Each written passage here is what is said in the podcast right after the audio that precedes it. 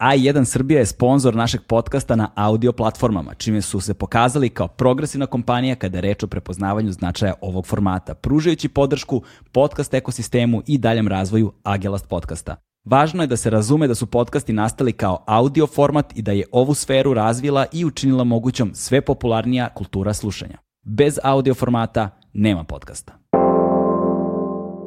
Legend Worldwide je domaći modni brend prepoznatljiv po džinsu i stilu, fokusiranom na stvaranje smirenog dizajna sa prizvukom modernog nasuprot bezuslovnom praćenju modnih trendova.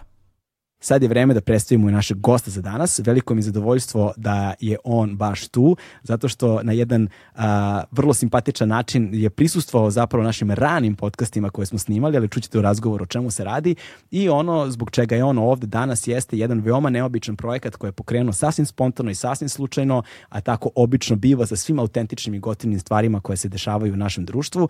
A u pitanju je jedan, jedna vrsta video bloga, dokumentarizma, uh, road tripa koji se dešava dok on vozi biciklu po različitim zemljama sveta i koje zapravo koristi društvene mreže kao platformu preko kojih to prenosi. To radi na veoma zabavan način, veoma autentičan način i on kao on je veoma živopisan lik i time mislim da zavređuje stvarno našu pažnju za sve svoje buduće projekte. Njegovo ime je Igor Šćepanović, poznatiji kao Šćepine Vragolije na Instagramu, ali pored toga čovjek se bavi i audijom, produkcijom, radi kao programer i tako dalje, ali njegova putovanja i njegove avanture su zaista jedinstvene i nešto što zavređuje našu pažnju. U sledećem razgovoru vas čeka jedna divna i zabavna avantura kako izgleda voziti po biciklu kroz zemlje kao što je Maroko, kao što je Island, kao što su Alpi, kao što je Grčka i tako dalje.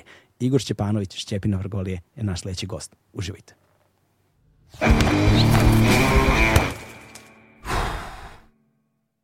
Hmm.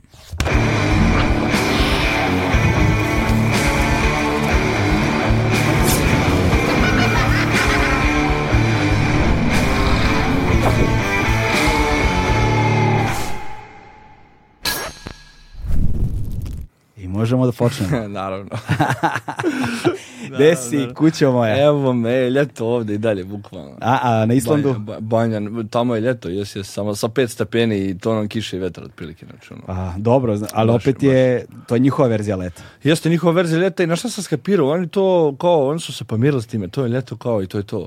I sad, znaš, kao, možeš na ulici sretneš, oni idu, ulicom ono šiba vjetar doslovno 50 na sat, ono ne možeš da pričaš ono ovako otprilike i ono kao šetuju kao casual motor, kao ništa. Kao. Najnormalnije. Kao da su se, znaš, kao znaju gdje žive u fazonu su, ajde da radimo najbolje što možemo i da se pravimo da ovo ne postoji ništa otprilike. Ono. Da, meni se desilo um, uh, nešto što kada sam, kada sam, sam, bio, kad sam bio u Americi i recimo u februaru sam sleteo u Chicago, znaš. Mhm. I, ovaj, I onda su mi tamo u Chicago pominjali ljudi koje sam, naše koje sam upoznavao, kaže sad ćeš da vidiš uh, nešto što je vrlo specifično za Chicago, da se čikaška moda. To sam vidio duše i u Njurku sam to primetio. Da. Ovaj, I uh, rekao šta je čikaška moda, kaže vidjet ćeš brate. I onda samo u jednom trenutku počinješ da vidiš na ulicama, znači šta je u februar u Chicago, na da. Michigan Lake-u. Ja, ja, Prvo što vetrovi ubijaju, minusčine su ono, zima je tamo stvarno jaka i vidiš ljude koji furaju perene jakne, one šubare kape i šorci papuče. Da, da, to, to, I kao uopšte, znači nije mi jasno, i, ali stvarno je nepodnošljivo hladno. Ma da, i ovdje isto bilo, isto varijanta ono neki, ali naš kao, ko iz reklame naš, ono tipa, ono, nordijski gore, svi su ono plavušane, neki plavuše, neki ono plavi, neki likovi, kao s dugom kosom, kao nešto casual, kao zapinje za nešto, kao ono boss, ide kao, kupio dansko pecivo za 16 evra, nešto kao, kao ta, i kao, ali top, njima je, njima je cool, znaš, njima, njima, je skroz, njima je skroz top, brate. Kad imaš dovoljno para. Da, da, ali ono, naš, oni su gore prepucali cijene do te mere da, ja ne znam, još oni svjesni uopšte kako ostale ljudi žive. kao. jer oni znaju da nije normalno i dansko pecivo 16 evra otprilike. Mislim, lupam, stvar, nije bilo 16, bilo je 7 evra, ali stvarno, znaš. Da, ali 16 evra sa sokom. Kao. Te, nije, ne, bez soka, sok se doplaćuje. Ove, e, pazi, samo da kažemo ljudima, ti si ovde zato što uh, smo Sandra i ja ovaj, ono, obsesivno pratili tvoje storije na Instagramu uh, kada si odlazio prvi put bilo za Maroko. Mhm. tako, da. I ti ja smo se zapravo sreli pre toga kad si mi rekao si puno drona. Da. Ali, ali, ali pričat ćeš... Pričat... Možda si ti bio Baksus. Možda, Možda je do tebe, bro. Who knows, who knows. Ovaj, ali si ti krenuo zapravo na svoje avanture i pre toga. Pratio sam da. te ovaj, i kada su ti... Gde su ti ukrali bicikl? Ne bajs, nego par telefona i sve A, ostalo da. u, na Kritu. Na Kritu, to, da. To, to e. je bio prvi dokumentarac koji sam snimao. Onda je bio su Krit, pa sam išao na Alpe, onda sam išao na u Maroko, pa smo tad sreli, da, da, i evo sad Island. Kao. E to, dakle ti si zapravo a, ono, kako bismo to rekli, neko ko je i biciklista i entuzijasta. Pa kao bici, bicikl entuzijasta. da, da, recimo, Naš, ne bih nazvao hobijem, ovo je više od hobija. Pa, ja ne znam, ovo je život nekako, Nije, ne bih ga nazvao nikako, nego eto ja sjedim na bajs, odem, vozam se, znaš, kao, ne, ne, mogu to nazvati, na, nisam biciklista s aspekta nekoga ko bi se sportske strane gledao na biciklistu kao ono, furam lance kao Amstrad lance, znaš, kao ono, da. pičim ja nešto tu brzine, neke ludlo, ne nego sam, brate, sjedem na bajs i obilazim e, tako. Ali ono što je nama zapravo fascinantno u svemu tome bilo, jeste činjenica, ne to što ti ideš i voziš biciklu ono, avanturistički po različitim zemljama sveta, što je strava i zabavno samo po sebi nego zbog toga što si ti nekako taj format uspeo da preneseš na Instagram na takav način da je to strašno zabavno.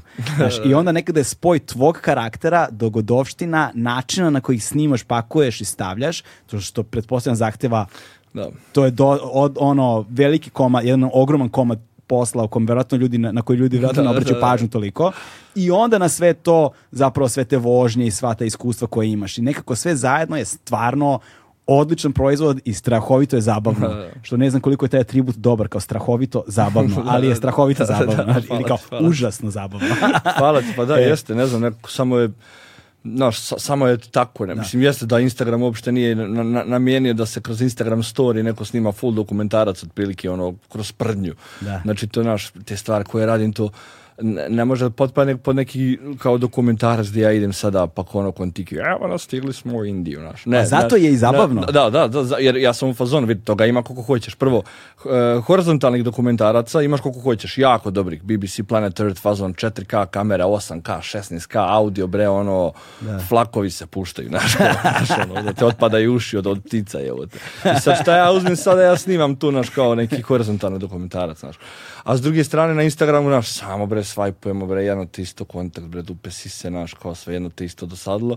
I onda sam bio fazonu, samo, slučajno je počelo, naš, kao sam se bio fazonu koji je, pa vidi ovo, može ovako, brate, kao. I, i uopšte nije bila, uopšte ja nisam kao sjeo, e, sad ću ja da idem da snimim dokumentarac kroz Instagram story, nego samo se, prvo se to desilo, mm. jedno sam ja skapirao, jebote, vidi, ovo je stvarno kako nekim kao mini dokumentarac, kao ono, za mobilni telefon, kao, kao E, i sad ono što, da, ono što je zapravo kao šlag na tortu svega toga, jeste što mi se čini da je to sve nekako nastalo spontano i da se razvijalo uspod. Znaš, da prosto ni ti nisi mislio će ovo da se pretvori u ovo. predstave nisam imao, bre. Šta e. Točno se vidi, znaš, kad uzmeš, kad pogledaš Krit, Alpe, Maroko i Island, Sad vidi se produkcija raste, znaš, ali broj ljudi je isti u stvari. Samo ja imam manje vremena da vozim, Da, da, da, E, misli, na, evo, zato zapratite Šćepine Vragolije ovaj, na Instagramu i, i ono, good follow, što bi rekli amerikanci. mislim, na, verujem, verujem, to će se promeniti vrlo brzo. To će se vrlo brzo promeniti zato što takva vrsta kvalitetnog sadržaja je redka i, ovaj, i ljudi kad je prepoznaju umeju da je cene. I samo je pitanje trenuta kada će to neko početi da šeruje tako da uh, zakači jedan, jedan krug ljudi koji će samo početi da te prati. Da, i, i, tako se desilo sada. Ni u jednom momentu ja nisam bio u i ovo, bi, ovo je sad moj projekat na kome ja radim, naš, ja sad idem kao snimam moj ne, ne, bre, to samo stoji tako, ljudi su počeli da se domođavaju međusobno, gledaj ovo, je, gledaj ovo, gledaj ovo, i javljaju mi se ljudi i to, naš više to nisu da te zaprati neko, ne, zaprati, ne napiše te Ćao, nego to su romani, naš romani iskrenih poruka. Gdje naš meni stigne, meni je stizalo 800-900 poruka od različitih 800-900 ljudi tipa za Maroko. To nisu jedna rečenica to su iskreni romani, ispovijeste ljudi gdje su fazonu, e, ovo je stvarno dobro, kapiraš. I tek nakon, naš, kao svega toga, ja budem fazonu, a evo ti, znaš, ovo stvarno nije loše, naš kao, kad, malo bolje razmisli, naš kao, i onda tek počnem da kapiram stvari, da, kao, ima, ima stvarno vrijednosti i ono, nisam uopšte bio u fazonu, e, sad ja treba ovo da nešto boostujem, da se mene zaprati toliko ljudi, pa da ja onda nešto, ne. samo tako stoji i ljudi se samo kače i vrište osme i šalju mi gluposti. Znaš, ali ti ne možeš vjerati šta je s druge strane. Mm. Znaš, koliko god ja možda bacio fore, znaš, znaš, koji širok dijapazon ljudi, znaš, kao što nisam imao ranije iskustva s time da, da, da toliko različitih ljudi, znaš, ono, od mm. juca, nokti do, ne znam ti, znaš, kao te, te mare, care, te ovaj, te onaj, znaš. Ali i onda naš samo skapiraš da svi ti ljudi zapravo, znaš kako to ide, ja mislim kapiraš ono, na primjer Čola kad je postao na primjer popularan, Vole bi vjerovatno da smo followerke samo najbolje ribe, jel? I svi bismo to volili naravno, ali znaš kao to u realnost, kako te raste broj kao ljudi koji te kao prati, to je sve širi širi dijapazon ljudi i onda samo skapiraš da stvarno ima mega careva sa, sa svih strana, znaš, kao da, da, znaš, da se javi baba doslovno, baba od 80 godina koja znaš, kao ono, napiše mi true poruku, fazu, ne, ovo legenda, baš si car, znači ovo je strava, kapiraš. E, kvalitetnog sadržaja je sve manje, nažalost, ekosistem društvenih mreža je postao takav da su se pristojni ljudi povukli. Da. Pristojni ljudi su tu, oduvek su bili tu, samo se njima niko ne obraća, i povukli su se, ne žele da učestvuju. To je ono... refleksija i kako je u društvu. Pa da, znaš, danas ono možeš da budeš razapet ni zbog čega ono... Da, to, da, dobar dan. Ko dobar dan, ko ništa. Na, preko noći samo si razapet. I gotovo, i gotovo, kraj. Što je što ja. e, i, ovaj, i ljudi, znaš, ja razumem to osjećanje, ovaj, pristojan svet se povukao i onda kada se pojavi u celom tom, ono, sadržaj, a svi se negde trude da imaju sadržaj opet poštujući te neke uzuse onoga što je na izgled kao kvalitetno ovako ili onako i onda u toj silnoj potrebi da se, da se, da se razlikuju su se uniformisali i sve izgleda isto, znaš.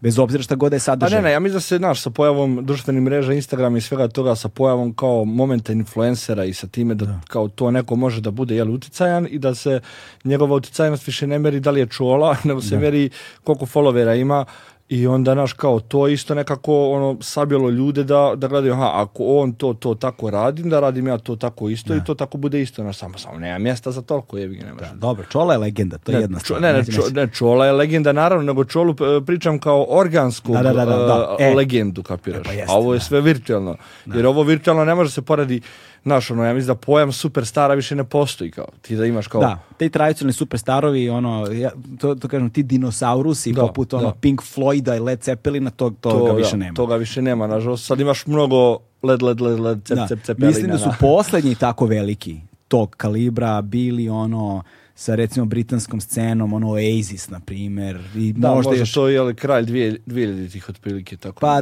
pa pa oni su to, pa oni su to. Da, to su to su Oasis, da, da, da to, to kad je posljednji album 2004 tako, tako nešto, je. Da.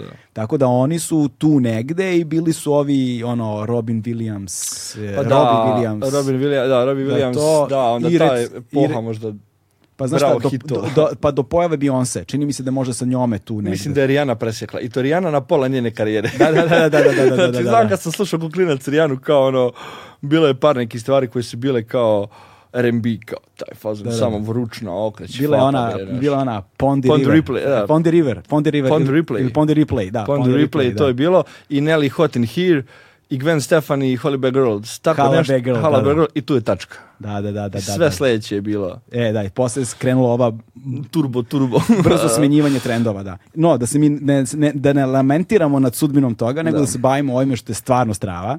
I zaista mi je drago kad se pojavi neko poput tebe tako, zato što ne samo što je sadržaj dobar i što je sadržaj organski, spontano nastao, nego još kada, kada, kada taj miks ubaciš tako živopisan karakter kao što si ti, to stvarno bude genijalno i to se redko dešava. I to se redko dešava i veliko mi zadovoljstvo da si krenuo u tom smeru, jer sad, za ljude koji ne znaju, a, ti se inače ne baviš ovim stvarima. Da, da, da. da, ti, si, ti si šta si ti, ne, producent? Ne, da, ne. ne ja, ja se bavim inače programiranjem. Programiranjem, ali imaš Glitch Records? Imam Glitch Records izdavačku kuću i radimo, onaj, radimo izdavaštvo i koncertnu onaj, organizaciju sa Glitchem.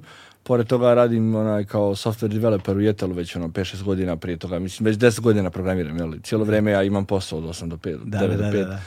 Vidio sam ste oni sad sponzori. Da, jesu, jesu. Ne, isprati, ispratili su me sad ono e, legende, stvarno. Prepoznali su. Putu i gumane, svaka čast za jetel, bukvalno.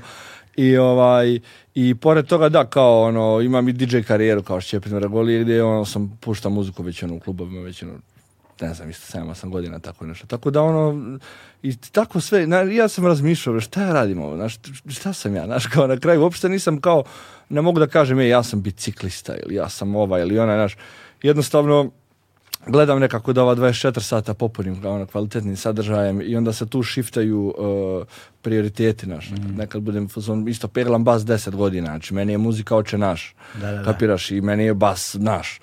Ali onda se svičuje tu sa basa kao pa, mm, pa ću malo dodem na penjanje, aha, pa ću malo sa vozim bajs, pa onda programiranje, pa znaš Ali cijelo vrijeme se guraju tako neke ono, iste priče, onda naš, tako e, da ali ono što sad, sad za ljude, ono, mali kao inside, ono, informacija, ti ni zapravo nisi prvi put u ovom podcastu. da, da, da, da, da, da, da, da, Ti nisi prvi put, ti si bio već jednom, ovaj, a, I ljudi, evo, možete dodajte da pogledate. Dakle, to je, to, je, to je bila epizoda sa legendom, bratom našim MKDSL-om.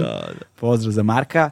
ovaj, koju smo snimali kada je on prvi put bio. A, I do... čekaj, je li to bio prvi, ne podcast, nije, bio je, prvo je bio, to, to, ti je bio peti onaj podcast, mislim, šest, tako nešto.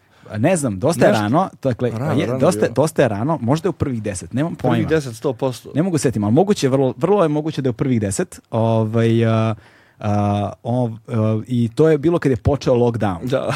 Na samom početku lockdowna kad smo praktično imali ono politički čas. Je, da, da, da, je bio šta je ono bilo, bio neki zajebe nešto. E, mi smo bili zaključani u studiju, šta je bilo. Trebalo je Marko i ja da snimamo, ovaj, i poenta je bilo u tome da je Marko zaglavio u Bigzu, Kod dok, nas evo, evo i Bigza više nema. Da, Bigza nema, i godine prolaze. Čoveče, ja, e, Marko je zaglavio u Bigzu, i onda me zvao i bio u zonu, brata, ja ne mogu da dođem, ovaj, zato što sam zaglavio u Bigzu i kao prošao je taj policijski čas jer kao jel biste vi mogli dođete ovdje, jel tako nešto? Da, to je bilo suludo, jer mi, mi smo zapravo, bio, bio je lockdown na dva dana, bio je ono kao subota, nedelja i mi smo u petak ušli u studiju Gliča u Bigzu i tu smo džemovali Ogi, Marko i ja i mi smo ono pravilno muziku sprdeli se tu dva dana u studiju, ono više pregorili, mi smo presvirali od Nirvane do Silvane, više se ništa, ništa nije znalo i on govori u nedelju, ja brate, treba naš kod Galeba, kao, pa mogu sam nazvati ovdje i mi ono svi kao,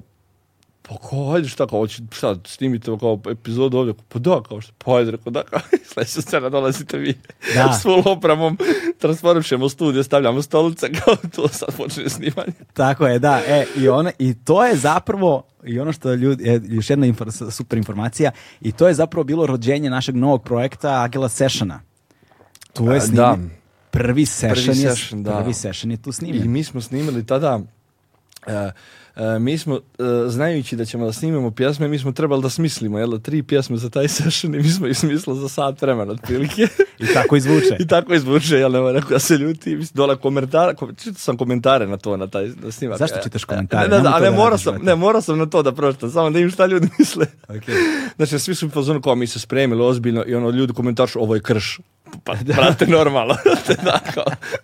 Znači, e, ali... bio je hit, izvini, bio je hit e, Fasovo korono, brate. To je i dalje aktuelno. Dvije godine, alo, Fasovo korono Da. li imaš ono ortaki, ematori, zabao sam koronu. Ali Fasovo korono Fasovo, fasovo, fasovo Ta sintagma je postala ono Fasovo da, koronu, okamenila se okamenila se kao fraza u društvu i vi ste bili nekako ono... Lideri fasovanja. Kako sam Markom obično bude, on je uvek nešto, on je uvek ispred vremena i uvek, ga, i uvek zbog toga što ispred vremena promaši komercijalni uspeh. Da, realno, realno. Znaš, drugi kapitalizuju na tim idejama. na ali on ih kreira. Tako, tako, tako. on kreira. I ti si zapravo tada svirao bas sa ogromnim sombrerom. Da, da, da, sa ogromnim sombrerom, da, jao, show, Eto, možete dojete na taj video i da vidite Šćepu kako svira bas sa ogromnim sombrerom. Ali to nije najbolje što znamo, znači, sada bude naš kao. Nisam se spremao. Nismo ni mi, tako da, da, kakvo spremanje, takav session. E, tako da ti si zapravo drugi put sada kod nas. Da, jesam te. Znaš, e, ovaj, kada i kako zapravo sve opočinje? kada ono, bicikl ulazi u tvoj život na, na ovaj način? A1 je prvi prijatelj audio izdanja Agelast podcasta.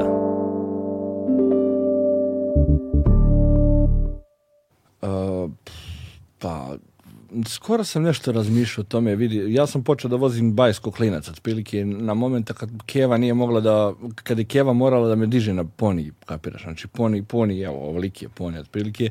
Znači, mene je Keva stavi na bajs i ja se vozim dok ne padnem. I Onda kad se padnem, onda se iđem, nosim bajs dok će, dođem, ona me vrati i ja se opet vozim. Znači, tako to je bilo otprilike. To je ono, baš davno, davno. Um, I onda sam razmišljao onaj, isto nešto o o meni i o bajsu, ono, baš na Islandu sam sad razmišljao, jer jebi ga imaš ono 24 sata, razmišljaš o svemu živome ikada otprilike. I bio sam u fazonu, samo sam se sjetio jednog događaja, na primjer, iz djetinjstva, bio sam mega, mega mali, otprilike, ne, mogu da pojmim uopšte koliko je to godina. I uveče, pošto sam ja tipa iz Bosne, iz jednog malog gradića, otprilike gdje ima 5000 stanovnika, i uveče se tu pojavio biciklista neki, sa nekim torbama, sa nekim tonu natovarenih torba, neki visoki mršavi biciklista koji kao se muči, a ja ga kuklina gledam, a u, taj dio Bosne ne zalazi niko, buras, tu niko ne zalazi, a kamo biciklista neki kao. I onaj, ja gledam, naš, kao i on ide, kao i vidim, pati se, ja, ko klinac sam mu prišao, ubi me, ako znam, kako sam se ja sporazumio sa njim. Tebra, znači, mi smo morali pričati na engleskom, ja nema šanse da sam znao reći engleskom. Ja sam uglavnom njega odveo na jedan skvot gdje on može da zabode šator. Znači, on je meni nekako rekao šta on hoće i ja sam ga odveo na skvot u neki napušteni hotel i tu je on zabao šator i sad je bila varijanta, on raširuje šator, napolju pada kiše, neka mrak, i sjećam se da ja se njega gledao kao jadan on, šta će sad tu, kako ja, ja ti otrčimo do kući odatle i ispričam Kevi šta mi se desilo i Keva spakuje neku salamu, neke paštete, e, ne znam, paradaj iz luku, ovo salatu, neku napravi, reda veličine bilo je tipa možda 12 sati otprilike da. po Ja nosim tu hranu njemu i dajem mu hranu i lik je prezahvalan za to me kapiraš i mi se sporazumijevamo evo ja ne znam kako, ali sam ja saznao da on je krenuo za Australiju. Ujebote. I sad kad malo razmislim, nema šanse, tebra da je krenuo za Australiju preko Bosne. znači, da je me majku nije mogu pa, Dobro, Bosna na more, pa tamo na brod, mm, znaš. Ja tripujem da je on meni rekao Austriju. Aha, aha, Jeli, to sad, sad već ima smisla, da on meni rekao Austriju, da sam to permutovao na Australiju. I to je tako tu završilo. Ja sam ujutro došao, on je i dalje tu ble, ujutro se pozdravio, mahnuo i otišao i nikad se nismo sreli. I samo sam se vratio kao, brate, taj bicikl sad sam ja jevat. Da, da. taj, to sam ja sada, kapiraš, jer se meni te scene sad tako da mi isto neki klinci prilaze da ili matorec ili neko misli da sam ja sad tu ne snađem, pa mi donose hranu. I kao, znaš, kao, to mi sad palo na pamet na Islandu, bio sam fazon koji mindfuck jebote, znaš, kao, baš da, to, ono to igra u prilog, ono, to ide u prilog te ideje o determinizmu, znaš, i postavljanja pitanja slobodne volje. Znaš, da li postoje te tačke u, u našim životima koje nas određuju naš, a da mi u tom trenutku toga nismo ni svjesni da. I onda se samo manifestuju ili imaš taj, Nekad, da. taj eureka moment taj aha moment aha, u nekom trenutku da, ti te jednostavne istine puknu pred očima. Bukvalno. Ono, pola gutlja kafe, pola koraka. Pa evo, meni isto, je 10 sati na Islandu, ono, kao stojim, vozim već ne znam koliko sati i nebitno i vozio sam je ranije i razmišljao mm. sam ranije, ali se nikad nisam toliko duboko zapitao što ovo mene radi ovako, kapiraš? Da. I gore sam bio fazon, što me ovo radi i ne znam kako sam se sjeti tog događaja. I, ja ne mogu da vjerujem kako je to realno, kako je realno da se ja sporozumijem sa njim. Ali eto kao, to, to ali, bi stav... nisi, ali sad ti se sjetio toga, nisi nikad ne, ranije nikad na to ranije, Ne, nikad nisam ranije pomišljao na to. Wow. Tek sad na Islandu sam bio u fazonu, ono, naš, samo pravo 11 sati po noći, nemaš ništa, samo čuješ pedale i razmišljam kao, počnem da razmišljam o tom i došao do toga i sad mi kao, sad mi se skroz, znaš, kao, znaš, kao baš to ti, što ti kažeš, da li te taj neki moment određuje, mm. kapiraš. Da. A što je donekle isto i poenta Znači, na, na, na vrh svega, cijele ove moje priče koje pravi, meni je baš to poente neka, znaš. Da, da, da, da će možda ove moje akcije ovakvog tipa nekome kliknuti i biti fazon, brate, treba uzmi bajs da idemo oko svijeta, evo, znaš. Možda će neko krenuti, znaš. Od svih tih ljudi kao, to bi bilo kao mega strava, znači, ne, ne, ne, ja ne očekujem, ne snimam ja to zbog ovoga, mm. ali mi je to kao negdje pasivno, poenta cijele priče, otprilike, naš kao da, da, da, prikažem ovaj vid putovanja na taj način, jer stvarno ti ne znaš koga to može da klikne u kom momentu, bre, naš, možda neko sad raskinu, bre, najtržem i bude pozvan, idem uzmam bajs, idem na put oko svijeta, iskapira da je to bio njegov poziv čitav život.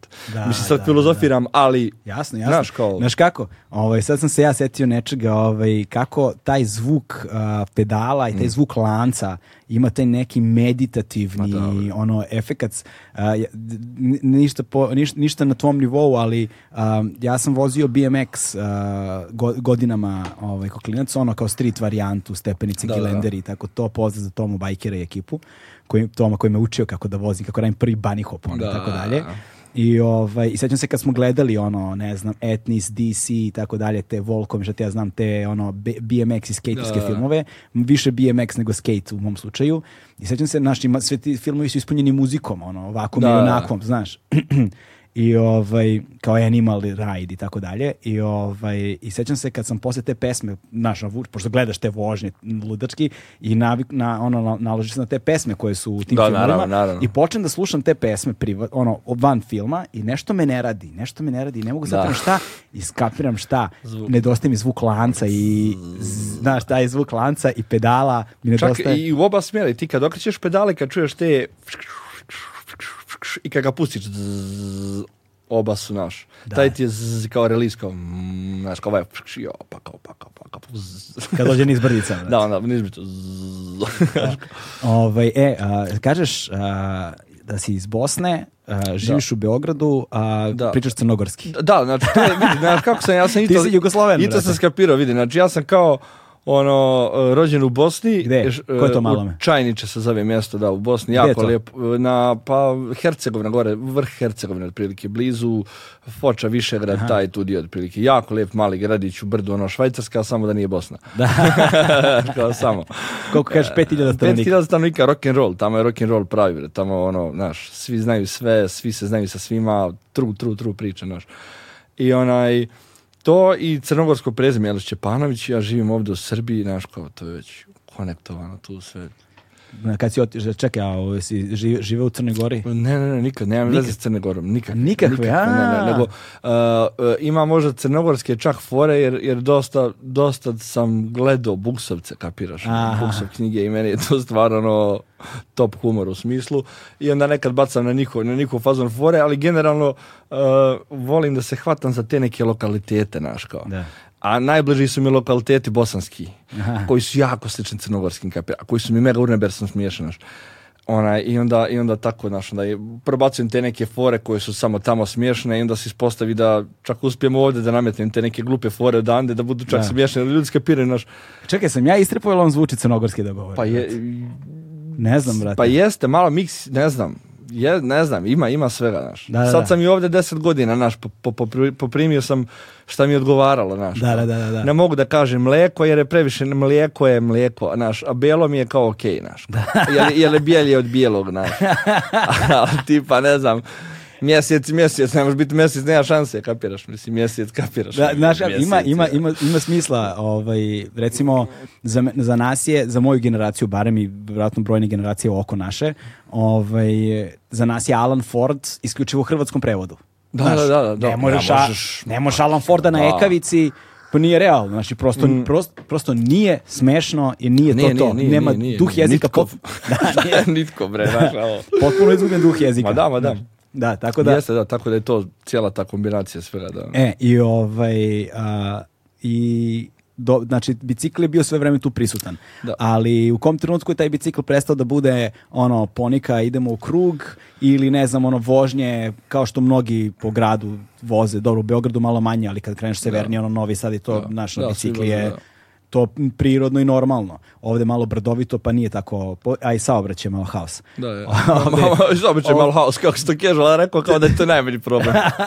Ma ne vozim ja nek malo saobraćaj haos, tebra, ono, Red Bull da nas pozoriše sve otprilike ovde, otprilike ove što voze bajsama, ekstremni sport. Ekstremni, da, po Beogradu, bukvalno. da, e, život biciklista ne vredi ništa. Bukvalno, bukvalno, ništa. Kao. Pa što kao ne obučete neki kao oklop, nešto kao hokejaško dijelo otprilike, pa kad naleti da te fisne čisto tu dojaš, ono, da dostaneš na nogama. jel, te, jel drgnula trola neka? Ma ni, jeste, bilo je, bilo je moment po BG-u, razbio sam se, onaj, bilo, udario me policajac u civilskom autu, pijani ja, pijani i on od mene. Znaš kao, bilo je U, da, imam drugara ovaj, e, Mislava iz Zagreba koji je tako... A čekaj, Mislav, e, kako se Pa ne, imaš Mislava Štrajhera i Mislava Mironovića, ako misliš na ovo dvojicu što voze, jedan vozi profesionalno mountain bike, a drugi vozi je vozio BMX. A ne znam. E, ali ovaj što je vozio BMX, e, on je jednom prilikom pričao mi je ovaj, vozio tako sa neke novogodišnje žurke se vraćao, popio malo, bilo zima, bi ga stavio ruke u džepove i vozio bez, naš, bez ruku i Burazaro kad je poleteo, znači polomio se, ja ne znam što je sve izlomio, se izlomio dobro, brate. O da, ma mislim da, ovdje pobjegao BGO bar zeznuta. Mislim, vidi, znači kako, htio si da me pitaš to, vjerovatno, za, za, kad sam počeo, mm. tipa, kada kad je to prešlo. Uh, jer tamo Koja je prva veća destinacija koju si vozio? Mm, pazi kad ne mogu da se... Znaš kako je počelo zapravo? Znači ja kad sam došao u Beograd, ovo je ukratko otprilike, jer tamo u Bosni gdje sam živio tu 5000 stanovnika, to je ovako međe. Izađeš iz pretkuće i već si slišao dole u rijeku. Znaš ko? I ti tu nemaš da voziš taj, onda guraš bajsu, dozgo stiđeš gore, sletiš dole. I kad sam došao tek u BG, kao, ono, kao, gledaj ljudi, ovdje ima širok bulevar, bre, ovdje ima staza, ima semafor, kao, wow, jebote, znaš kao, što ovdje ljudi ne voze bajs, kao. I onda sam onaj od burazera, tetke, pozemljivo bajs, jer nisam imao svoj, pozemljivo njegov bajs i vozio se kao bio u fazonu bajs u BG-u najjače nešto, brži sam od svih ostalih otprilike i napokon mogu da vozim, napokon je ravno. Meni je ovo, ovo Rooseveltova i ovo ovde, Drajzerova, to sve ravno, bre, kapiraš, znaš šta je tamo u Bosni, bre, to ovako, bandera sve, znaš kao, meni je ovo bilo kao, wow, otkrovljenje, znaš.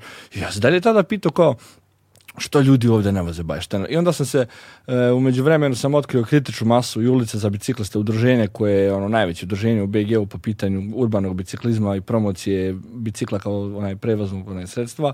I onda sam jako dugo bio aktivan u tom udruženju onaj ulice za bicikliste gdje, je smo organizovali kritičnu masu što je znači bila vožnja za, za podizanje svijesti o bajsima u BG-u i to i dalje postoji, znači održava se svake posljednje subote onaj, u mjesecu i skupe se ekipa, ono vozi se bajs, ima neka tematika. Sad je bila pre neki dan. Bila je, bila da, super je, to je ono toliko e, dobra ideologija, ideja gdje se volonteri samo smjenjuju, a priča samo ide otprilike. Ali oni idu sa policijskom pratnjom, to se sjećam, to da. bukvalno bude pa parada pa, bicikala. Parada je bila, ono. zato što mi kad smo ima... organizovali tada nije bilo policije.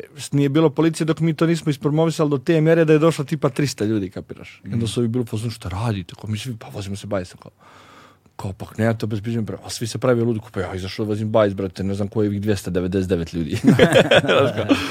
I jelen, tako je sam se aktivirao tu oko udruženja, oko onaj, promocije bicikla, bio sam baš ono, uključen u aktivizam, u aktivizam po pitanju onaj, e, promocije tog kao urbanog načina onaj, vožnje bajsne, znači ne trke, ne to, nego samo tačke A do tačke B kao prevozno sredstvo.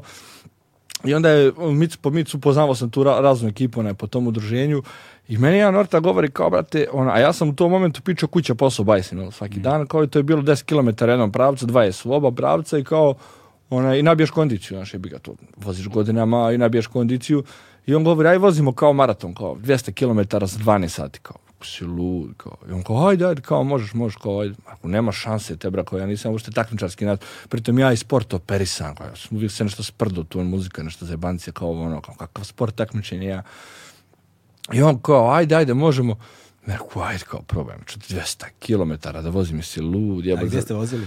Uh, krenula je ruta iz BGA i išla je četiri puta preko Fruške gore. Znači ideš uh, iz BGA vamo na istok, na Kadunavu, jeli, tamo što mogu dođe Čortanovci, Čortanovci Novi Sad, pa Novi Sad Irig, jeli, pa Siriga u Rumu, pa sa Rume na drugi prevoj, zaboravio sam kako se zove, pa se tamo u ne, nešto sa B neko mjesto, zaboravio sam, i onda opet vamo. Znači ide cik cak, cik cak, četiri puta preko Fruške gore. I to ozbiljan uspon, ozbiljna zajebancija. I on kao, hajde ajde, kao može, dobra, dolazim ja, tebra, nosi znači, bajs od mog burazera, MTB, neki, ono, buđevina sa širokim gumama, ja u farmerkama, poneo ranac, tablet, telefon, punjač za telefon, dva sendviča, četiri litra vode, sedam majica, jakna, duge gaće, drezene gaće, čarape, druge čarape, dva para, znači papuča, ne može ranac krcat. Ja dolazim tamo na start, a na startu karbon, karbon, titanium, aero, karbon, kapiraš? Znači sve ono, biciklisti nabrijani, tebra, našureni. Ono. Bicikl 500 grama ceo. Ono. Bicikl 500 grama, naš ono, svi obrijali je da budu aero. Kao i dolazim ja u farmerkama i ono, svi ovako, ko je ova, šta je ova radi klinac. čekaj, koliko sam ja razumeo, biciklisti ne briju dlaki zbog aero. Nije, nije, to, se ja, to ih ja sprdam. A ne, ja koliko sam, koliko, e, ne znam, kad sam pričao s nekim biciklistima, ali to je davno, bio sam klinac, možda i izmišljam ovu priču, ali oni briju noge zato što ako padnu i oderu se... Mm, da, manje, manje se oderu. Manje se oderu i brže zaraste rana. Brže zaraste rana i manje se oderu i to je glavni, glavni. da. Ali smiješno, smiješno je malo nekako. Da? I onda se ja sprdam kao da bi bila aero. Nebitno, i uglavnom je tu bila pojenta gde su svi bili kao neobrijani, krećim ja, sad, znaš, jesu oni nabrijani, ali ja imam 22 godine. Da, da, da. da. tebra, znači, ja sam ono, punko išta, znači, treštim kapiraš od, energije. od energije. Kad je to bilo? Šta si rekao pre? Pa ne znam, to prije 8 godina. evo. Tako sad imaš 30? Sad imam 30, da. Prije, Prije 8 godina, prije, tako, recimo, karikiram, nisam siguran. I ovaj, i tu kreće, kreće start i idu, ide prva grupa, on odvaja se pelatom, prvi ja među njima. Znaš, I sad njima ništa nije, a sad im kvarim koncepciju, znaš. Da. Svi oni titanim super izgledaju da ja, ja došao bre tu ko neki ratar sa farmerkama, tu trčim za njima ko indijanac, a opet sam naš mla, toliko imam snage ko sivanja da ih stignem, pa im ništa nije jasno. Zabili oni tempo, vozi se tempo 35-40. Šta, 35-40 km na, sat. To je ozbiljan tempo, to je naš. I to se sat vremena vozi, ja sat vremena za njima. Tebra, ja sam se, ja sam se držao u tom prvom pelatonu, jedno, dobrih jedno pet sati sam ja vozio taj neki nenormalni tempo, ja sam skapirao ću me pukne čuka otprilike što ja radim, i onda sam iskulirao i na kraju sam završio taj kao, ja kad sam završio bio u fazonu, a pritom faze kroz koje ti prolaziš tu, od 0 do 100, ti od 0 do 20 km si fazonu, u, top, top, top, top, top, top, idemo, idemo, idemo, idemo od 20 do 40, pa dobro, držim se i dalje, bit će ovo zajebano, ali okej, okay. od 40 do 60, je pemliti ti sunce, znači ima još tri četvrtine valja ovo izvozati. Od tipa 60 do 70, ja ne mogu, ma kaki, ma ne mogu ja ovo, što ja ovo sebi radim, šta će mi ovo, i onda od 80 do 100, umirem, umirem ne. samo 100 km i ništa ja ovo mogu koliko hoćeš otprilike. I to ne. je neki mindset koji se desi od 0 do 100 km koji ja mislim ključan da bi ti dobio um, dojam kakav je, šta znači na duže staze. Jer od 0 mhm. do 100 se sve desi. Sve posla, sve posla ti bude bleja, kapiraš. Da, posle 100 samo ideš. Posle 100 samo ideš u fazonu brate, ja mogu ovo zauvijek da radim. I ja sam samo spičao to sve kao za, ne znam, za, za 11 sati sam stigao i tako ovaj, kao ajmo opet, ajmo ja, sljedeći put za 10 sati, ajmo opet sljedeći put, malo ja, aero, znaš, kao, kupio novi bajs, kao neki aluminijski, nešto tu, nema, neki retro bajs, obuko, kratke rukave, majice, ponio minimalno stvari i opet spičio i stigo za neko kraće vrijeme. Onda sam vozio 300 km mhm. i bio je time limit, e, ne znam, 18 sati, tako nešto, ja ga izvezam za 15, kao ono.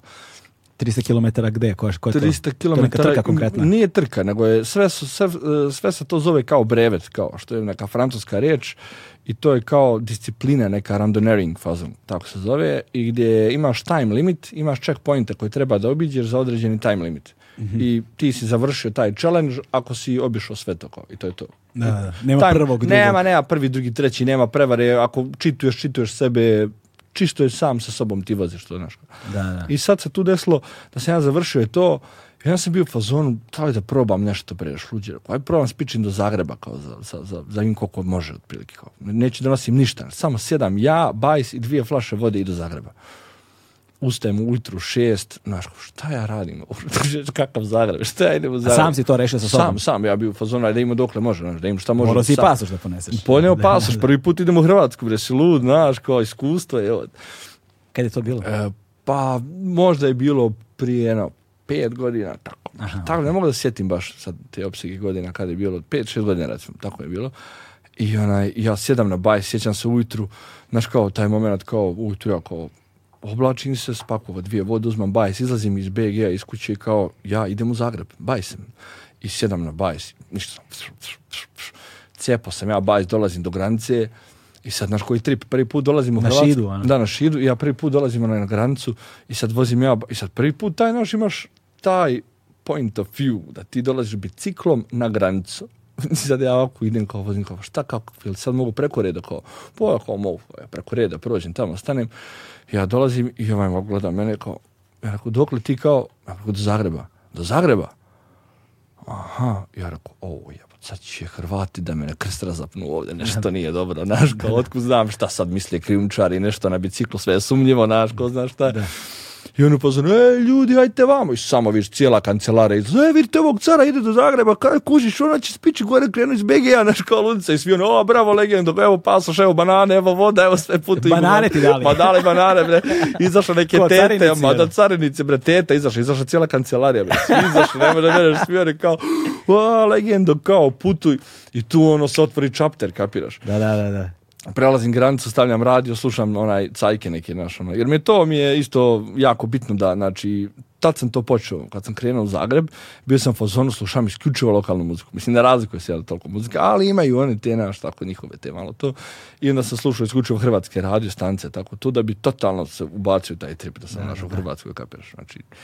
I ona, ispičio sam to, ja sam došao za 19 sati do, do, do, do Zagreba, to je bilo nešto oko 390-400 km, tako nešto, da, ono, da, ono, da, I, onaj, I taj moment, nakon 19 sati, ja dolazim i samo kapiram kao tabla Zagreb, kao jebote šta sam uradio. Naš. I sad u tom momentu samo skapiraš da ne postoji granice više, kapiraš. Da, kao, to mi je bio samo uh, neki checkpoint sam sa sobom, da skapiram dokle, to možda, to možda i beskonačno, otprilike, da, da, da, da se izgubio taj pojam kondicije i svega toga.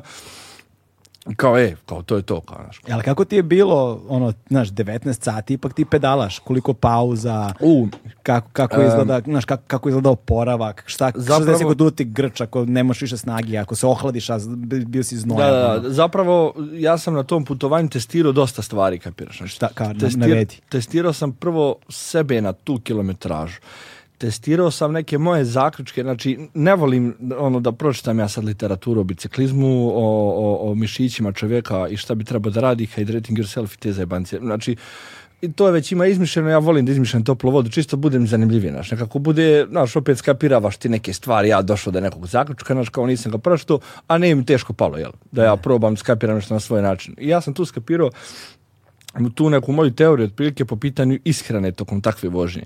Jako je bitno, mega je bitno da na svako 15 minuta, na primjer, pojedeš nešto. Da. I to je meni bila komad banane otprilike, ili komad božitije.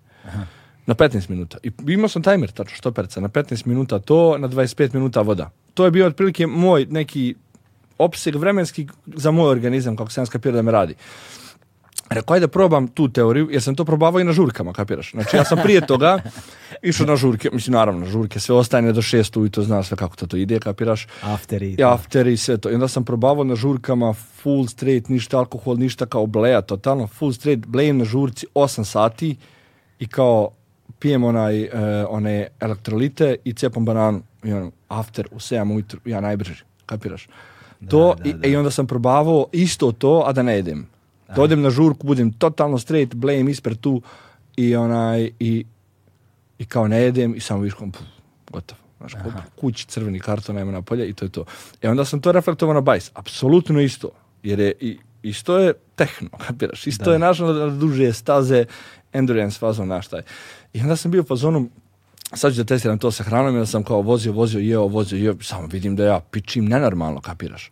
I da ja to mogu, prošlo je sto km, prošao sam tu inicijalnu fazu kao instalacija na bajsu, kao, izvalio da ja mogu da vozim beskonačno.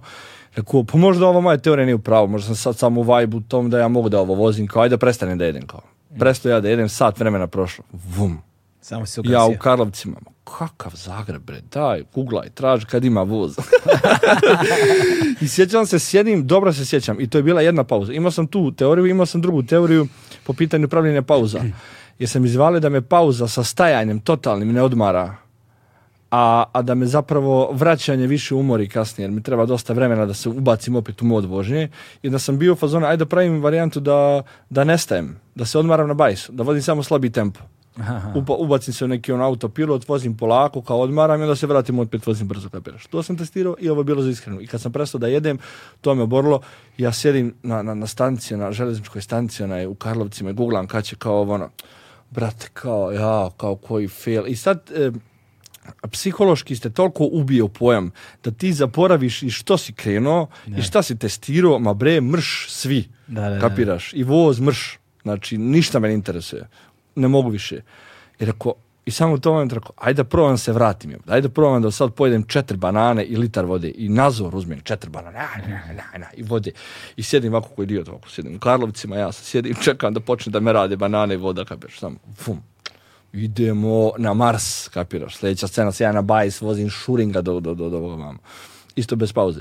I tu mi je bilo taj, taj zaključak da je definitivno, znači jako bitno ishrana, Pogotovo što treba prvo da naučiš svoje tijelo kad, znaš, mene, mene to tako radi, možda nekog neće rad, znaš, ali sam siguran da će 99% slučajeva da ljudi budu fazonu, znaš, ako jedeš, znaš, bar na pola sata po nešto i ako pineš puno vode, ti si na bajsu beskonačno otprilike. Da, ali to sad zahteva i određenu vrstu discipline, znaš, jer to je, znaš, ima, jer, ima, jer ima sigurno, izvim što prekidam, ima sigurno trenutaka i u vožnji i u ishrani i hidrataciji kada ti, ovaj, kad ti se, brate, baš ne radi to. U, pa da, pa, vidi, za 16 sati, za 19 sati jedeš banane i, i vodu.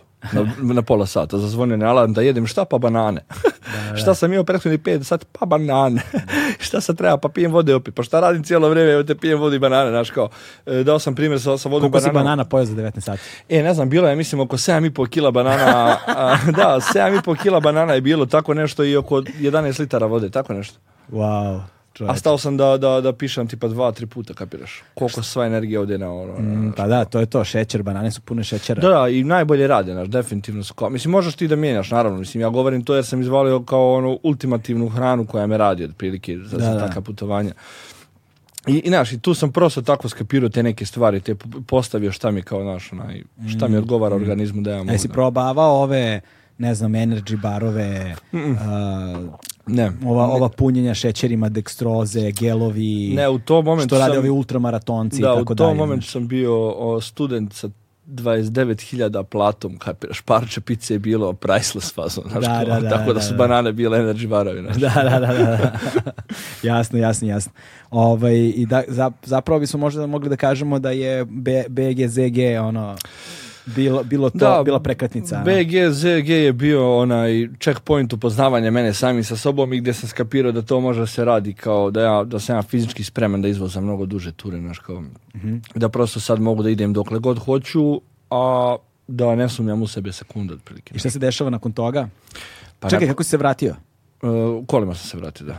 Dakle, e, pa išao su neki ortaci, išli smo na festival cijelo vrijeme, kapiraš. A, I on se išao na festival kolima, ja sam išao. Sad si išao, na music ne? E, ne, bio je neki, neki biciklistički festival. A, biciklistički festival da, si bio je biciklistički, ja sam ta se bavio aktivizmom vezano oko, oko i ekipa iz ulice za bicikliste je išla tamo na Pedala Fest, oni su imali u Zagrebu, ne znam da li dalje postoji, i ona, onda smo išli na to festival, samo što su oni išli kolima, ja išao bajs, i onda su me vratili kasnije na jer ne bi se vraćao istim putem, nema šanse, kapiraš, baš bi bilo da, Ali ovaj, e onda posle toga, m, mm, iskreno ne mogu da sjetim... Izvini, izvini, samo prekada. A to je razlika između tih kružnih trka i kad ješ od tačke A do tačke B, ono, znaš.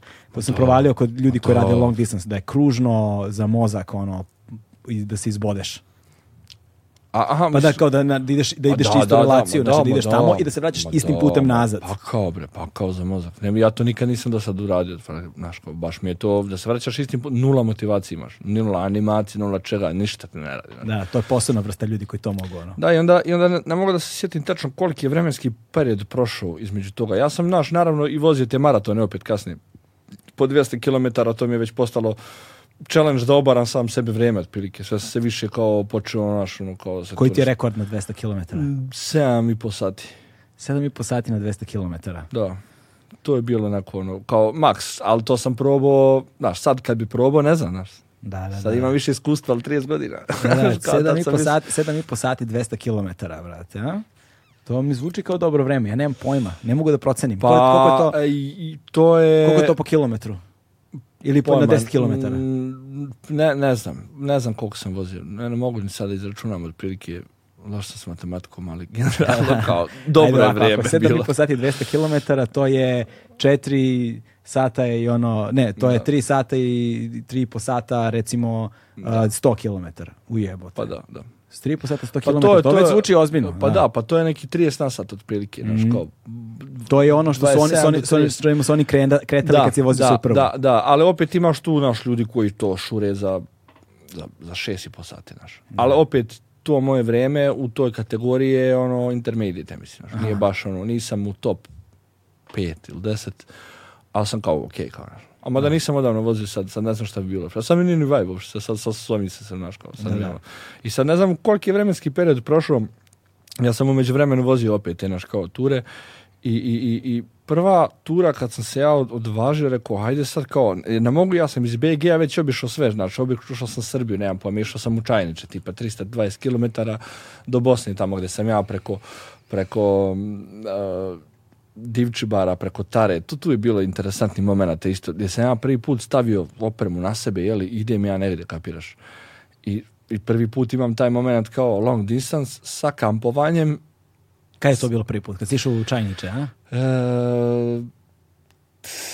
ne, bilo je prije toga, pardon. Prije toga je bila Grčka u pardon. Pričat ćete ovo za Čajniče, bilo je interesantni moment ali prije toga sam očeo u Grčku kao...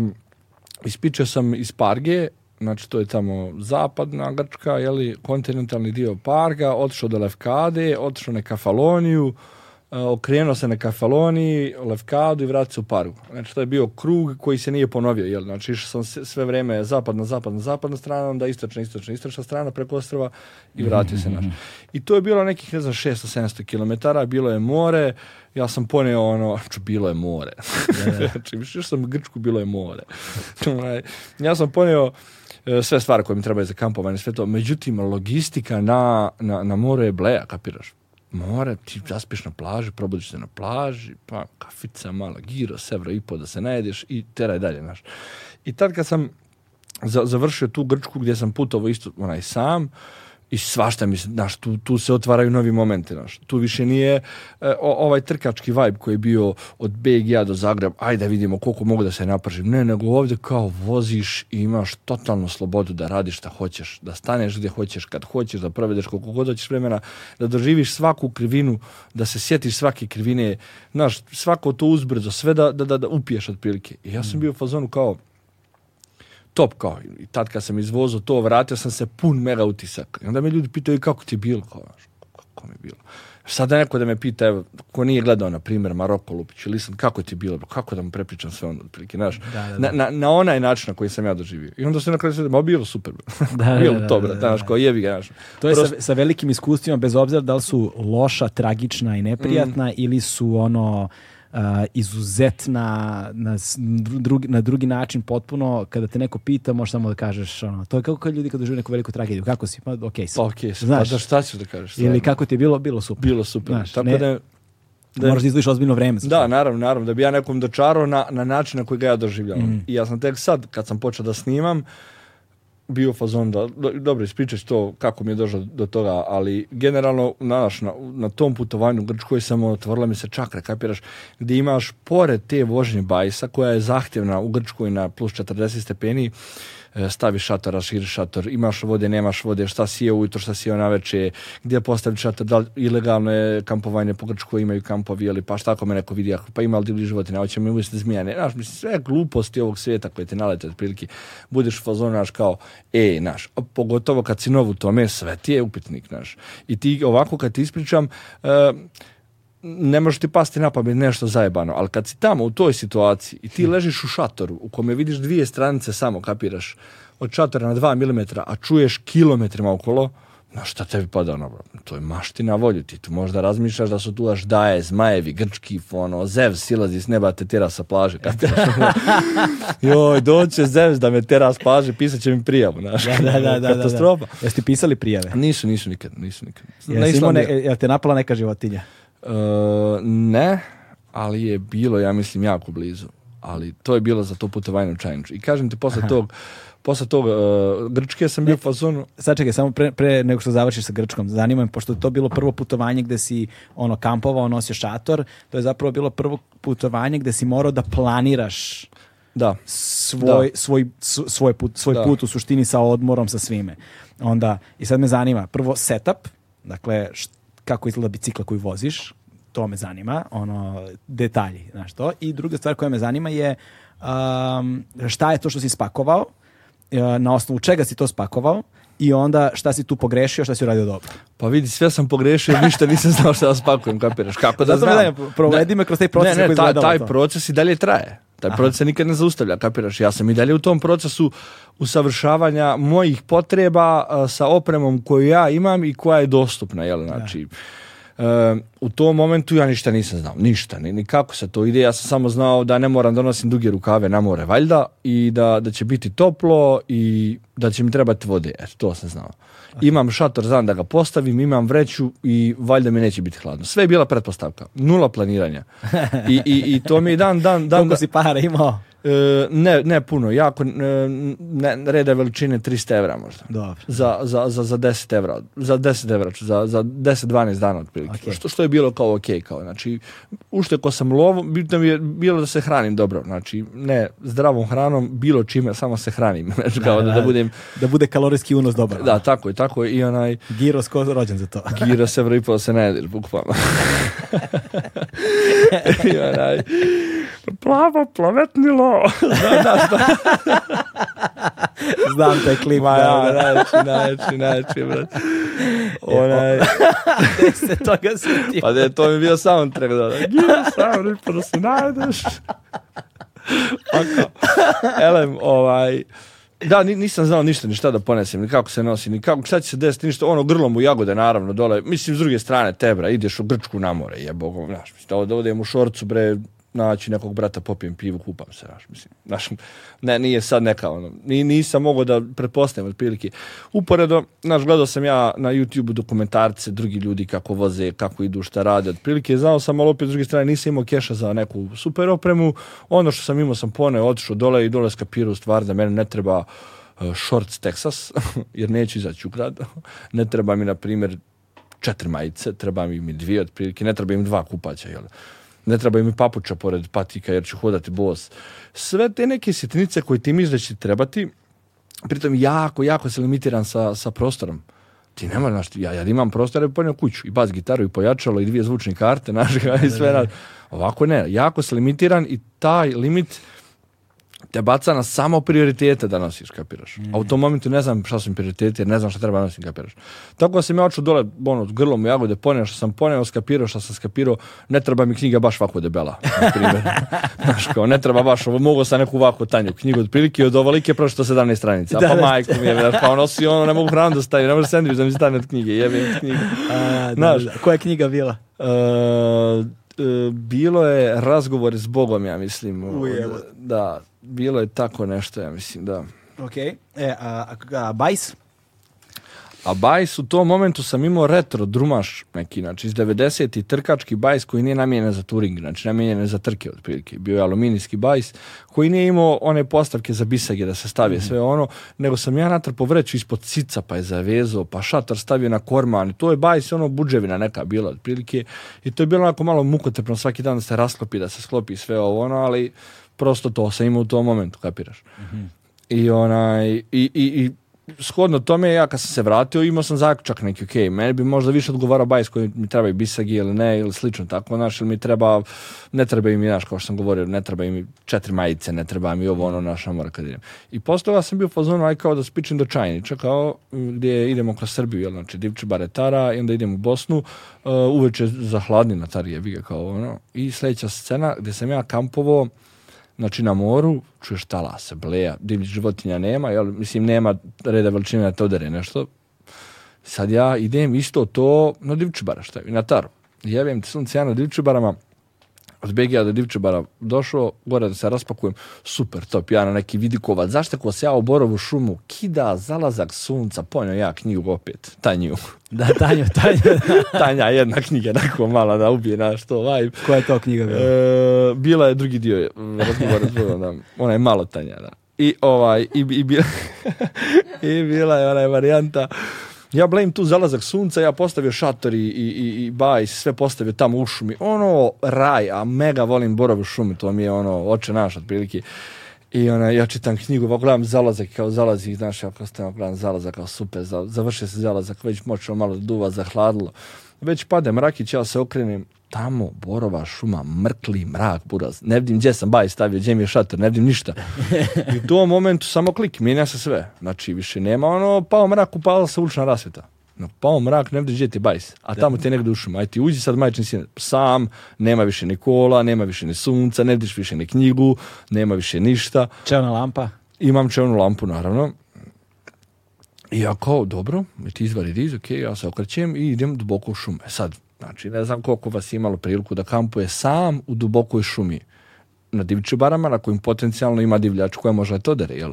Sad ne znam sad da li stvarno ima medvjede ili vukova, ali mislim da se priča da ih je bilo ili da može da naleti kao ja zabao u duboku šumu.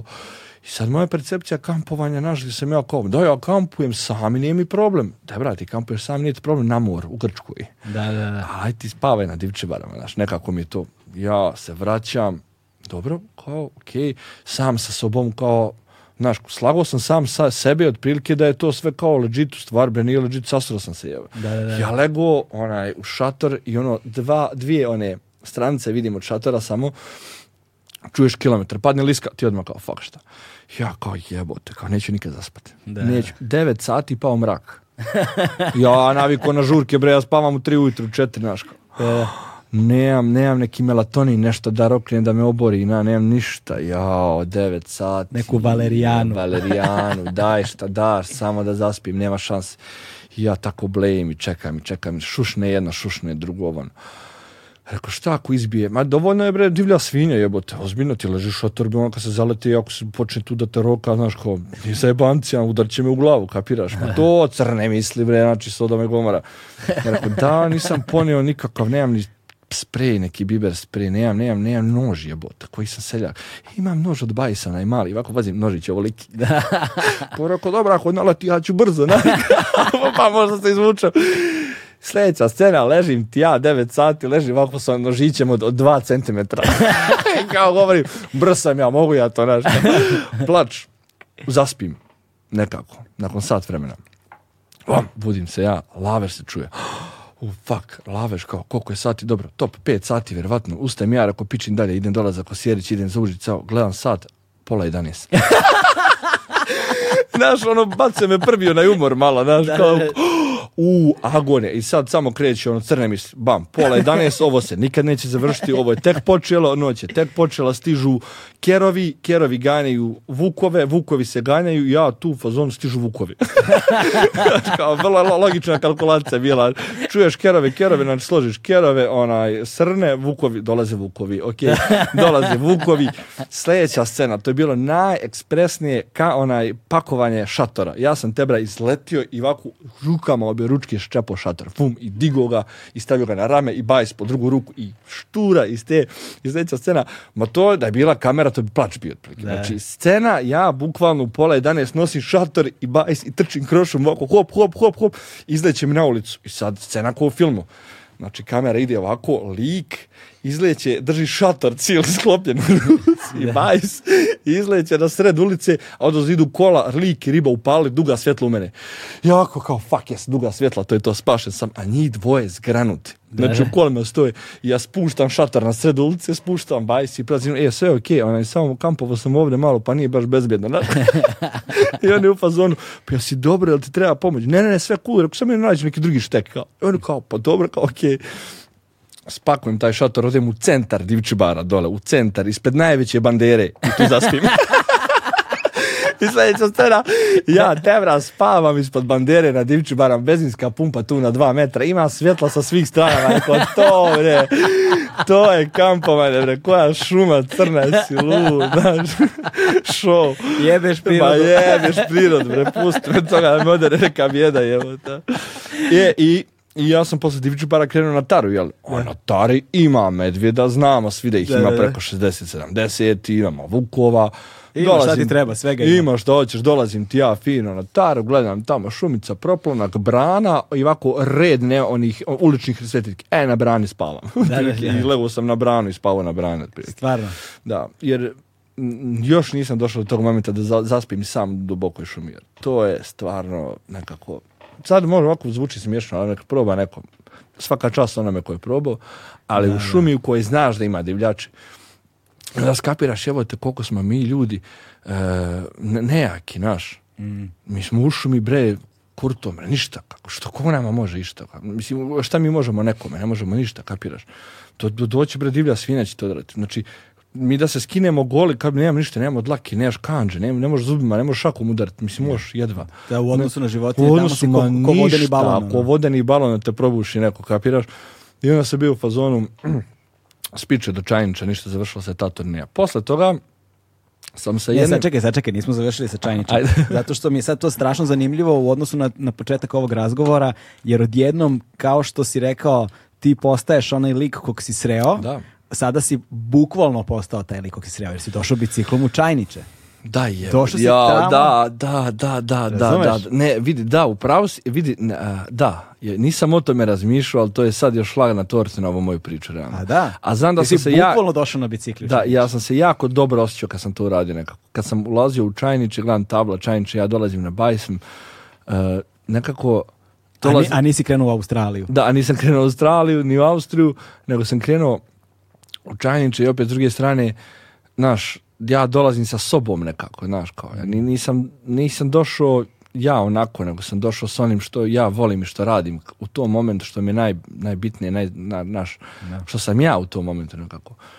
Ne, baš je bio, znaš, taj moment isto kad sam došao, bilo kao, wow, evo, znaš, kao, super, strava mi kao baš. Da, i postoji, sad... postoji vjerojatno to neko osjećanje ostvarenja. Da, da, da. Znaš, da. nagrade koju da, dobiješ da, kad zapravo prevališ tu distancu da, da, nema, ne, naravno, ma naravno. Pa ti, znaš, koliko god ti pomagao da ti je teško tokom cijelog tog putovanja, znaš, ti samo kasnije budeš fazon, brate, ovo je nešto najče što sam uradio, kapiraš. Mhm. Nije bitno da li je distanca do Fruške gore, do, znaš, do, tamo do vamo, prosto je, znaš. A kako izgledaju ti trenuci kada, ono, kako izgledaju ti trenuci kada sam sa sobom ono, razmišljaš. Znači, prolaziš, ne znam, emotivne faze, pa, ono, naš, anksiozne da, Da, da, da, da, da, pa sad ih je na Islandu bilo... Prispituješ svoje odluke, da, odnose s ljudima, ne znam, znaš. Sve zavisi, na primjer, od svih ovih putovanja, na primjer, Island je najviše consciousness u smislu tom. Zato što vrijeme je tako, znaš, kao sivilo je, setno je sve, sve te vraća u, u tebe, kapiraš. I nema nikoga, ti nemaš distrakcije, ti nemaš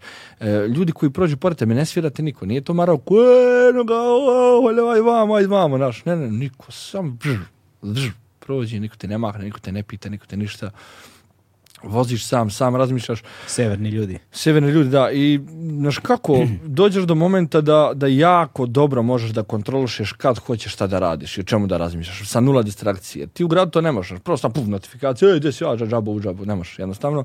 E, dok voziš bajs, jako možeš. Ja posvetim vrijeme, e, sad ću da razmišljam o ovome i tačno mogu da idem duboko koliko ja hoću otprilike. Koliko mi je konforno. Kad vidim da mi nije sam konforno. e, ajmo se pustimo muziku, idemo kad Toni Cetinski, uuu, daj pjevamo nešto otprilike, znaš. znači, tako da s te strane, Zavisi od destinacije, naš. U Maroku imaš toliko distrakcije, na ulici se toliko stvari dešava, da si to, totalno si tu uključen, dok si na Islandu totalno isključen. Znači, na Islandu si samo ti i prelepa priroda. Da, e, pričat ćemo o tome, da, li, da li je zapravo odlazak na Island u kontrastu u odnosu na Maroko bio svesna odluka. Da, da, Znaš to, da li taj kontrast, kao je jug, toplo, mediteransko ono živo haos razumeš i ovamo gore hladno sivilo severno naš ni ono da li je to bila namerna odluka definitivno da e, ili podsvesna ovaj dobro dakle čajniče se završava i čajniče se vraćaš kako e, se sa kolima isto došao je neki ortak, isto pa smo se vratili kao ne bi se vraćao istim putem i onda posle toga sam se cimno sa ortakom Nemanjom koji je bio isto pozvao e, ja pričamo zajedno konačno i rekao, ajde, gdje ćemo, šta ćemo, kao, i šta smo otišli? Prvo, prvo smo otišli, ja mislim, na Sardiniju. Hmm. Kao, ja e, se krug oko Sardini, kao interesantno, kao na Sardinu. I nas dvojica, i sad, kad nas ima dvojica drugačije, sve ono što se meni dešava se isto dešava, mhm. samo nas je dvojica. I nemam potrebu da podijelim s nekim trećim, nego nas dvojica plačemo te, bra, od ono, vrištimo, glupiramo se, sve nam je do ja I putovanje je apsolutno isto. Samo kad imaš nekoga sa sobom, uh, mijenja koncept, znaš, jednostavno imaš osobu s kojom ćeš da podeš, brate, pogledaj planinču, jebate, znaš, I, i nekako ti nadopunjuje se energija na taj način i mi smo pričali Htjeli smo da spičemo u krugu oko Sardinije, došli smo do sjevera i bilo fazon, te bravo, je toku do ja, je ovaj blejmo na plažu, ovaj blejmo na plažu. Sljedeće tri dana blejmo mi na plažu. da, da. Još vozili kao, da. Da, vozili smo, prešli smo mi jedno 800 km, ja mislim, do, sjevera i bilo je mega dobro, ali smo vidjeli već sve tu. Kao, ispostavilo se da je vojna baza dužinom od 400 km obale NATO vojna baza i onda bismo morali da idemo kontinentalnim dijelom i onda smo samo preskočili taj dio. Kao. I onda smo se vratili puni utisaka, naravno, sve strava, kao ajmo šta ćemo sledeće, kao aj pićemo kao Paris, Brisel, Amsterdam. On je živio tad u Briselu i onaj, ja dolazim do, do, do, do njega u Brisel, do tog vrtaka Nemanje i ovaj, a pozdrav za Nemanju, i ovaj, i mi pičimo tipa, krećemo iz Brisela, mm ne, ne, ne, ne, pardon, Uh, on je u Briselu, on je iz Brisela došao u Pariz, a ja sam iz Belgije u Pariz. Nalazimo se u Parizu mhm. i cijepamo Pariz, Brisel, Amsterdam, koja imamo jedno 7-8 dana tura, kao ono, pićemo do jako. Buras, mi smo se toliko napržili, mi smo za tri dana došli u Amsterdam gore, kao šta ćemo sad jebote, da, da, mi smo spičili tu rutu, capa, capa, capa, capa, ono još sve malo ravno, mi, znaš, to kad se potpale dva, ono, indijanca, ajde, ajde, vozi, vozi, oćemo. I, e. mi smo, I mi smo te tu turu spičili, ono, bukvalno, naš, kao to, za, za, za, za tri, četiri dana smo došli do Amsterdama gdje smo pocijepali Paris, Brisel za, za dva dana otprilike iz Brisela došli u mm. Rotterdam kao da kampujemo kampovali smo cijelo vrijeme usput na divlje i to je mnogo lakše kad, da, da, da, da, kad imaš dvoje bre boli. A čekaj, dakle ste krenuli iz, iz Pariza. Iz Pariza, dakle, do Pariza si išao avionom. Avion, da. I onda to, jel ti to bilo prvi put da pakuješ bicikl na avion? U, da, da, da, e. to je bilo isto interesantno, da. I Kako ide to ono, kad nosiš bicikl na avion? Kad nosiš bicikl na avion, e, ti treba da skineš pedale da bi se smanjila širina bajsa ukupna, skineš sjedište i skineš korman. I sve to staviš u sredinu bajsa. Skineš prednji točak, staviš ga pored i bajs bude bukvalno mega manji. Mega manji. Da. I to prijaviš kao sport equipment kao fazno na aerodromu i zavisi od avio kompanije, zavisi od destinacije, doplaćuje se kao ide doplata. Uh I sad, zavisi sad, na primjer, lupiću, za, za šv, iz Švajcarske kad sam letio iz Cirika za BG uzeli sam mi 100 evra, tipa sve se okay. otprilike. to ti je za dva smera? Za jedan smjer. Za jedan smjer 100 evra. Da, da a na primjer za, za Island mi je bilo 160 evra za dva smjera, ali sam imao dva presjedanja i Island je gore, brate. za Pariz je bilo 45 evra, na primjer. Za Krit je bilo 35 evra. Tako da zavisi od, od onaj... Jel ti bajs dođe neoštećeno? Ono? Dođe oštećeno. Znaš, to je, to je glavni challenge. E, ti spakuješ bajs, brate, da napišeš e, porcelan unutra, on će ga bacati otprilike. Da, Prosto, i on ga bre, boli njih, bre, dupe, oni likovi što bacaju, to, možda ih vidiš gore. Vidiš ih sa terminala dole kako ti baci bajs znaš, kao da, Vidiš, a čekaj, da. ušte ga spakoš, ga zamotaš u one i... Ako imam kartonsku kutiju od novog bajsa, ubacim ga unutra i kartonska kutija poprilično dobro zadrži koliko to amortizuje, amortizuje te, te ubacanja sva ta otprilike, ako ne onda samo stretch folionu za, za, za mm. hranu. A ne možda ga staviš onaj, kako ga zovu, onaj balonči, onaj kao bubble? Može, bro. može, bubble puckavac je skup. A, skup je, koliko je skup? Pa skup je da bi, da bi omotao bajs, da bi imalo poente, ja mislim da to, košta 34 evra. Mm. A s aspekta u oba pravca to je 60 evra, to ti već plaće, naš, mislim, ako, ako gledaš da smanjiš minimalno troškove na sve to, Ništa, može, naš, može. nadamo se da će uskoro da se poveća broj sponzora i da će da, zarađu, to, to, da, da, da, će, to. da će, da će tak... moći pucka vas da ja sumutam pucka. Skače, kaj, evo, ne došli sponzori. Vidiš ti sa bajsom, to umotano. Da, da, da, to, to. Ove, ovaj, I onda slećeš u Pariz? Da, slećem u Pariz i, i onda smo mi ispičili ono to kao od Pariza do Brisela sa jednom stajanjem. Koliko ima od Pariza do Brisela? E, pa, je pa, ali ja ne mogu da sjetim da li je Paris Brisel duža razdelja ili Brisel Rotter, e, Rotterdam. Mislim da je Paris Brisel. Mislim da je Paris Brisel. pa, od, pa od Brisela do Rotterdama nije mnogo. 350 možda da je Paris Brisel otprilike. Da, Mi smo da. to pocijepali dva dana otprilike i kao sve strava kampovali zajedno. I kad kampuješ zajedno mnogo je naš bleja kapiraš. Mm. To i da dođe medved da vas roka obojicu, ajde bre, smijali bi se otprilike naš. Da, da, da, Ne, ne, ne, ako se sprdaš ne možete biti ništa kapiraš. A sam mnogo je zajebano čak i kad si na divče barame ispad onaj ulični Da, da, da. I, ovaj, I to smo spičili i onda smo bili u fazonu, e, ajde, idemo do Rotterdama. A izvini, kad ste došli u Pariz, ste li ono, vozili po Parizu ili ne, ste samo sišli, izašli iz Pariza, ono prvi autoput u šta god Ne, on je, on je stigao busem, ja, on je stigao mm. vozom iz Brisela u Pariz, ja sam sletio u Pariz na avion, raspakovao bajs, sklopio ga i zabo neke francuske šansone svoje standardno i, o, i tebra ulazimo u Pariz i ono a šta si od aerodroma išao na bicikli? od aerodroma išao na bajs i uletio u Pariz da se nađem sa njim naš u Parizu ispičil dalje i ja ulazim u Pariz puštam francusku muziku sunčan dan sve neke Kalanić pijace prelijepe otprilike da. sve neki lijepi ljudi na bajsema krenu na pijacu i sad filmska scena ja ovako vozim neka riba se susreće sa mnom i sad mi krećemo vozimo jedno pored drugog i ona kao najspa you can you have a lot, a lot, lot different speeds, you know, jako, jako, da, kao, i krećem kao, pa kao odakle si ti džabu, brate, ona iz Čačka, fazon. majke mi moje, majke mi moje evo majke mi. I pridružujem se još jedan ortak koji je isto, ne znam da li je bio požarevac ili tako nešto. Kao, I'm waiting for my friend, kao pa odakle, on šta kao, pa odakle ste vi kao poniz, kao, a ti si Srbije, kao Darak poniz, požarevac, pa ja sam iz Čačka, kao, ali sam očeo davno, naglaba srpski jedva, ali je bio cirkus, brate. Ja taman upao bre u mod, Pustio francusku muziku, ja u Parizu dođe ribe Čačka, je. išli ste, dakle, Pariz, eh, Amsterdam, eh, Pariz, Brisel, Brisel došli smo da do Rotterdama i tu nam je bilo ideja kao Rotterdam je bio checkpoint gdje bi trebalo zakampujemo. Aj priđemo Rotterdamu na, u predgrađe pa ćemo šator. Te bra, Rotterdam, Sidney, kapiraš, koji šator, bre, njima predgrađe dedinje, da. sve neki kanale, to je nešto preskupo, to sve blej, tu, znaš, kao tu kidajne, baš.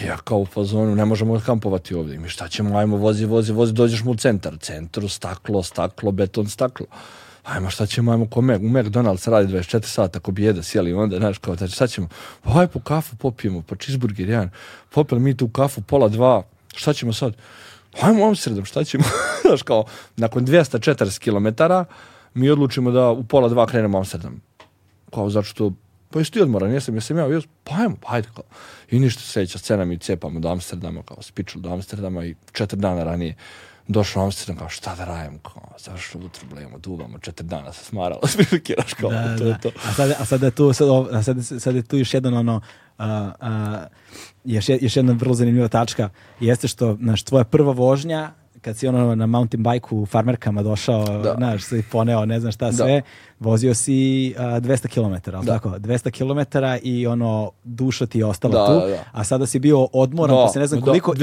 još 240, kao ajde. Mi smo tad prešli 360 km sa opremom, kapiraš. Ali to je bilo kao šaša, kapiraš. Da, da, da, I onda ono to putovanje se završilo i kasnije je prošao jedan period gdje ja nisam vozio možda godinu dana, nisam otišao nigdje, ne znam šta se dešavalo, imao sam neki, neke akcije druge, nemam pojma, nije mhm. ovo ono. I onda se desio taj krit, kapiraš, na, na kom je počelo sve, onaj, počelo cijela ta zajebanica sa dokumentarcima. I onaj, Kako se to desilo? Desilo Kada je krit bio? Krit je bio prije, jeli, dvije godine, 2020. mislim, tako nešto. Mm. I, Covid? E, da, e, jo jebote. Je li to bilo posle našeg snimanja sa MKDSL-om ili pre? me ako znam. Mi smo snimali... Mislim da je bilo posle. Mi smo snimali proleće. nije moglo biti posle, jebote. Pre, pre nas je bila zima, znači mi smo snimali neki mart, na primjer, recimo april. Smo mi snimali u Bigzu. Ja mislim da je to bilo posle. Ali ne znam kako sam odletio onda ako su bile restrikcije. Da. Recimo da je 2020. 2020 je pa znaš kako stvari moglo je 2020. da se ide tamo već od juna Ne bre, to je bilo, stani, čekaj. Ja ne mogu da se kapiram, ne mogu da saberem. Kad sam bio u Maroku? Prošle godine. Maroku si bio sad, brate, skoro pre... Koji ovo ovaj mjeseca? da, pa kao ono. Da, u Maroku sam bio na, na početku, sad sam, Prošle godine sam bio na Kritu i na Alpan, prošle godine. 20, 21. 21. Da, da, da, da, 21. 21. Jebote, znači. A? Elem, uh, Krit se desio, e, isto tako je bilo varijanta kao hoćeš pićem neku turu, ja sam tada bio vezi sa, sa ribom, kao i hoćemo kao pićemo zajedno, kao ajde kao možemo pičemo zajedno, kao pičemo tu turu, sve ovo ono. Međutim, na, naša veza nije potrebala do, tog putovanja i onaj i ostalo to kao, je vi kao mi raskinu smo, ništa se ne desi od toga, ostalo to meni u glavi da pičem i dalje kao šta ću rekao? dobro, pičin sam, kao šta ću naš I ja ti spakujem opet bajsov ono, imao sam već Grčku, sam vozio ranije, znam otprilike šta mi treba, umeđu vremenu sam izvozao i Sardiniju koja je bila mora, izvozao sam gore isto to Paris, Brisel, Amsterdam gdje je bilo malo kiše i malo hladnije, malo drugačiji vibe kao i drugačiji tempo i kilometraža. Vozio si i Durmitor i Taru i, I Čajniče. I Durmitor i Taru i Čajniče, jeli prošao Vukove i Medvede, jel sve te gluposti. I on je bio fazonu kao, ajde kao sad idemo kao na I sad, svježe raskino, prošlo 15 dana otprilike, ja ono već, znaš, kao tu, ja muke, znaš, kao tu i tamo, šta ti ja znam. I ja ti onaj, slećem tu na krit fazon, raspakovo bajs, slomili mi točak, i, ali to je casual, znaš, kao to... Slomili ti točak? Slomili mi tri žbice, žbice su Aha, da, žbice, da slomili sam, da, tri žbice pukle. I sad mi bandaš ovako otprilike ali ponio ja žbice, kapiraš, znao sam ja šta se tu radi prilike, i ponesem ti ja žbice te namontiram bajs, popravim ga tu na aerodromu i sletio u Iraklion on kao ideja mi je bila da spičim krug oko cijelog krita otprilike. I kao, imao sam nekih 1300-400 km, 14 dana, bilo je mhm. oko 100 km dnevno ili 120 pa da napravim pauzu jedan dan. Sve cool kao i ništa, ja kao sletio, probudio se i sad mnogo je zajebano uh, switch, kapiraš, jer sam ja sa devetke festivala, sa stage otišao na after, s aftera na avion, kapiraš? Mm, znači, taj da. switch brzine grada i svega toga je ono naš. A, da, da. U switch ja sam sa biciklom, jajmo mi ono naš, otprilike kao polako, sada im dokle, kako ono išlo, znaš. Dok se prisjetim, dok upadnem u mod, da sam sam, da sam na moru, da nema, nemaš s kim da pričaš. Ne, ne govorim to kao da mi ne nedostaje. Da, da, to si tamo i onaj Iraklion. Iraklion, da. Iraklion, pa, ne da si od Irakliona krenuo ka... istoku ka, kako se zvalo to? Nije to karetimno tamo, ne? Ne. Nego... To je, ima ona plaža neka sa palmama, sa... Pa ima tamo puno plaža sa palmama. da, da, da, da. Samo da se ja setim gde, u kom smeru Skroz na istok, istok, istok, kapiraš. Tamo ima ona Matala Beach. Ne, Matala je na jugu. A, na jugu, istok, A, Bio sam, e ja, sam, ja sam spičio na, vamo skroz, pa se spičio dole na jug i onda došao do Matale. Aha, aha, aha to je onda... A da, tamo ima jedan deo koji je kao totalni raj, da, tamo, da, da, da, da, da, znam, znam, sad sam zborio kako se to zove. Ali ono, privatna plaža kao. Da, Plaža ima radno vrijeme. Pocimo se 300 km od tamo, kaže, pa zatvorena plaža, kao zatvorena kao. Ne možeš kao da uđeš zatvoren. Ima radno vrijeme plaža, kao, ajde, dobro. A, znači slećeš na Iraklion? Sleti ja na Iraklion i odatle sam krenuo ka istoku. I sad taj prvi dan je prošao u ono aklimatizaciji, totalno ja u šoku, vozim 15 na sat, ne znam šta me snašlo, kapiraš, mm. ono pritom s festivala, ono, imao sam to ono žurki prije toga koji sam radio, neke ono žurke, žurke, akcije, žurke, ovo ono, ja na jednom tu ono se ja malo smirim, dok se iskudiram, dok se skontam s morem, ovo, ono, taj prvi dan prošao tako, ono, jedan giro svakoj glavom, ne ono, ljudi, idem betens na sat, otprilike ništa mi nije jasno, i kao svjestan sam koliku kilometražu ja planiram da, da prevalim, nije uopšte frka da je ne prevalim, samo sam u zbog toga sam došao, ajde da to mm uradim, jel? Mm-hmm. Sa tradicijom dugom skoro tri decenije, Legend Worldwide je prepoznatljiv domaći brend sa akcentom na jeans, pre svega, koji odlikuju bezvremenski, klasični modeli.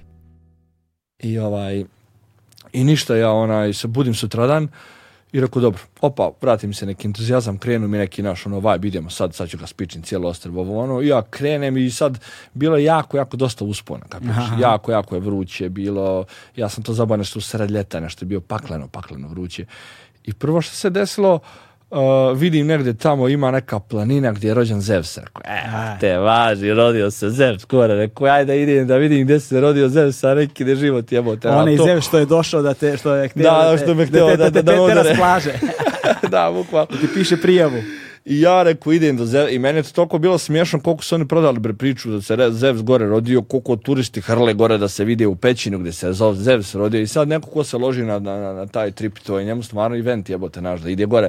A ja bre umro sam sam sebi, počeo sam sa sobom se sprde, idem da im ide Zevs, idem sako Zevsa na kafu gore. I uzmem bez veze i snimim Rekao, aj snimim ovo, snimim ono, opa, i snimim ja cijelo to moje putovanje do Zevsa i moj ono, cerekanje u toj pećini gore, umro ja sam sa hladno, be pećina do jaja, super, ono, hladno. Od more gore i završi se dan, ja rekao, bez, našeg telefonu, čekiram, ono, mhm. šta, šta, je, šta, sam slikao, šta sam snimio. Ja izvam da tu stvarno od cijelog dana, gdje si?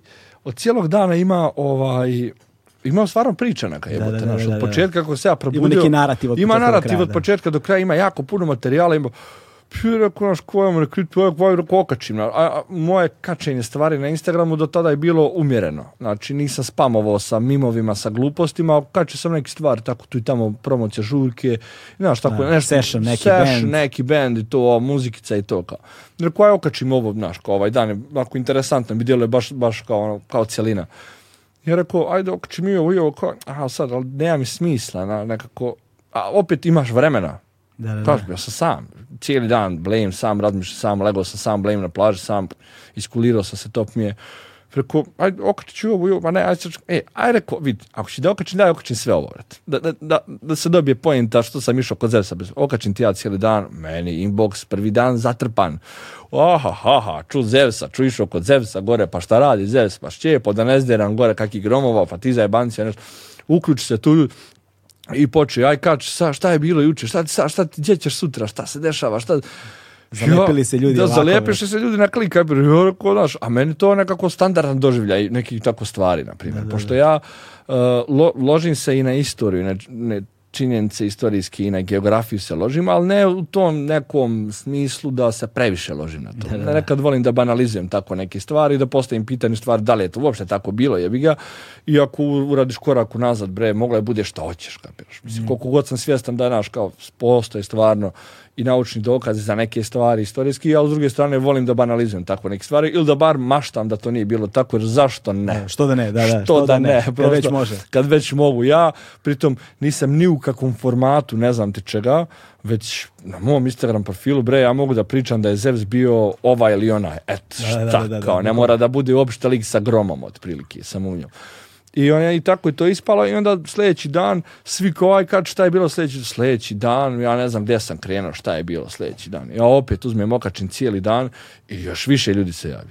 I sljedeći dan ja okačim i sam sam izvadio, ja sam okačio tri dana za redom da ja sam već u komunikaciji sa ono 50-ak ljudi gdje je vriska. Meni smiješno šta mi šalju kakve predloge glupe, kapiraš i mlate gluposti. Ali bilo dobrih predloga. Ma bilo je, urne bez predloga. Da, da, da. Urnebes. Od ljudi koji su bili tamo, koji sam govorili gdje da idem, do ljudi koji kojima je to ono otkrvljenje kao kako to se ide tako do, do ljudi koji se plaše za moju bezbjednost naš kao naš svega je bilo nebesno i meni ono bilo mi zanimljivo jer ja preko dana kao to izlazim i onda uveče legnem i onda iščitam ta inbox cijeli gdje ono plačem i onda vrištim tu s ljudima osmijera a sve se javljali ljudi koje sam znao manje više kapiraš mm. Ono, ekipu i tako ti je onaj ja tipa peti, šesti dan izvaljujem u stvar da se dešava to, da ja u stvari sam jebote do sada snimio svaki dan i da ništa nisam cenzurisao i da ništa nisam namjestio mm. i da ništa nisam htio da namjestim već sam samo okačio moj subjektivni doživljaj krita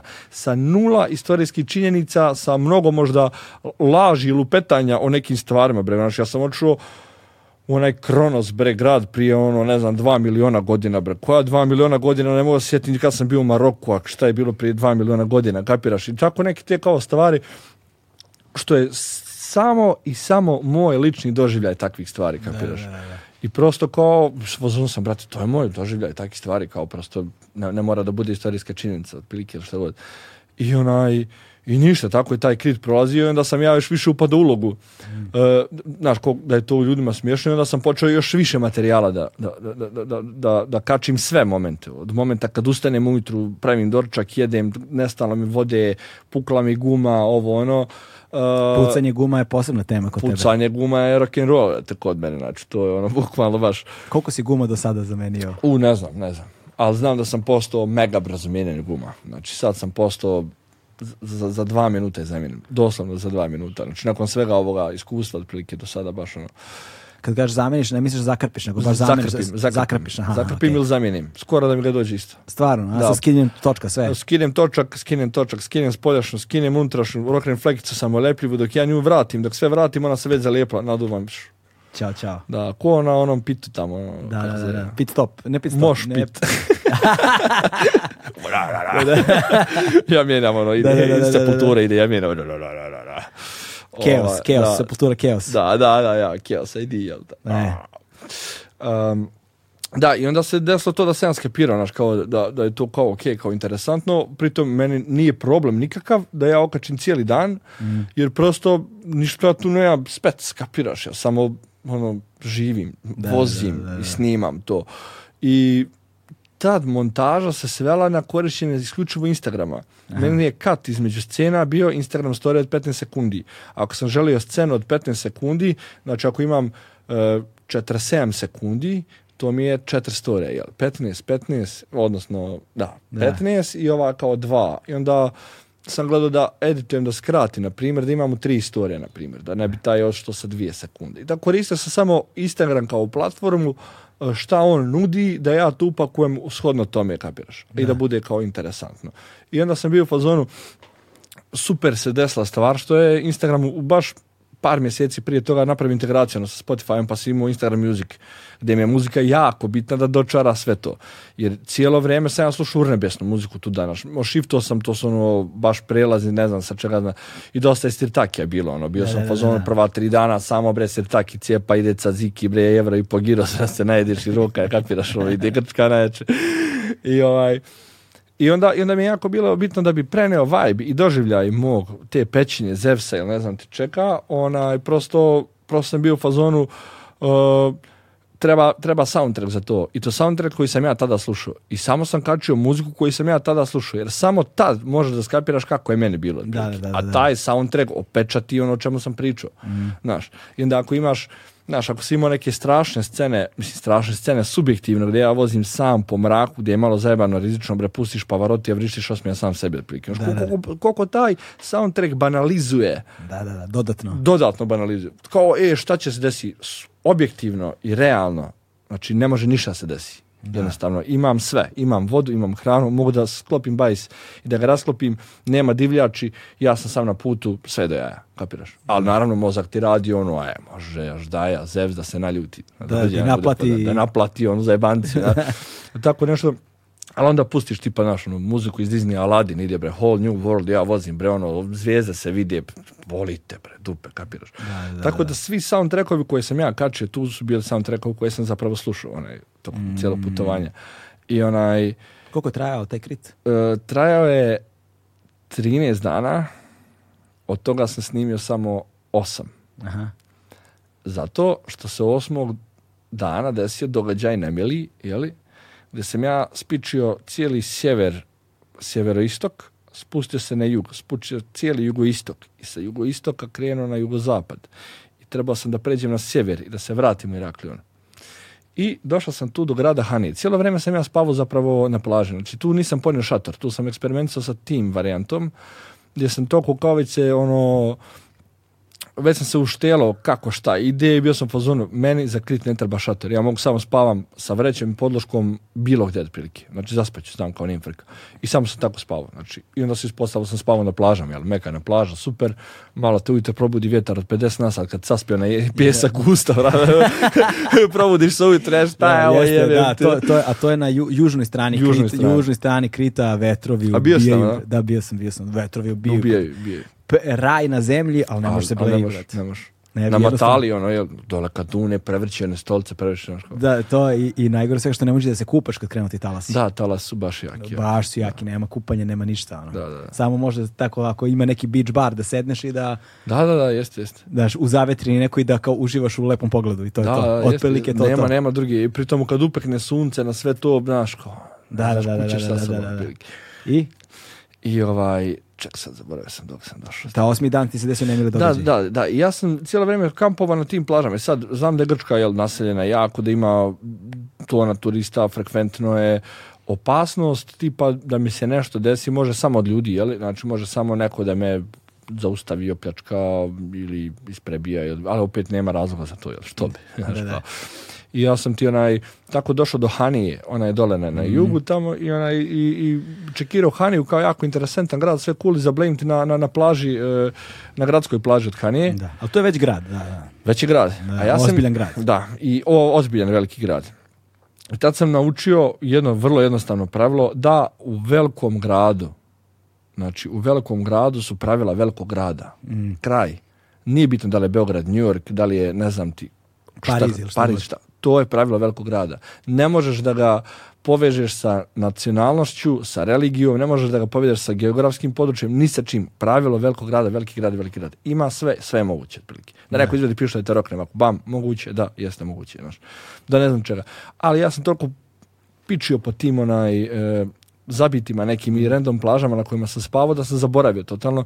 Ja ti idem na gradsku plažu u Haniju i zaspim na sred gradske plaže. To ti sad ala Ada Bojena ogromna dugačka plaža sa, sa puno ono širinom velikom i ja kao šmeknem tu mjesto rekao ha evo ovdje ću spavam i ništa jako standardno bacim bajs pojedem nešto i kao spavam u vreći ja sam mhm. cijelo vrijeme spavao u vreći sa bajsem a na bajsu samo skinem prednji točak i stavim ga pod noge mm i sad neko ako krade bajs mora da uzme bajs pa da mi ukrade točak, pa da namontira točak, pa da ga ukrade, kapiraš? može samo da ga odnese bez točka. Može da ga odnese bez točka. Ja, e, čisto da eto, da ne bude baš na ruke, naš kao. I ona, ja to sve kao odradio, sve cool, ovo ono, gledam, nema oko mene nigdje nikoga, kao, ok, konforno mi je da zaspim tu, kao, nije problem. I, i imao sam cijelo vrijeme pederešu, tu mi je stavio telefon, onaj, pare i, i, i pasoš, i stavio sam je u pederoše da, da je non stop sa mnom. Znači, to je nešto što mora bude sa mnom. Jer se državalo da u prodavnicu, baj, stavim ispred. I da. ko će krade, bre, baj sa 50 kila, bre, na ostrvu, kaj, gdje će sa njim, šta da, da ga ukrade, da mi trči dole, stiću ga, ne može pobjeći, ne može, naš težak baj se, I ja sam ti onaj zaspo tu i, po prvi put mi se, samo sam skapirao da nakon 8 dana, vremeni ja se uvlaču u vreću i onda mi ta pederuša smeta. Sve me žulja. Jer ako daj, izvadim ovu a pošto je pjesak, stavit ću je vam, pa će to biti jastuk. Ja ti izvadim pederušu, stavim pod glavu, legnem da spavam i sam ovako u sred noći me budi neka vriska, neka smjeha, ha, ha, ha, ja se dižem i gledam dva lika koja trče gola, onaj, u kupaćim trče, kao trče ono regulare, kao noćno trčanje, prilike. Trče po plaži sa nekim lampama i trče od mene tamo i smiju se nešto. Ja ovako ustao i sad, znači moraš shvatiti šta je moment kad si ti osam dana budiš svaki put na različito mjesto, kapiraš. Znači ja sam se osam dana, znaš, kao navikuo si jebote, spavaš kući u krevetu, znaš s koje strane spavaš. Da, Ako se ne daj Bože zamijeniš u krevetu sa, sa, ono, sa ribom, ono budeš fazon, uvod kod ja ovdje, šta je ovo? Da, da, da, a tvoja je soba, znaš E, a ovdje isto to samo totalno drugačije, kapeš. Ono. Isto to samo totalno drugačije. da, bukvalno, da, bukvalno isto to kao nije ti jasno samo puta deset otprilike, jer čas si šumi, čas si na plaži, mm. čas je ovo, čas ja se tu probudio, prvo sam ja gdje sam ja, šta se dešava, što ona dvojica lika, jesam se probudio uopšte, znači to je bilo pitanje kao. Ja izvaljam, ok, ja sam budan, dva lika trče, e, ne deluju da su imali ikakvog kontakta sa mnom, kao da su samo tu trčala i probudio me njihov naš. Ja gledam ovako na podu, moja pederuša i ovako tamo stoji pasoš i tamo stoji 10 evra. Ja rekao, jebote, pa šta je ovo, kao, čekaj, gdje mi je pederoša, koja ne, gdje mi je bila, da se ja sjetim, ja, kao, bila mi iza glavi, otkud ona tu, kao, fuck, rekao, čekaj, otkud to, ja nisam to stavio tu. Znači, to je ono miks svega, ti ne možda vjeraš da li se probudio i da li nisi, šta se mm. desilo.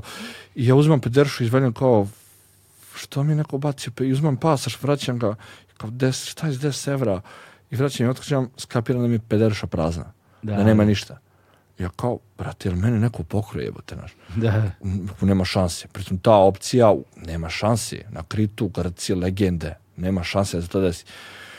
Kao, čekaj, gdje mi telefon, fuck, pa dobro, čekaj, stani, nemoj paničiš, ono, ja sam se smirujem kao kul, kao, gledam džepove, nema, telefon je bio ovde njega nema. U tom momentu dva lika koja su trčala su već kilometar da da, da, da, To je trebalo sve jedno, pet minuta je meni trebalo da se ja osvijestim, da dođem do toga da ja nemam telefon, nemam pare koje sam imao tu, da mi je ostao samo onaj pasoš i 10 evra. Barem su ostavili pasoš. Ostavi 10 evra za dojić ujutro. što me pakrade bijeda. Kao može jedan dojić majstor. I ovaj, i, i, i ja tu skapiram, ok, ja sam pokraden. I šta sad?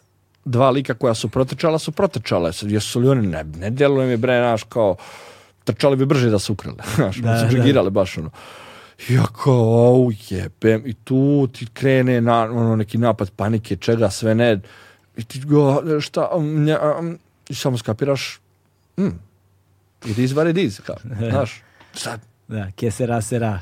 Bukvalno, šta ti sad tu i prođe kao minut, ja se totalno smirim, kao, okej, ja sam pokraden, ja sam ništa, sad ja mogu tu da vrištim, da trčim, da ništa, ništa tu neće kao pomoći, jednostavno to je to kao. se da dva lika odavde.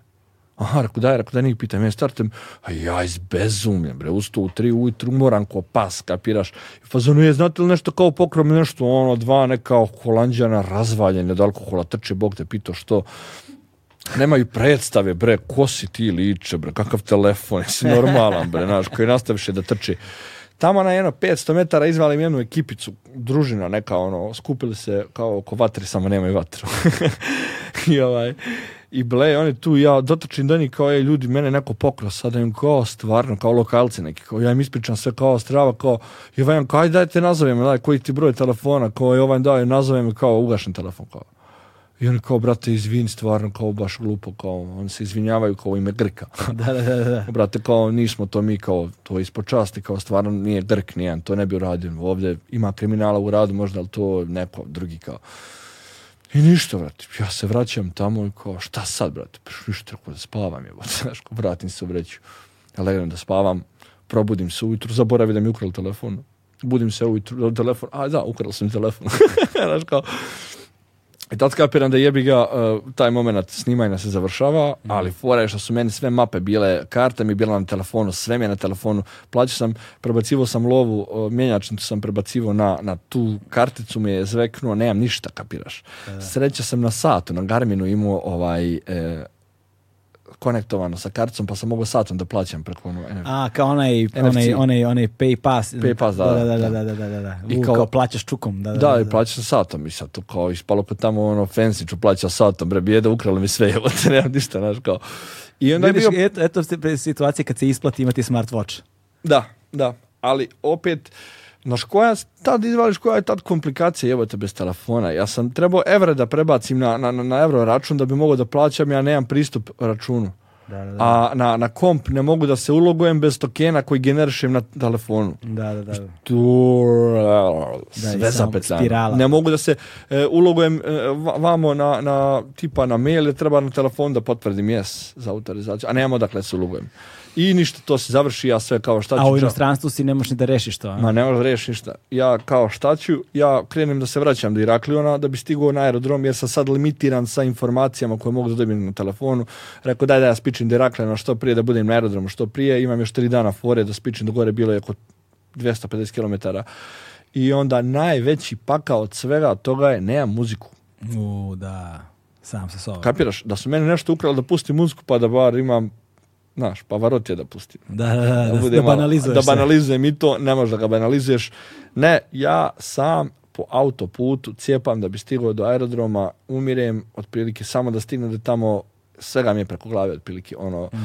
I onda, znaš, kao nakon jednog dana sam skapirao, ok, brate, jednostavno, naš shit happens je, dešava se šta da radim. Neću da mi taj događaj bude onaj kao... Kako ti je bilo u vožnji? Ma pako, pako It's a long road, there's no turning back, faza sam. It's a long road, there's no turning back, sam. Samo vozi, vozi. I ništa, stigao sam do Irakliona. Koliko ti je trebalo? Uh, dva dana. Dva dana, a? Dva dana, stigao sam da, dana. Šta si jeo? A plaćao si telefon? Plaćao sam telefonom, imao sam a hrane telefonom, kod sebe. nego satom? satom sam plaćao, imao sam hrane nešto kod sebe. I, I sad, sad na Instagramu nema ga dva dana, gdje, znaš, da ga nije zem satro, neđe, šta li se desilo, šta se dešava, nemaš čepe, to... I ja sad rekao, moram da obavijestim javnost, znaš, obraćanje javnosti, predsjednik se javlja. se toga, da. ja moram se javim, ja ljudima da ne misle šta ono, Vita majka, gdje se sino, šta te nema, ovo ne, ja nemam kom ja sam, e, aj se ti sad ulogu i ništa za sve ti treba autorizacija preko maila na mail, ne mogu jer mi treba telefon perpetuum. Jedino se Posebno što sad sve društvene mreže prepoznaju kad si u inostranstvu također. Da, da, I on ti traže da potvrdiš da je ono safe browser i šta ja znam. Da, da, da. I šta se desi? Jedino Instagram nema nikakvu autorizaciju za web. Na Instagram ukcaš username, password, klikniš enter, ulogujete. I to je dan danas da, da. da I a sad šta je fora? Ja rekao, sad moram da nađem neki internet kafe. I ne, mogu da ga nađem jer nemam internet da ga nađem. kao, šta god da kreneš, a, a, znaš kao. I nađem ti ja, odšao sam da kupim stretch foliju da, i onaj selotep da umotam bajs. I tu u prodavnici ispričam ljudima šta mi se desilo. I oni, oh, mi, to nije naš neki, da ga je sramota da ga bude, da ajde evo ti hoćeš komp i sljedeća scena sedam ja za kasu. sedam ja tebra za kasu, bile su tri kase i jednu kasu zatvaraju i sedam ja za kasu, ali ono, i puštaj mi tamo, evo ti hrom kao loguj se i ja se logujem na Instagram. E sad, pošto onaj, radim programiranje i to, pa znam te malo finte, ja ti hrom upalim u mobile mod kao i ti hrom možeš da upališ da ti on prebaci kao u, u, u mobile, kao da, kao gledaš sa telefona stranicu. I kad instagram.com prebaciš u mobile vo, onaj mod, on ti ga prebaci ovako i bude stvarno na, na webu, ti bude kao na telefon da si. Jer ti na Instagram webu ne možeš da okačiš story. Aha, možeš da gledaš, ali ne možeš da okačiš. Ali na mobilno možeš. Ja se ulogujem na, na, na, na, Instagram na webu, prebacim ga u mobile mod view i tu možeš da okačiš story. Okay. Ali ne možeš, nemaš uopšte one fore, nemaš ni muziku, ni font, ni ništa. Možeš samo sliku da okačiš. Mhm. I onda ja u Paint, otvorim Paint, tam, e, ljudi, ukrali mi telefon, živ sam sve do jaja. I Paint eksportujem i roknem ga na Instagram i okačim.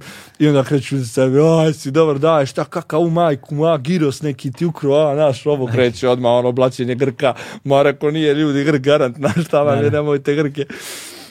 I? I dešava se tu da se meni javilo tona ljudi u fazonu Tebra, daj, evo skupljamo pare, kupujemo novi telefon. Ajde, mora, znači ne može ova priča ovako da se završi i meni se javi brdo ljudi, ja rekao, ajde jebemo majko evo, i da, ajde, ko hoće, evo, žiro račun ko hoće. Za 12 sati meni ljudi uplaćuju 8, 750 evra. Wow. Za 12 sati. Ti, ti ne možeš da vereš i to, i to nisu to bili samo moji ortaci, bre. Nepoznati to su, ljudi. su totalno nepoznati ljudi.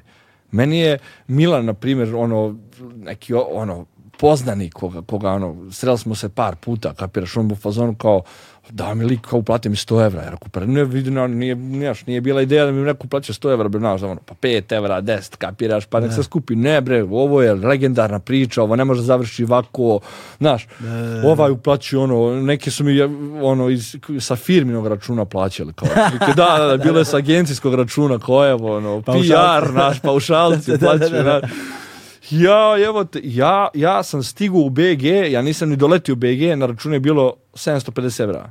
Do I prošlo čast. 800, svaka čast ljudi svima. Znači, ne, neverovatna scena. I ja sam onda morao da kači story, skoči, bre, ne, imamo pare za telefon, znaš. Jer su ljudi počeli da uplaćuju i dalje. Ne, ne, to je to, kupili.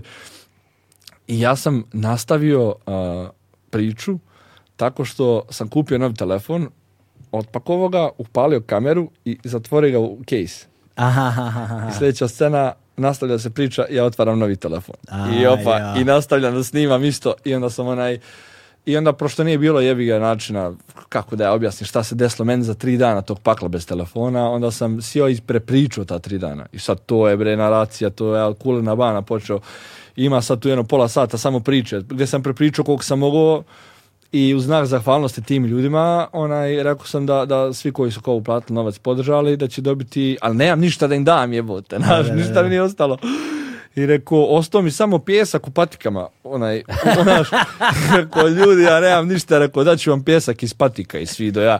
Ja sam stvarno uzeo neke, e, neke pazle drvene, u raznim bojama sa nekim stikerom smajlića, te onaj e, super lijepak i na, na, na drvo i onda prospim pjesak po tom i onda sam zalepi na drvo i napravio sam 50 komada toga za svih tih 50, 54 komada, 54 za svih 54 ljudi i onda sam ih svima kontaktirao i ponudio im četiri načina dostave. hoćete da vam ja to donesem, da vi to pokupite, hoćete da dođete na moju žurku za džabe i da vam dam ili ćete e. da dođete na promociju kao dokumentarca pa kao ili na, neki taj fazan je bio fazan. Da. I onda nekima sam išao lično bajsen donosio, neki su pokupili na žurkama, sve u svemu... svih 54 podelja? E, nisam, nisam. Ljudi dođite, ja ne mogu više da vas ganjam, znaš. Sad kad je bila promocija za, za, za Maroko, došli su neki koji nisu preuzeli pa sam im dao. Tako da je to bio onako mali simbolič, simbolični onaj znak pažnje, onaj, ali to je sve što mi je ostalo tako da sam Strava, to razdijelio ljudima i tu je naš pukla, pukla ta konekcija, kapiraš, to je prstalo od, od cirkuza, kapiraš, gdje, gdje si imao takvu priču gdje niko nije htio da se priča završi sa time da je meni ukraden telefon, bre. Mm. Koji, bre, telefon, bre, ajde, pježi tamo, kapiraš. Da, stvarno najbolje. Neverovatno, neverovatno. Da, stvarno najbolje i najgore od ljudi uvek postoji da, u svakom datom trenutku. Znaš, samo je pitanje toga šta će, šta će da se akcentuje u kojim okolnostima. Neverovatno, znaš. Ali ovo su trenutci kada ti se ono stvarno uliva nada. Da, jebote, stvarno, stvarno, znaš, kao neverovatno. Pritom ja, ja nisam ni pomenuo to, nego ljudi su insistirali da uplati, to se desilo sa 12 sati. I na kraju nebitne su ni, ni te pare, bre. Niko nije, ni, niko nije ostao mm. siromašan od toga. Nisam se obogatio od tog telefona. Znaš, nije ta poenta, bre. ta poenta koliko su ljudi to pratili i koliko mi je drago da se ljudi do te mere saživjeli mhm. da je to na kraju naš. Ja bi to uradio isto, kapiraš? isto bi ja uradio. Letio bi nekom 20 evra za takvu neku akciju, kapiraš? Ne bi mi bio žao jer, jer, je, jer nisam ja samo vozio tu priču, svi su je vozili nekako, naš. Mhm. I, priča je dobila taj cherry on the top sa, tom akcijom, kapiraš? Ali vidiš, meni je strava i to način na koji ti zapravo razmišljaš o sadržaju, bilo to spontano ili ne, ali ta činjenica da si ti uključio snimanje na telefonu, vratio da, ga nazad u kutiju. znaš, je, znaš, da si opet i sa tim peskom koji si ono, ono znaš, to je ipak jedna vrsta cimanja koja nije svojstvena svakome veruj mi, znaš, Dobar, da, možda, godinama da. radim ovaj posao, ne konkretno mi sad već godinama i ovaj, znaš, ali godinama sam u, u, u medijskom nekakvom, da, nekakvom medijskom sistemu gdje se proizvodi nekakav sadržaj i srećeš se sa razno raznim ljudima i sa profesionalcima i sa amaterima, sa entuzijastama, sa svima se srećeš. I, ovaj, I to o čemu ti pričaš uh, na izgled vrlo jednostavno i, i, i razumno, ovaj, nije tako često što bi što Ameri vole da kažu common sense is not so common, znaš. Da. E, da. ne znam kako bismo to preveli, da, a da se, da, da, da, se u potpunosti to značenje prenese na, na, srpski jezik. Dakle, ovaj, ti zapravo na neki način tim je tim ta, ta dogodoština ti negde cementira zapravo taj format. Da, I, to, i taj Instagram story kao platformu primarnu platformu komunikacije. Da, da. I to mi je super zato što nekako a, se tu sada ruši jedan ono tradicionalni sistem razumevanja šta je video dokumentarizam, šta je uopšte dokumentarizam kao takav, znaš, i na koji način mi njega možemo da zapisujemo, na koji način možemo da ga beležimo. Da to ne mora sve da bude 9-16, može i 16-9. Ne, 16-9, može i 9-16. 9-16 može Znaš, da bude, da. A i baš e, sad sam nisam preslušao ovaj, ovaj podcast sa ovim bratom sa Haskima. Ovaj, Aha, da. I baš si ti pomijenu u momentu kako jako malo ima domaćih dokumentaraca, naš. Da, da. Jako ima mnogo stranih dokumentaraca, jako dobre produkcije, jako svega, ali jako malo domaćih, kapiraš. Mm. Čini mi se da nekako manjka, a opet E, kad imaš englesku naraciju na neku prirodu, da. nekako mu daje skupoću majkom jebim. Da. dodaš nekako srpski, ne, nekako to ne bude naš. A, a na ovaj format bude banalizacija poprilično svega i svođenje na ono hands on. Tako ti je. Tako je to i tako možeš da ga drživiš. A to ti kažem zato što nije to što je banalizacija, što ti na srpskom ne da, što mu na engleskom daje skupoću, to su samo matrice i modeli kulturni na koje smo naviknuti. Naviknu, Naviknuti. I onda, i zato što nije postojala produkcija, odnosno nije postojala nikakva proizvodnja uh, i koja prevashodno nije pratila korak sa savremenim trendovima, naš koji se brzo smenjuju, tehnologija brzo, napreduje, sve, brže. brže i brže. I nekako mi zaostajemo za svime time 20-30 godina, znaš, što ni na šta ne liči. I, ovaj, I posebno nam nedostaje ljudi koji su spremni da investiraju u sadržaj iz kulture, u najširem mogućem značenju, a koji nema uslovno rečeno inicijalnu komercijalnu vrednost. Znači, svi bi, svi bi da počnu sa nečime, da vidimo, ajde radimo nešto što možda nanese lovu. I onda da. biraju šta će da rade na osnovu toga šta će da im pravi pare. Da, da, a, autentična, iskrena iskustva ljudi koji su krenuli, na primjer, tu neku mm. avanturu, pa da iz toga vremenom izraste u nešto što će da donosi novac, niko bre neće da se investira u to. Mm. Znaš, ja sad s jedne strane to mogu da razumem, s obzirom na to gde živimo. Da, ne, naravno. Ali s druge strane da je baš toliki tolika da, oskudica, oskudica sad, i deficit, ali na šta je s druge strane jako veliki broj e, likova i, i riba i ljudi generalno koje se, koji se bave nekim ekstremnim zajebancijama su jako dobri u tome, jako bi svašta ima da ispriča ali ne mogu da ispričaju možda ili da dočare na taj način. Ma, znaš šta, tu stoji, to je sad ono multifaktorijalna stvar, znaš. Ti s jedne strane imaš ljude koji rade genijalne stvari, ali nemaju nikakvu pripovedačku moć. Mm. Znaš, ja sam imao situacije da sedim s ljudima koji se bave fascinantnim stvarima u životu. Al džabe kada klještima čupaš reči iz njih. Da, da, Ma ne možeš, preznojiš a, se, a. brate, al džabe. džabe. I, onda, I to je, e, jako je teško da on to svoje približi e, Ma, nekom opštem. Onda, da, onda imaš drugi problem sa tome. Čak i kad ume da priča, znaš, to su, samo kad govorimo o ljudima koji su stručni u određenim oblastima. Profesionalci. Profesionalci. Oni su navikli da komuniciraju da. isključivo sa ljudima iz svoje oblasti. Da. Oni na, na, njihovom jeziku. na njihovom na njihovom nivou, previše toga im se podrazumeva i ne mogu da prevaziđu taj nivo da, jeste. Znaš, to je posebno sa ljudima sa univerziteta, akademski obrazovanim ljudima koji su ono, znaš, u struci, to, duboko i, i s njima uvek moraš nekako da razbijaš taj zid. Da, jeste, baš, baš. A onda imaš na sve to i ljude koji možda nisu spremni cimaju. Znači, imaju pripovedačku moć. Imaju, imaju dobar jezik koji mogu da, komuniciraju. Imaju dobar sadržaj kojim se bave ali ih boli dupe da, se da, cimaju. Da, Znaš, sad ti treba da imaš nekog ko će se cima i ko mhm. ima šta da pokaže i koji mhm. ume to da ispriča i koji zna način na koji će to da uradi. Da. Razumeš, ide pritom na sve to, ima dovoljno entuzijazma da to radi za džabe. Da, da jeste. Da od toga nema nikakvu lovu, da ni ne vidi neku lovu u perspektivi od toga, znaš, nego da eto, ako dođe, došlo je. Znaš, evo, sa tim faktorima si ti ono sveo broji ljudi sa, ne znam, ono, šest miliona u državi na pet. Znaš, da, to jeste, je ono... da, jeste. Znaš, a pritom da, a pritom da znaš, su i dovoljno zreli, i dovoljno odrasli, i dovoljno emocionalno zreli da mogu da hendluju sve to da, i da imaju, znaš, ono, uvek nešto novo da prikažu i da razmišljaju ono napred. Da, jeste, ali znaš kako meni, znaš, meni isto kao svjestan sam tih činjenica, kao donekle, kao podsvjesno, ali meni kao olakšavajuća stvar što je to meni sve nako u glavi konstantno. Mhm. I što ja uopšte kao nemam, znaš, e, e, ja, ja, ja sam isto skapirao kao da E, što ti e, broj kao ljudi koji te prate raste i što se diže popularnost, veća i fama oko toga, sve to je se očekivanje, kao, tamo ti je bilo dobro, mora bude, ovaj dan bio ov, dobar, ovaj moraš bolji da bude, ovaj moraš, to je konzumerizam na koji smo nekako, da, još, da, još, još. I sad sam u fazonu, e, razmišljao nekom momentu, šta ako se desi sranje dan, da. kapiraš, i sam sam u fazonu, bit će sranje dan, jednostavno. Pa tako je. To je to. I to je, sranje dan. I ja sam to raskrstio sa sobom već na kritu otprilike. Mm da ako, ako se desi sranje dan, to je sranje dan. Znači, je li normalno da osoba od 30 godina za 16 dana ima Promjene raspoloženja na nivou da mu je jedan dan od 16 dana sranje? Te bra, mrš svi. Da, da, da, to je normalno jebote, znaš. Tako je, i to je autentično.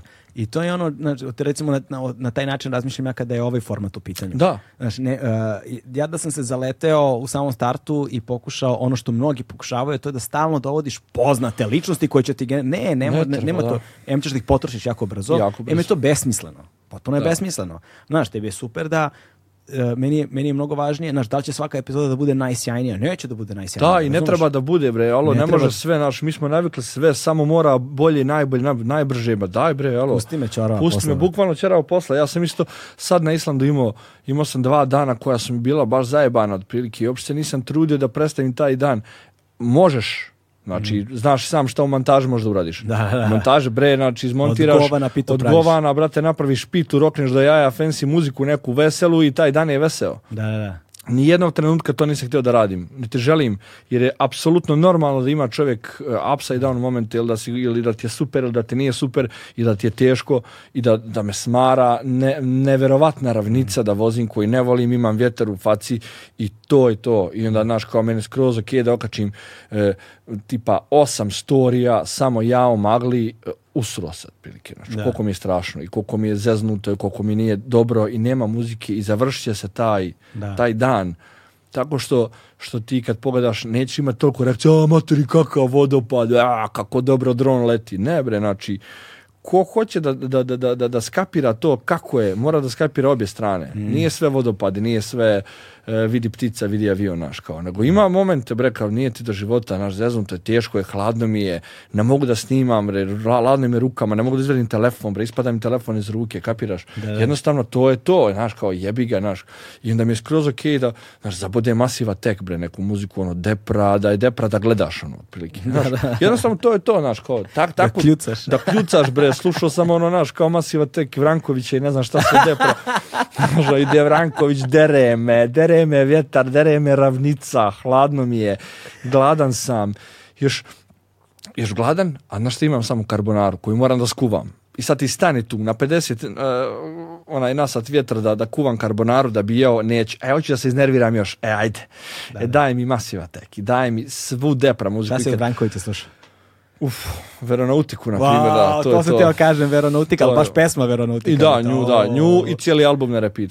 I baš, znaš, kao, i tad, bre, da živiš tu muziku na pravi način. Slušaš Veronautiku po pravcu, pada kiša, Sivilo je, nikad se dan neće završiti, imaš još 90 km, nikad neće biti bolje sve sranje. Znaš, sve što imam da, reći, stane na školu. I super je, i super je, i, i koliko mi je bitno da proživim e, Disney muziku suncem i sa pafinima i sa pticama i koliko mi je super da gledam zalazak sa Ibrahima Ulufom nekim super jazzy stvarima, to mi je super da slušam depro muziku sa takvim stvarima i to je okej, okay, kapiraš. Znači, ne treba to da ne bude kao, ili da taj jedan dan preskočim. Ja sam imao jedan dan koji nisam vozio uopšte. Da, I šta bi ti uradio kao, kao šta bi neko uradio, bio bi pozvan kao, dobro, taj dan se nije desio, ali ne, mhm. desio se. Snimio sam sebe kako sjedim u, kafiću ovako i onda sam skakao tamo na neku trambola, trambolinu i mhm. pustio od nirvana Lithium. I'm so happy, cause I, all my friends I got this in my head. da, da, da, da, da, Jer je stvarno tako bilo, smorio sam se, nisam mogao da mrdnem i bilo mi dosadno, sjedio sam u kafiću gledat i da. to se dešava i to je na, na, da, baš mi je drago što smo te otkrili ovaj, pre nego što te otkrio ceo svet, znaš, zato što tiče, mi, znaš, sa ovakvim stvarima koje radiš, ono, stvari će jako brzo da postanu izuzetne i ono što je važno, čini mi se u svemu tome jeste nekako ako krenu u tom smeru, nadam se da hoće, verujem to je da hoće, da nekako ostanu autentični. Ma da, da, da. Ali opet ne bih bežao od formata uh, 16.9. Nikako ako se desi, bre, 16.9, kapiraš, 16.9 ide bez problema. Jednostavno, e, ako hoćeš gledaš super dokumentarac, jedno Planet Earth, upali svoj televizor od 8K i pusti 16K, onaj Planet Earth imaš David Antebruga koji ti super na engleskom priča, lijepo ti, znaš, super, naš. I gledaj to, naš. prosto ima, ima to, ima ovo, ima razni dokumentarac, ovo je za mobilni telefon, bre, možeš na tenane da ga gledaš na preskok, na ovo, sve mm. fino. I prosto kao taj format ne bi mijenio, autentičnost nikako ne bi mijenio. naš kako olakšavajuća stvar za ovu stvar je zato što baš meni ovo nije profesija, nije mi primarno. Ja imam kao posao... Može možda bude? Može da bude, naravno, da. Može, može da bude, ali... Možda se stvari promene kad bude? Dobro, da. Promen, znaš, bude stvari koje su problem, ali se promeni život, kvalitet života. Znaš, zato što ovaj, to, to, sam, to me naučio ovaj, Futro, uh, Slavimir me to naučio, rekao, rekao jednu rečenicu koju stalno ponavljam otkako, otkako sam je čuo od njega, stalno je ponavljam. Kaže, radi ono što ti je najlakše. Znači, radi ono što ti je lako, dok ti ne postane teško a onda nastavi da radiš dok ti opet ne postane lako. Dok ti ne postane lako, da, to je I to jeste, znaš, zato što ono što ono, ono, ono što zrači autentičnošću iz tebe je nešto što je tebi prirodno da radiš. Ne, ne iziskuje, osim što je naporna stvar kao takva, ali priroda te stvari, ono, vožnja da, ali, bicikla... nije, naš, nije, nije, mene nije naporno u smislu, meni je mega zanimljivo, naš, kao i to je... Znaš, to je to, ono, iskren si u tome, to je to što radiš, znaš, nisi ti se to smislio kao plan, jer će to ljudima da bude e, pa cool. Upravo to i govorim da, na primjer, da ja zbog toga što se bavim još sa drugim stvarima, kojih mogu onaj finansijski sebe da održavam životu, jel da ne jedem pomije non stop, onaj, je, je ta, ta sloboda što ne želim da se novac upetlja u ovo na način da promijenim koncept bilo čega. Mm. Ne, znači, ovo je način na koji ja doživljavam planetu, zemlju i moju vožnju bajsa s ovim koju, želim da, da, da onaj, probam da... Uh, da pokažem da, da bi možda nekoga eto slučajno inspirisalo da uradi isto, provešće se podjednako dobro. Jer ono, to je, to je, to je suština te vožnje bajsem i te dinamike e, mm. i brzine kretanja i dogodovština koje se tu dešavaju jednostavno. I onda sam baš ono u fazonu, ne, znači, ono, bez kompromisa ne želim da... da, da. Daš, da. I kada si završio sa Grčkom i sa tom epizodom, ovaj... Da, da, onda se tu digo, da, tu se digo hype, ja sam tu bio svjestan da, da je to stvarno bilo zanimljivo, jel, ljudima... Da smo se mi negdje sreli otprilike, ja mislim smo se u Bezistanu tamo sreli, tako nešto. Ne, ne, to je bilo to je pre, prema roka prema Maroka, ali sam očeo na Alpe posle. A, Alpi su bili, da, da, da. da, da sam ja posle, posle Krita bio u fazonu super more, kao strava, ali sad mi trebao planinčuga nekada me odere, jer ja volim uzbrdo mnogo. A jeste tad si kuko na uzbrdicama. Da, da, jeste, jeste, jeste. I tad mi je bilo, ne, jeste, tad sam sad slušao uh, Memedovića, ja mislim, nešto je bilo Memedovića, slušam kako on u nekom ledarama, gore po tundrama, nekim gore tajgama, gdje piči gore po Sibiru, nešto neke medvede su jele, lovile, nešto šta su radili. Ribu, da. A ja na stepeni, kipti sa mene, u fazon sam, treba da idem i gore majku mu, znaš, nešto je bilo tako. Ovaj, I posle, posle toga sam bio u fazonu, onaj, posle ovako dobrog mora treba mi dobra planina, jel? Kao, i, mm. onda sam bio u fazonu gdje ćeš dobru planinu nego Alpi, jer su tu na, na najbliži. Ništa spakovao sam bajs. Sad je tu bio opet promjena uh, setapa na bajsu, znaš. A i cijelo ovo vrijeme sam ja i naučio na opet kako je bez šatora, da li je izvodljivo, kako je sa hranom, kako je bez, kako je, znaš, kad nestane vode te neke tako zajebancije. I onda sam bio fazon, ok, na Alpe očekujem mnogo kiše, treba će mi jako topla garderoba, uveče će bude jako hladno i izginut ću sa, sa uzbrdicom. Ali ta pogibija sa uzbrdicom je bila najmanji problem. To mi je, uf, znači baš volim uzbrdo da penjem jer je prosto jednostavno kad se penješ uz uzbrdo, doće brdo. A kad imaš ravno i vjetar u facu, nikad neće stati. Da, da, da, da, da, znači, će te u pojam, plakaćeš i neće stati. Da, da, da, A uzbrdo je jednostavno, brate, penješ se šta, jel ti teško popenji se, brate, pa ćeš da siđeš. Vrlo jednostavno, znaš, nema, nema neke demagogije tu.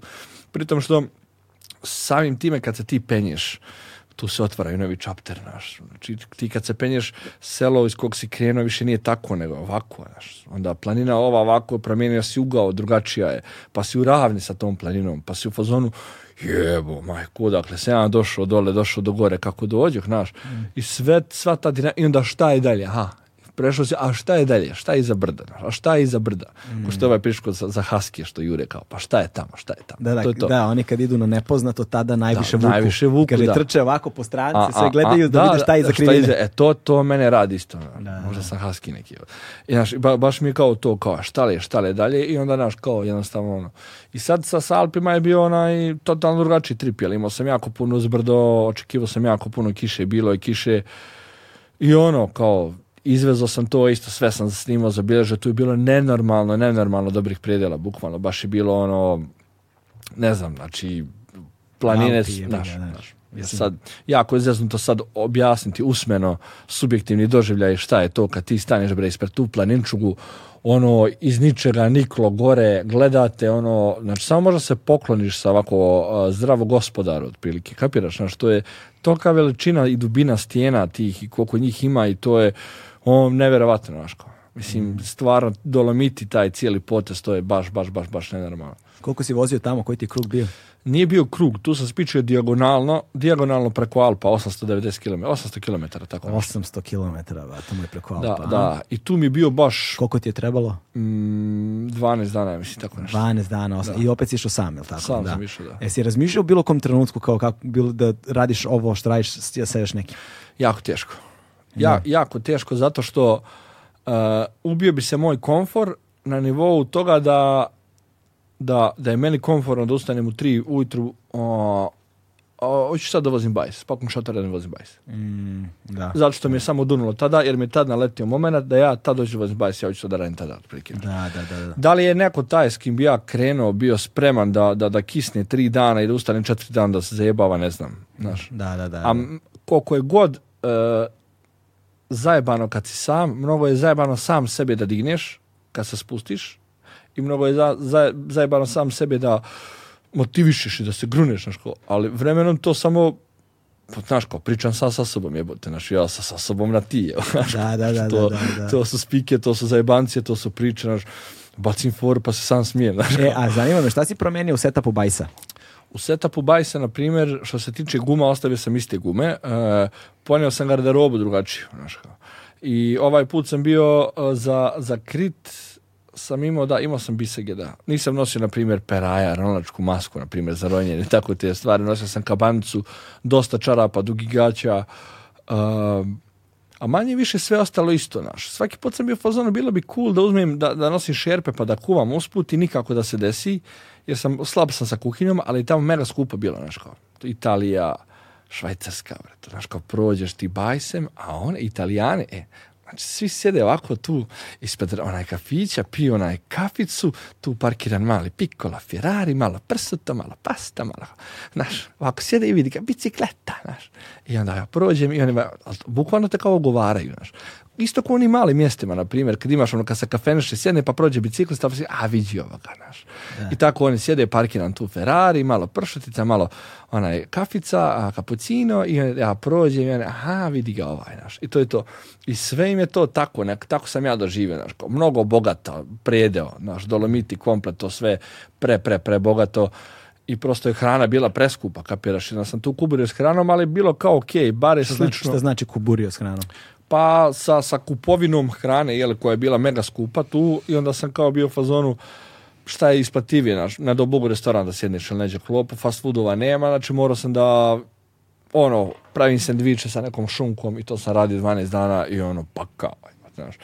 a, a, a, a, ono, konstipacija, stolica, kako si... E, to sam, to sam okej. Tu mi organizam radi nenormalno, ne znam. Ja samo podnem, sa, samelje sve otprilike, ja sam ono... Šta, šta radiš sa vršenjem nužde, ono, u šumu i baš te vrijeme? E, da, ali na šta je, na ovim putovanjima svim, ti imaš toliko uh, kafića, sve su to naseljene mjesta, bro Odeš u kafić, popiješ kafu, brate, znaš, da, obaviš šta ti treba i nastaviš dalje, otprilike, kao, uopšte nije. Ako je stani pani, ako sam ušao mi, naravno, kao ušao mi, onda, ono, kao, i to nije naš... Da, da, da kamperski uredno ko ide na kampovanje i zna i da se pona, ponaša ono kao, da, da, kamperski to je kao legit ok, malo iskopaš šupu, zakopaš koker je znaš kao nije, nije, nije, ništa strašno, prirodno je sve, sve će da, nestane tako da skroz je ok kao da nije to sad praviš kompost pa praviš kompost brate i ne radiš ga negdje na nekom vidljivom mjestu, malo se zavučiš jebi ga da ne bude baš kao očigledno tako da ono naš kao da eto da, da, da, Tako da na, na tim Alpima sam imao i tu sam ja krenuo jednu dijagonalu i da mi se javio neki lik, je brate, jel to kao, jel to kao penje Stelvio? Rekao, rekao, šta je Stelvio? Rekao, znaš, kao, ba, pa Stelvio pas, brate, nemam predstave, ja izgooglam šta je Stelvio pas, ja izvalim, bre, da sam ja na tipa na kilometar od početka nekog uspona koji se vozi na Giro d'Italia, ono, svi se prže na taj uspon, kao, to je ono nešto mega strava ja reku, aha, evo te kao, pa sad skrenem vamo i onda skrenem tamo. Dešavalo se to da mi ljudi kažu, e, imaš ovo ovdje, da samo skrenem s rute, vozim tamo nešto. Mm. I onda sam peo taj Stelvio pas koji je ono neverovatne serpentine gdje se ti penješ i penješ i penješ, penješ. I tu je bilo zajebancije isto sa snimanjem, na primjer. Ja sam u jednom momentu, ja vozim sa 50 kila teškim Na natovaren onaj, ubirem, a oko mene sve, bonđorno, karbon, Titanium, uh, sve Aero 300 nasad, svi piče pored mene ono cok, cok, cok, cok, cok, naš. Ja, a ja umirem sa njim. I osjećao sam se kao na nekoj trci jebote, naš. Non stop po neki peloton prestigne, bre, ja ne, ja, ja bi za njima, a ne mogu, bre, težak sam. Ide neki čiča od, onaj, od 80 godina. Ide pored mene, nako, ide on koji ja, jebi ga, ne može brže, a ja ne mogu isto brže. I sad smo super tu. On ima 80 godina, naš, ja 30, ali ja imam 50 kila, a on nema ništa. Naš. Da, da, da. I on me prestigne, pa ja njega prestigne. Pa on me, I sad tu već ono, znaš, to podsvjesno već postane ko neka kompeticija. ko mi se nešto kao ne prestižimo, ali eto se, ne volim ja da bude on ispred mene, a ne volim ni on da ja budem ispred njega. I vozim ja njega prestignuo ono mene, ja njega prestim. Ja samo izvalim da se nas dvojica trkamo. Ali to je trka puževa. Ne znam, idemo deset nasa tebra, deset nasa, tu umirem ja, umire on. ja izvalim da je tu stvar počela trka i ja samo rekao, a meni u glavi, ja na Tour de France se sa njim. Rekao, sad ću probati to da snimim ja izvedim telefon i vozim iza njega i snimim njega, pa prođem ispred, pa snimim sebe. I cijelo vrijeme njemu sam ja bio lik sa torbama turista, slika sebe i slika okolo.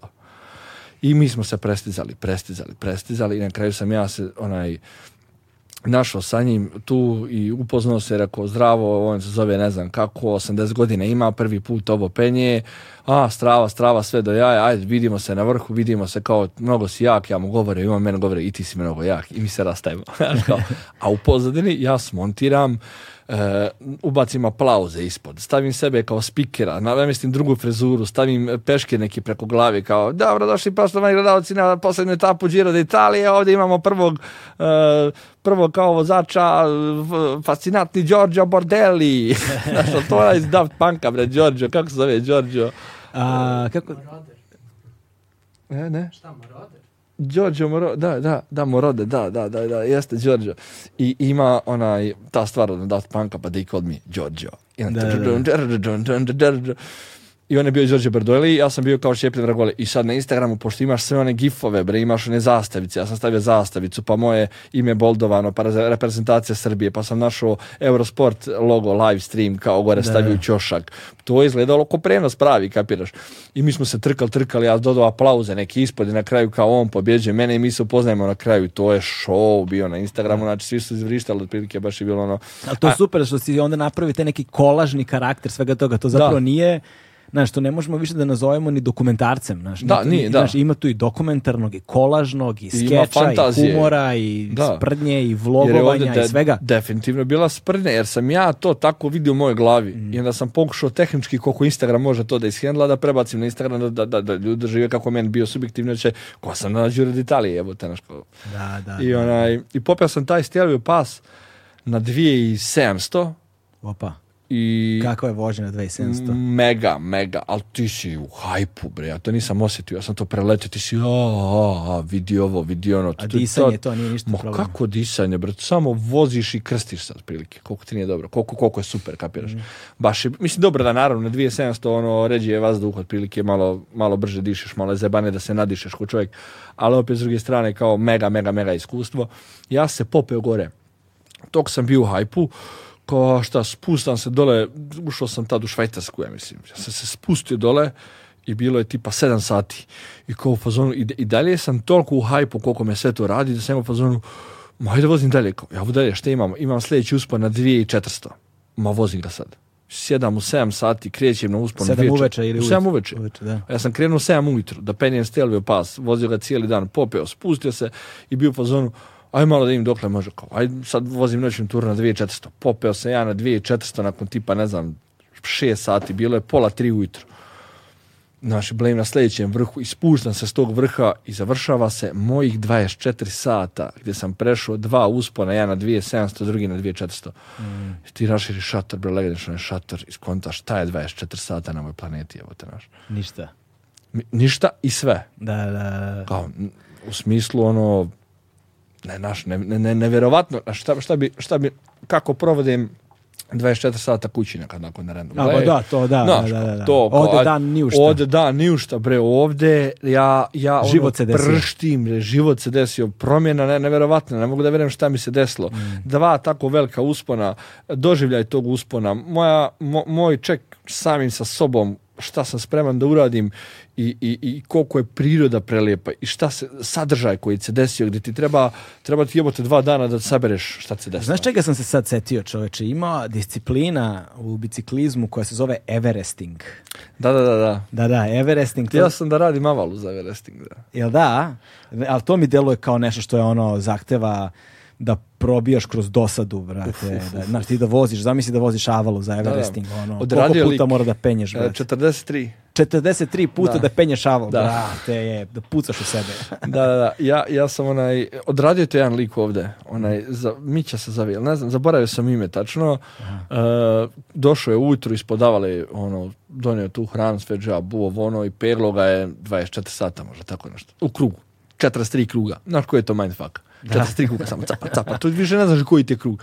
I ne znaš i zašto radiš i, i šta sve, ali ima poenta, bre. Ima, na kraju ima poenta neka, znaš. Da, na da, kraju, da. eto, znaš, kao uradio si, jednostavno... To ti je sledeći zadatak, bre. Je, pa mislio sam da, da, da idem taru Everesting. Aha. Capa, capa, od, od Perućica, ide. Da, od Perućica do gore. Koliko? Pa mislim da je oko 400, 500, 600 metara, tako nešto, tako. Mm. To je jako interesantno, onaj, a Avalu sam perilo 15 puta i no, ne možeš da veriš. 15. put vozivši, ne znaš ni koji ti je. Ja sam na kraju da zapisujem koji je, je krug i sve ima smisla i sve nema smisla, ali na kraju ima smisla. Na kraju nekako što ja ovo radim, a što ne. Na kraju samo povučeš paralelo vre korak nazad što što ja išta radim, što je išta pametnije od 15 krugova navali, jel, kao, što, što ja uzmem sviran gitaru, jel, kao, što je to nešto pametnije nego 15 krugova povala, znaš. Kao, pa eto, to je koja muzika, pa dobro, i ovo je nešto, znaš. Ako te, jednostavno, ako te radi, ako ti je kao interesantno, why the fuck da, da, da, da, strava, čovječe, strava. Dakle, i gde si završio Avalu? O, ne Avalu, izvini, e, Alpe? završio sam ih u Cirihu, mm. znači došao sam u Cirih i onako, ono, Cirih sandvič 15 evra da ga pogledaš. 20, 20 evra kad ga kupiš. Ako ćeš da ga podgriješ 25 da, da, Sok 7,5 evra, gratis. ali gratis, znaš. Ma pa kao, znaš, i onda posle sve te prirode i svega toga uletiš u grad, kao, a, znaš, još Cirih mi nije nešto spec, kao, ono, kao, sve o svemu, jako, jako je tu bilo Vrati se s avionom. Vrati se s avionom iz Ciriha i bila je najskuplja karta za baj, 100 evra. to je što, znaš, e, ja ne znam da li ću se vratiti da, i ne znam kad ću se vratiti. Ja ne mogu da bukiram kartu iz Ciriha za Beograd 5 dana naprijed, ni 10. Jednostavno, jer ne znam da li će stići do tada tu. Meni, može hipotetički bajs da pukne na pola i da ne završim uopšte, da, da mi treba ne znam šta, naš. I šta sve može da se desi da ja ne stignem do aerodroma i onda moram da ga bukiram bukvalno dan, dva pred, kad znam da sam sigurno blizu aerodroma, da mu pješke dodim do, tamo i onda, naš, kao, i onda bude skupljivi karta. Da, da, da, da, onda i karta bude skuplja i sve, da. Da, i kad se završilo to, onda sam imao super more, jel? Imao sam super planinu. I I donekle mi je bilo već preko glave Evrope nekako. Znaš, kao, išao sam gore Paris, Brisel, Amsterdam, ba, sve to sređeno, cakom, pakom, svi čekaju u redu, neće niko preko reda neko, pa neće niko neku majku da opsuje. Pa nekako, naš, naš, kad živiš ovdje, jednostavno navikneš se na tu neku, naš, ono, na Balkan ovaj ludi skrnavi koji je ono pun bre neki ono, gluposti za jebancija koje su prosto smiješne. Jednostavno, ono, Paris, Brisel, Amsterdam, dole Italija, Sardinija, Grci, isto tu i tamo blizu. Zašto meni ono Paris, Brisel, Amsterdam zvuči kao neka pesma? Ma ima bre, Paris, Bristel, Amsterdam, ludi letni fest. Ludi letni fest, Flamingo se Eurovizija. Ja, je, sorry, mislim, ja, jebote, i dalje ne mogu se setim, ali znam da, je postalo tako nešto. Da, da, da. Jeste, jeste, jeste, jeste, jeste. Ne, ne, ne, ne, ja, moram sad čujem. Je to bio light motiv kao za vožnju? Nije, nemam pojma, da, to mogla da bude soundtrack, čak i nisam ni čuo to, da, show ovaj, kao da, bilo je to kao more i bilo je planina i onda se završila godina, došlo ono, oktobar, novembar, decembar, žurka, mhm. žurka, žurka. I ovaj, posle toga sam bio u fazonu kud sad stvarno. Znači, ne ide mi se malo u prefinjenu Evropu, ne mogu više plaćam onaj sandvič za 15 evra i da se ne najdem. Znaš, nekako mi kao sve to bilo. Mm. Mhm. I ovaj, kao šta ću sad, gdje šta, treba mi nešta kontra totalno, treba im prvo kulturološki kontra, religijski, nešto ovo ono, a opet da je entry level, naš ne mogu ja sad odem tek tako u Kirgistan, Ja imam iskustva i ludosti možda, ali brate, znaš, s nekim državama se možda i nije zajebavati, možda moraš malo se pripremiš, Rekao, bre, nešto mi se vozi neki drugi kontinent i ovo ono, Maroko, rekao, realno, entry level, blizu je, znači na sjeveru je, blizu je Evrope, dosta je poevropljeno, jeli, mislim, bila je francuska kolonija, dosta sam tu, opet nije Etiopija, gdje se za ne zna, ovo je kao koliko toliko tu, druga, druga kultura, drugi kontinent, druga religija, znaš kao, drugi jezik, drugi jezik više njih drugih jezika, znaš kao, i ljudi su bre, garant, ono, rock and roll, kapiraš, to je to, rekao, Maroko. I onda sam sačkao proljeće, onaj, i ta smo se sreli. Da, smo se sreli, tad smo se sreli, sreli smo se sreli. Uh, ali vidi, ima priča prije I toga. Ti, I ti, si, ti, ja smo se sreli i e, e, ja se ne sjećam gde sam ja išao. Ja sam išao nešto da završim važno, a ti si išao da kupiš drona. Da, podigo pare s bankomate i krenuo po dronu. Tako je, da, da, da. Ali ima, ima još jedna priča koju zapravo niko ne zna prije toga. Ja sam zapravo dro, dron kupio tri dana prije toga. Uh kupim ti ja dron, prije tri dana prije toga odvojio pare, skupio, rekao super, treba mi dron, hoću dron da vodim sad po Maroku, bit će malo ono, kao produkcijski malo upgrade naš odnosno na ovo dva putovanja do sada kupim ti dron, znam ja to, znaš, ja sam ono korela gemerčina, igrao sam igrice, to isti džav otprilike, ja znam to, a to ću ja na sekund, kao gledao ja one klipove FPV dronovi kud proleću, kao oni, to su oni brzi. Znam, oni ono. oni, da. Ma bre, ja ovo kidam. Što, što stavljaju oni VR. VR stavio, da, rekao, ma ja ću to da pokidam, bre, znam, kupio ti ja ovaj ovdje, sad to je naš mali dron koji ide polako, cinematik, ima sport, zove ga u sport odmah, koliko 50 za top ja izašao ovdje na terazije, digao ga ispred hotela Moskva, zu, zu, zu, zu, pa dobro, malo je zajebano, naš, kao ne mogu da izvalim koliki mu je delay između moje kontrole i njega. I uveče ja, istog tog dana kad sam ga kupio, odem u studio, u Jugošpe dole, u Glitch studio, i mi imamo probu, ja do, donio ga dole da vidim kakav je po noći, kao, naš, kapiraš, ja ga iz studija dignem i hoću da prolatim kroz prozor. Mislim, kapeš, a upali ga u sport mod, gdje on možda ide 40-50 na sat. Ja mu zum kao protiv, ha, ha, ha, cool, znaš, kao vratim ga u rikverc i onda od jugošpeda idem u rikverc, a ne vidim šta je iza mene, kretim, naravno. I vozim ga, ha, kao vidi kako može. I sad dalje ga, a cijelo vrijeme gledam i u drona i u i display dole. I sad tu fora ti imaš tu prvo delay, možda 500 milisekundi imaš, pola sekunde imaš, onaj delay između tvoje kontrole i njega, plus što on ne može da zaustavi odmah, jel? Znači, on onda, i ti kad kažeš da koči, on koči koliko može, jebi ga, i on se zaustavi na što brže ide, to duže treba da zakoči, jebi ga, ne može stane odmah, jebo Da, da, da. I na sve to, kad gledaš njega i kad gledaš dole, E, razlikuje se. Ono što ti vidiš na displeju, on je sekund vama, on je u realnosti malo ispred. Ja gledam dole i sad ja hoću da se zaletim od, sa gazele i da uđem u prozor. Mislim, kapiraš ti koji dio ti? kapiraš ti? Kupio ga tog dana. Ne, ja hoću da uletim u prozor. Ne, ja hoću, znaš.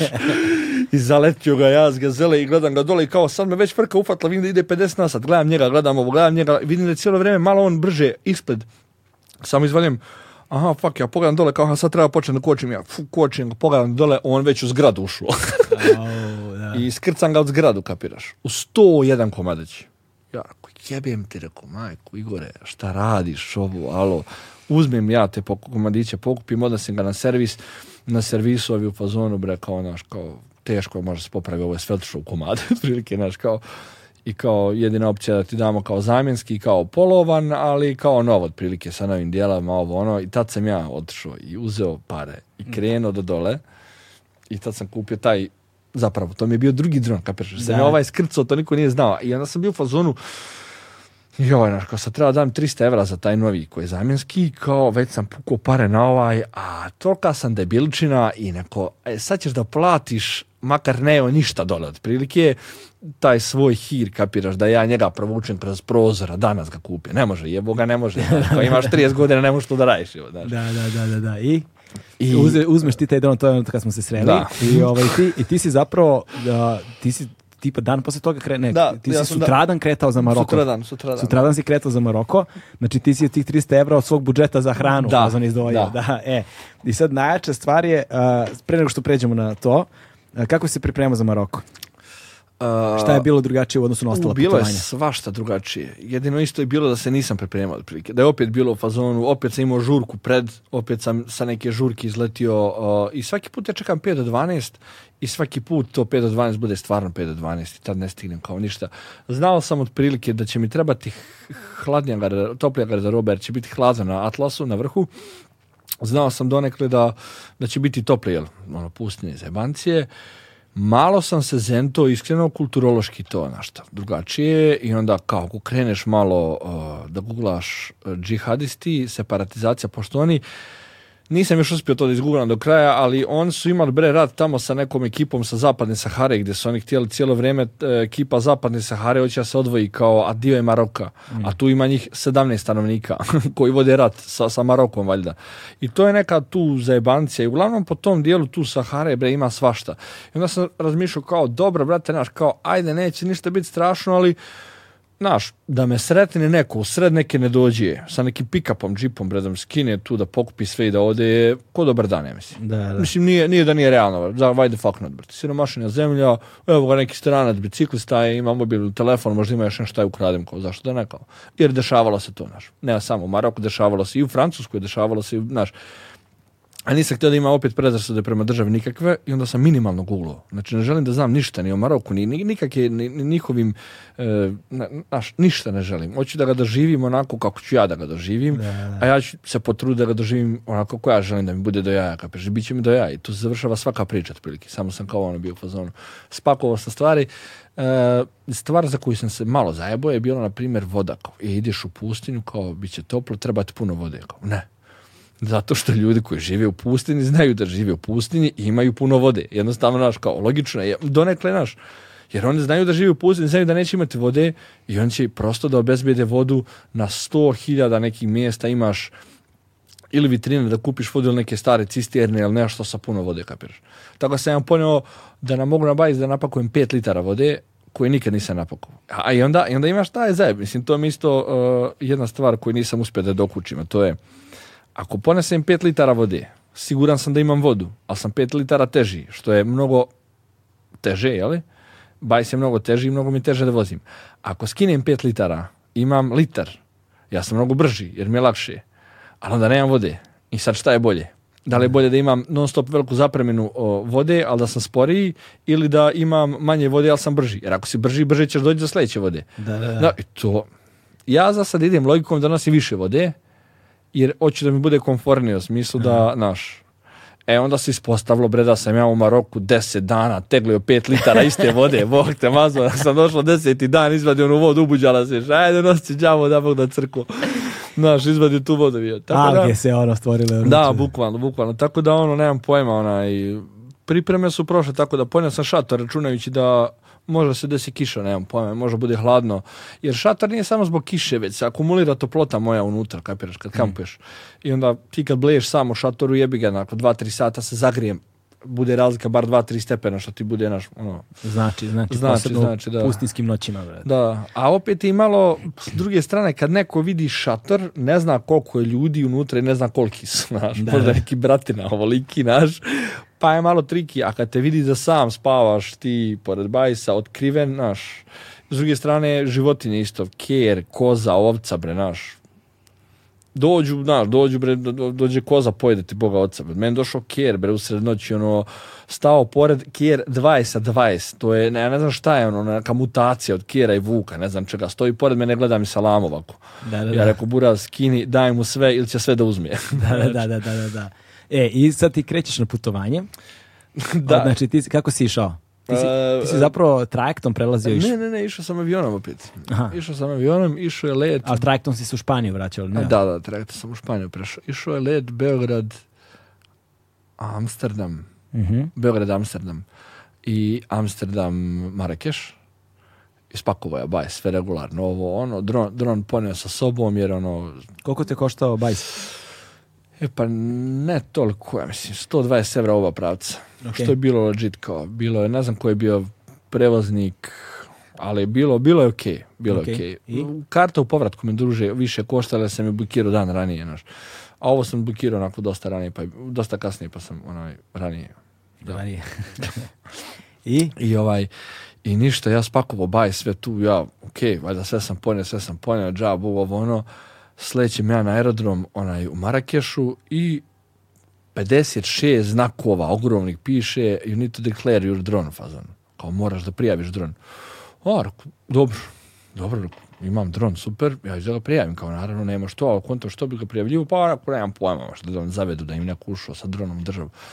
I ja rekao, e, dobar dan, ja sam došao, kao imam dron ovdje, aha, ok, you sir, do you know, it is forbidden to have drone in the Morocco. Ja šta, i u tom momentu skapiram da je zabranjeno letenje dronom po cijeloj državi.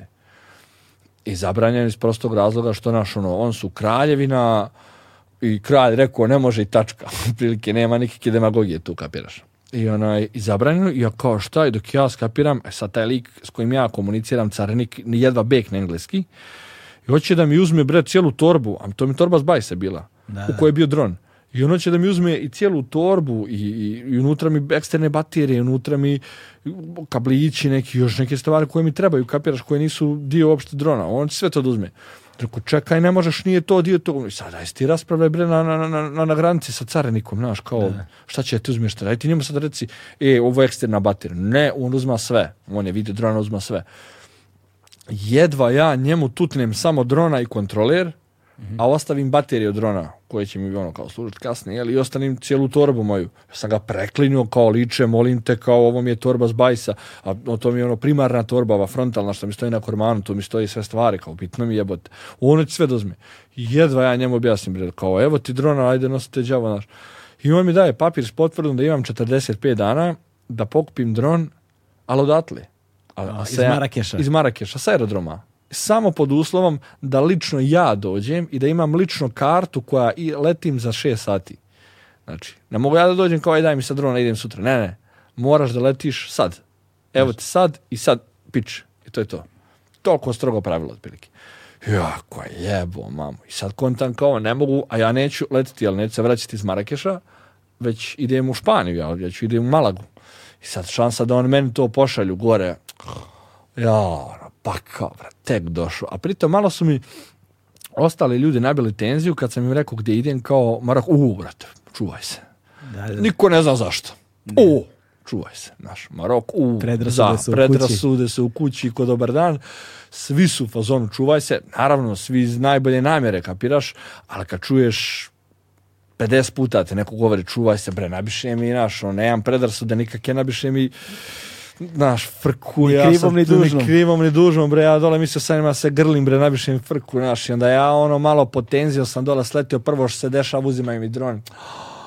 Jao, a pritom opet se dešava to da ja između svih tih putovanja ono, s DJingom imam konstantno žurke i to je totalno paralelni univerzum od, eh, ovoga, kapiraš? Totalno ono, noćni život, muzika za jebancija, ovo ono i ti dođeš ovdje i sad nenom dok se ja adaptiram, dok sam ja ušao u taj mod izlazim s aerodromom kao, ok, nemam dron i sad se, a pritom naš istorija tog drona je da sam jedan slupo, da sam se pocimo ovaj, našo para jedva, kupio drugi dron, došao, ali nisam ga ni upalio, neotpakovan dron. I da je, jebem ti, znaš, da se ubiješ. Ja sećam se ja, ja, sam te nešto, nešto se dopisivali bili ma da, onda si mi rekao, neće ti uzeli mi dron, da, strašno. Da, strašno. Ali bez obzira je tvoja avantura ipak počela. Moja avantura je počela i malo mi je to ubilo u startu, naku, malo me poklemalo. Pritom, e, dole kad sletiš u Marakeš, to, to je... Turizam u Razar. To je nevjerovatno, bre. To je... Ti, ti ne možeš da se stigneš, da se povataš gdje sve se dešava konstantno, sve se vrti oko tebe i s tobom i bez tebe i sa, i sa tobom nekako. se... ti staneš uveče, u to je milion ljudi samo čavrljaju muzika na sve strane, pravo ono, zbog čega sam došao, ali nisam stigao da udahnem je bot. Prvo što mi se desilo je frka s dronom gdje ja, znaš kao ono, treba vremena da se ti pomiriš s time da je to tako jebi ga. Da, znači mene mene dron uzela carna, te brat, kraj, nema priče, kapiraš, nema, pri, nemaš drona, završena priča, idi se voza jebote. I trebalo mi jedno sat vremena, dva, da se ja seberim time. Pritom sletio sam u, u 11 otprilike. Ja sam ušao u centar Marakeša oko 12-1 I ono sve vrvi. 1 uveče. Uveče po noći da ono vrvi sve od muzike, svi te, mara mu staći, italijano, italijano mu staći, ali vježi da nisam iz Italije, nosite žavu iz Bosne, oteču. Nisi sreo ribu iz Čačka. Nisam ribu iz Čačka, da, to, da. I ovaj, i naši tu, tu je jako trebalo mi vremena da, da, legnem brez kultu. Ja sam jedva našao taj rijad u kome sam ja bukirao mhm. sam rijad za prvo večer da ne bi kampovo, da bi bio ono, samo se saberem. I to su one Medina, male ulice, metar, ti zbaj se mi unutra, svi te nešto naš pipnu da dir, ne, naš, a jako van zemaljac, ono, baj, svaje neke svjetlim na sve strane, naš, kao vidi se da, da sam izgubljen, da sam tu, da ne znam gdje treba da idem. naš, kao, prilazim ili gdje ideš, tebra, ne znam da izgovorim ovo, prvo, prvo ne znam gdje idem. Pa ajde, kao, ću ti pomoć kao ono i vodi mene lik tamo ja a imao sam momenata skema ranije u životu. Dešavalo se da su me opljačkali u, u, u Turskoj kad sam bio, opljačkali su me jednom momentu na skem neki, odveli me neki kafić gdje, gdje su mi dva piva naplatili 6 evra. Platio sam 6 evra. Jer je došlo 16 likova iz obezbeđenja da me utaba. Kapiraš? I sad, od te traume sa, sa skemom, ja već vidim njega da će da me odere, znaš, samo ne znam šta i kad, je li za ovog ćoška ili onog tamo. Ali, brate, ono, preumoran sam i dron i sve, e, ajde, znači, liče, dovedi me tamo pa ćemo vidimo šta je skema. da, da, da. I on me dovodi kao, i onda ja skapiram da je on mene doveo kao da sam ja njegov prijatelj u taj rijad, da, da, da njemu taj rijad, rijad je taj smještaj, kao, kao hostel, ali kao njihov tip hostela, otprilike. Znači, mhm. ono, a, izgooglajte, Rijad je baš specifična stvar. Uglavnom mjesto za spavanje. I, onaj, I on me doveo tamo i on u fazonu da on sebe predstavlja kao da je on mene tu doveo i da on traži od njih lovu, da se on ugradi što je on mene doveo. Ja rekao, bre, dobro je. I ovaj iz Rijada kao, ne, ne, ova kao, i ovaj mu kao ne da. I onda mi lik koji me dočekao iz gore vidi ovo ti je lik koji ti to radi, kao, naš, kao, on je htio da lovu iz mene, ali ja znam da on to radi, kao, džabu, ovo ono, vode računa za to, to, to. I ovaj bio lik baš ona je zna sve tips and tricks po, po Marakešu, šta, šta smiješ, šta ne smiješ, šta bi trebao i šta ne bi trebao, objasni mi šta kako. ja tu prenoćim jel, prvo večer i ujutro se probudim i, onaj, i kao ono, treba da jedem, naš, gladan ko pas i daj da, da, da u prodavnicu. Nema supermarket. Prosto nemaš supermarket. I ti samo skapiraš banalna stvar, nema supermarket. Ne pričam o supermarketu, pričam ti nema, nema maksija. Da. Ti uđeš, kozmeš korpu, izabereš šta ćeš da jedeš, plati. Ne. Nema, nema vode nema ga žedan sam, nema vode gdje se kupe voda, ne znam. Znaš, dajte ljudi voda, Vodim na, na, na tezgu neku, natočim neke vode tu, kao popijem vodu i hoću da izađem iz Marakeša, da krenem tur, ali ne smijem da izađem iz naseljenog mjesta bez hrane. Da, da. I gdje je hrana, nema vamo, nema tamo, brate, šta, šta kako ovo i Onda izvalim, oni ti imaju te male prodavnice samo, kućne, znaš, ima, ono, ima kuću i on ima ko malu trafikicu. I ima mali prozorčići i on stoji na prozor, tu i prodaje proizvode koji su iza njega, a njegova glava je zaklonila 80% proizvoda koje ti ne znaš. da, da, da, da, Ja kao, uh, da ćeš mi, i sad je to ono, da ćeš mi, znaš, da ćeš mi, ali pred, ne znam, nijedan proizvod. Nijedan evropski proizvod oni nemaju. Da, da, da. I to sam kasnije skapirao, zašto kapirao? Zašto oni imaju totalno odvojenu svoju ekonomiju koja ono, funkcioniše nezavisno od, od svega ja sam u fazonu, treba mi nekako, naš, treba mi nešto sam naviku. Cijelo vrijeme na svim putovanjima uvijek si imao konzervisano, kukuruz, ili šunku neku, ili nešto tako da ja uzmem da pojedem, da mi to bude ok, kao da ja jedem, znaš. Ovdje nema ništa od toga. Ja da, da, daj mi to crveno i to zeleno, otprilike. Ili, a on stoji ovako, ja, ja uzma ovdje koliko para, to je proizvoljno. To je frljanje s ciframa. 70 dirham, ne 80, no, my friend, for you 100 100, 100 for you, no, no, it's 50, it's 50. Rako, dobro liči, samo reći koliko je para, brate. Kao, da ti para, znaš, kao, nije uopšte, on je počeo se cjenka sam sa sobom, ja mu ništa nisam rekao, od Da, I onda ja se ti skontam da, da se oni cjenkaju i to mi je ovo, a ja sam slab sa cjenkanjem. Ne, nemam živaca. Meni prosto, ako kažeš ovo košta 1000 evra, ja sam okej, okay, ja ili ću da ga kupim ali ga neću kupiti, prosto, ali ne mogu ti reći, je, nije nego 950. Da, da, da. Što je dobro i loše, u Maroku je loše, ako si taj lik, ali ako nisi, onda, onda prođeš jeftinije. Ja rekao, dobro, sad koliko je mene tu odruja, predstave, nemam šta sam ja tu platio, ali uglavnom je sve toliko jeftino upoređeno sa tom švajcarskom i sa svim pitovanjima ranije, da je meni bilo kao komforno da, da, da me neko i zajebi tu. Otprilike. Da, Znaš, ne, nešto što je 60 dinara prodat za 100. to su i dalje. Jeftinije ti je da ne razmišljaš. Da, jeftinije mi je bilo da i, da se ne necimam. Ja tu pokupujem bre neke, neke užase od hrane, otprilike, neke konzervisana čuretina u konzervi, i ti odvoriš konzervu i ona je u vodi pliva, ali je stišnjena kao. To ko neki abortus da se ti, ti to treba da jedeš.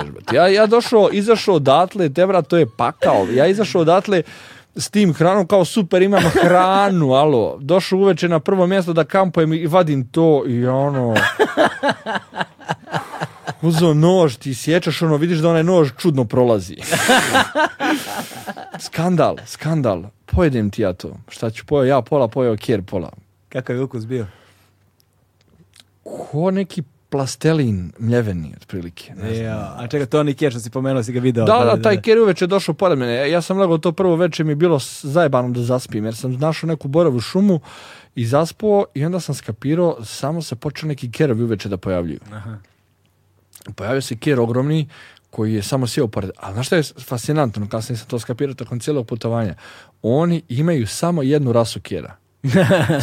majke moje, samo jedna rasa kjera i to je ono, dođe ono domaća obična džukela znači ništa spec, ali nabuđen, nabuđen, jako nabuđen. Kao vučijak sa kraćom dlakom, mm a mišićev kupit bula. Nenormalno su jaki. I sve ista rasa majke mi moje, ni jednog kjera druge rase nisam vidio. Znači imaš razne boje, smeđi, sivi, crni, ali ista rasa. Da, da.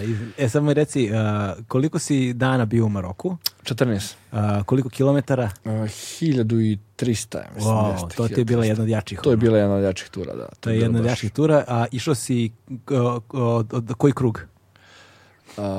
nije išao krug, bi sve išlo uh, e, tačka, tačke Išao sam od Marakeša do Malage, ali sam išao iz Marakeša pa sam se peo na Atlas, na, mm-hmm. na mhm. Atlas planine i to je bilo ono varijanta uh, prešao sam jednom preko Atlasa, e, zabao sam dio pustinje, nekih 100-200 km kroz pustinju, što je bilo baš ono iskustvo i onda sam iz pustinje se vratio opet na Atlas, preho i išao ka sjeveru i došao sam gore do tog sjevernog Seuta, to je već granica sa, sa Španijom i na Seuti sam prešao u Alehiras. Ovaj, to je ono, to ono putovanje trajektom, znaš. Da, da, baš lijepo putovanje trajektom do Alehirasa i Alehiras sa južnom obalom Španije sam došao do, do, do Malage. I iz Malage E, i uh, ti krećeš, dakle, to je prvo veče bilo sa tim psom. Da, da, da, i onda sam ja kasnije, da, kasnije šta se dešava s tim kerovima? Znači, ti kerovi nisu ničiji, već su svačiji. I ti kerovi preko dana čuvaju nenormalni broj ovaca i koza koje bleje po planini a koje ovi ljudi ne mogu da, da, da, stignu otprilike, jer oni imaju stada po 100-200 ovaca. I oni to čuvaju gore preko noći, ali ovi kad siđu ujutru kući, stave ovce u tor, jel, stavi ih u štalu, kako već, onaj, e, ti kerovi nemaju gdje. Ti kerovi ostane njih, njih, njih po 10, 15 kerova ostane da bleje sami, kapiraš. I oni bleje tu tako sami i onda se oni skupe zajedno druže se, laju, deru se kao ovo. I onda se pojavi deset kerova ovoliki oko šatora i ti imaš parče onog salame. Znaš, kao. I ti on kao daš njima i kao cuki, cuki, sve će biti okej okay, I, onaj, I tu se to završilo kao, onda sam ja nastavio dalje. E sad, sve je bilo čudno na početku, naš, naravno, drugčija kultura, onda sam skapirao kasnije šta je finta sa hranom. Znači, hrana, oni imaju totalno svoju nezavisnu ekonomiju do te mjere da oni nemaju evropske proizvode. Znači, mm. redko imaš Coca-Cola, nemaš Snickers, nemaš Milku, nemaš, na je neke gluposti kao, znaš, na, na koje si naviko možda da nađeš svugdje da imaš, ovdje nema. Oni imaju njihovu čokoladicu, najbolja čokoladca, 20 dinara one osrednje su 10. Da, da, da, da. I ti ono, znaš, kao, imaš čokoladce za 10 i za 20. I to je cijeli raf ovako. za 10, čokoladce za 20. I sve je to ono neko bezukusno zajebancije, neka ono. E, što se tiče te hrane koju sam ja htio da konzumiram, a to je neka, ne znam, ne, neku, ne, neko meso i sir, na primjer. Da. To, to me radi, jebi ga, da jedem i voće banane, jel? Nema, nema, nema, nema toga. I kao šta je fora, sjednem ti ja prvi put u restoran. Sad nema ni koncept restorana, znaš. Nema ono restoran, ti sjedneš kao, pa ti donese neko meni. Ma koji bre crni meni, koji restoran? Ti sjedaš u mesaru. ti sjediš u mesare, mesara je na sred puta. I sad, šta je finta? Najbolja mesara ima najviše okačenih janjadi, mrtvih, oko tebe kapiraš. Da, da. I ko ima bolju ponudu, da, ima bolji posao.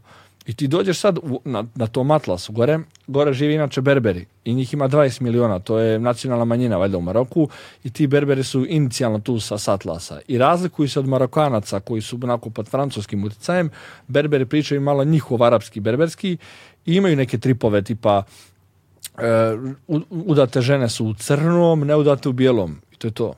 Ne, ne do Bog da te pogleda jedna, nema šanse. Ne, da, da nosiš ne znam šta na sebi, nema, ne. Znači ti kad prolaziš par njihovih žena, ona su ovako. Vidite dole od ozdo ideš, ti vam zemaljac. One bleje ovako gledaju, čim priđeš odmah maram, ovo okrenu glavu ovako.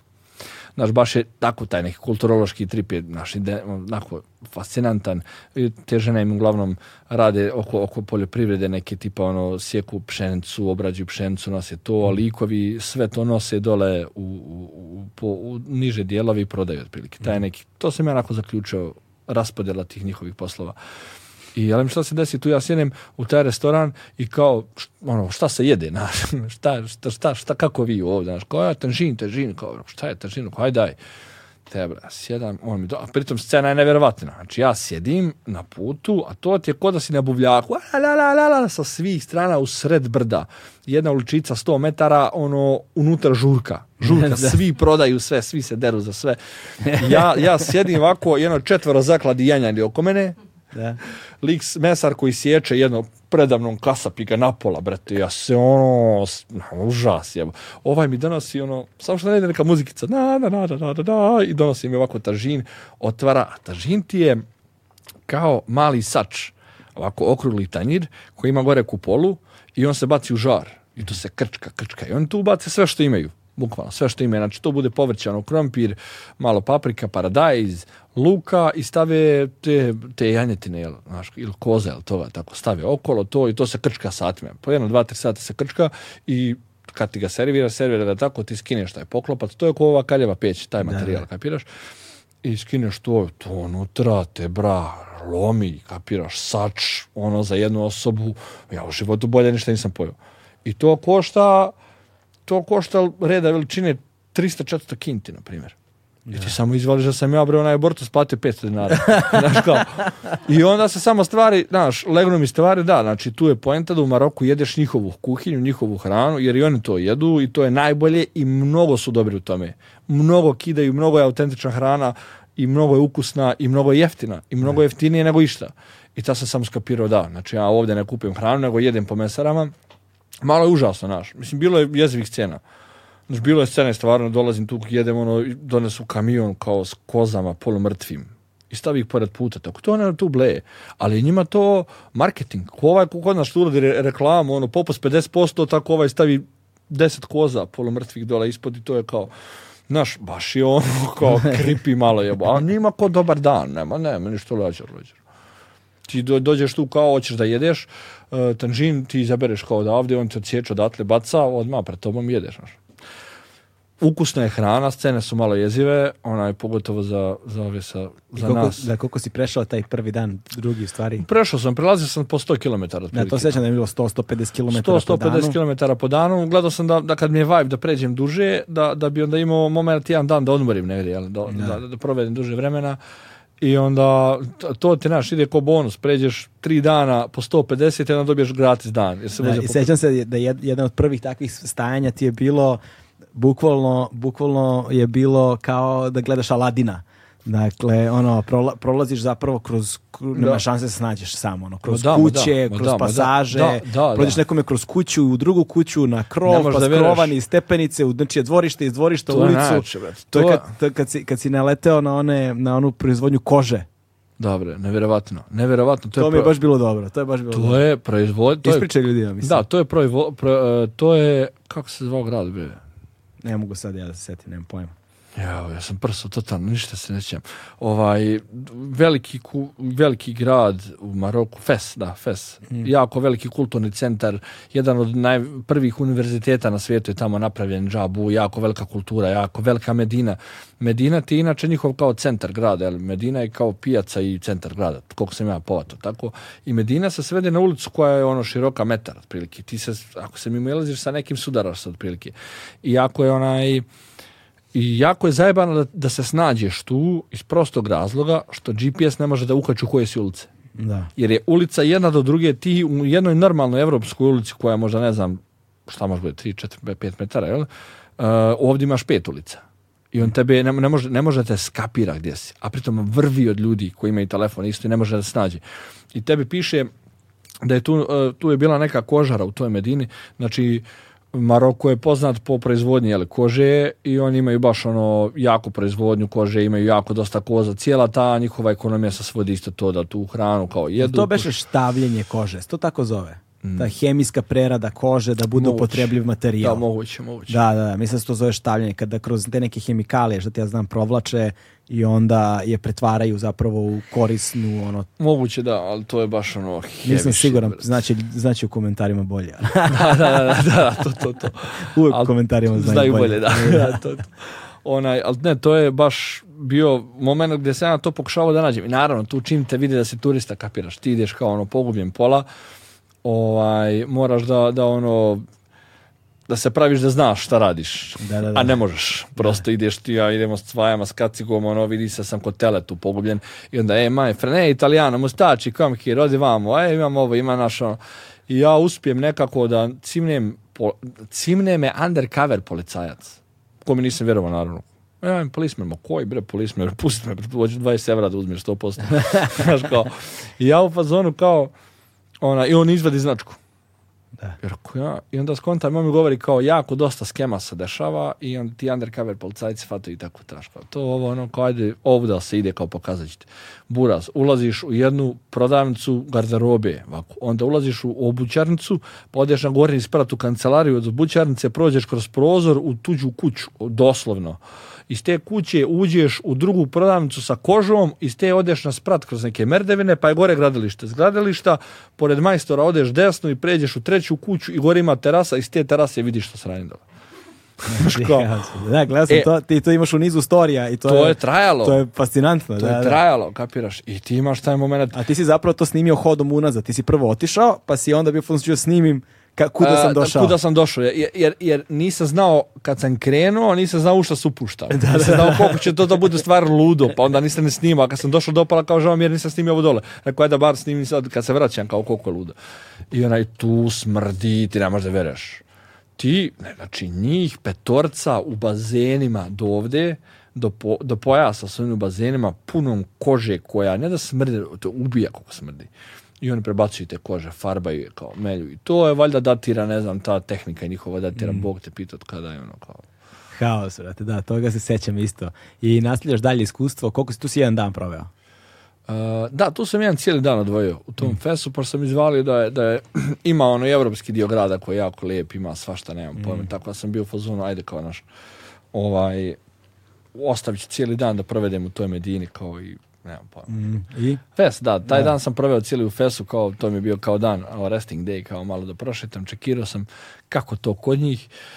I posle toga sam nastavio, znaš, nastavio sam dalje, tipa, mislim, prije toga je bilo isto scena po Atlas, otprilike, mm. sa tim berberima, gdje tipa voziš, voziš, voziš i tamo ovako, u, tamo uklesano u, u, neku stijenu, ali cijelo vrijeme je ta neka crvena zemlja, naš, sve im je to zemljano, zemljane kuće neke tamo uklesane ti više zapravo sto kuće, da tamo ljudi žive.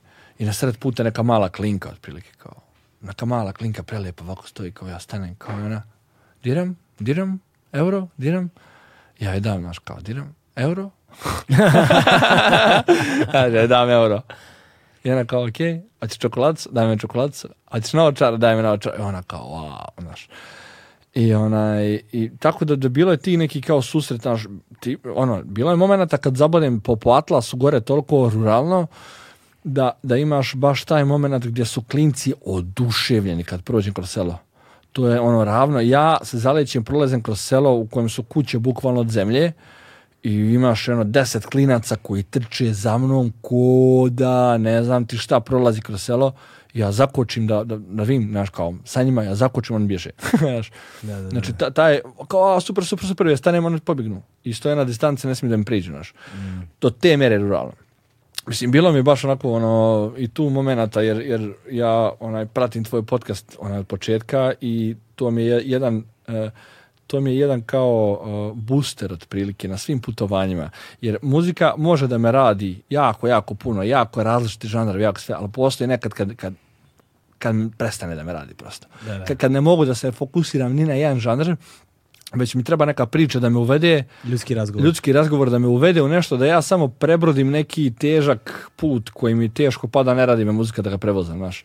i da kad mi se dese neki putevi tako te neke ravnice sa vjetrom gdje mi ubija u pojam jer jednostavno me ubija u pojam i ne mogu da se fokusiram ni na šta onda me samo priča sa podcasta ubaci onda sam imao scene ja saslušao bre onaj E, podcast od NFT-u, brate. Da, da, da. Ono legendarno. I onda posle tog NFT-a slušam ovoga lika, bre, sa univerziteta, onog... E, Vlatko e, Vedral? Da, bre, za, za, za kvantnu fiziku, za, za, za poziciju čestice. Za, I onda sam povezao taj NFT sa pozicijom čestice, a ja vozim u selu, bre, baba nosi ovoliku gredu, ono.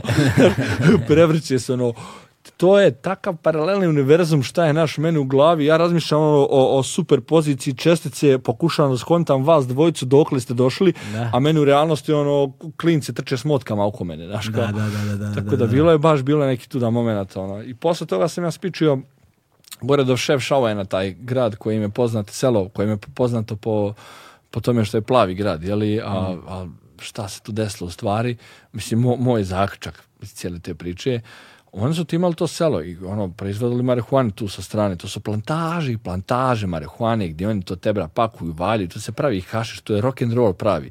I kod tog sela. I oni su samo otprilike prije deset godina uzeli to selo, farbali u plavo. I, sad kao, i to, pričao sam sa likom koji je odatle. rekao, majke, šta je finta sa plavim, što je sve plavo?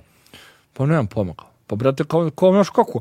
To je prije 10 godina jedan komši ofarbo kuću u plavo i ovaj vidi od njega ofarbo jednu plavo i onda su došli turisti, vidjeli dvije plave kuće, kao ajmo slikamo se s dvije plave kuće i onda su svi skontali da će turisti doći i ofarbali cijelo selo plavo. Da, da, da. I te, da, sad taj šef šalant je sav plav.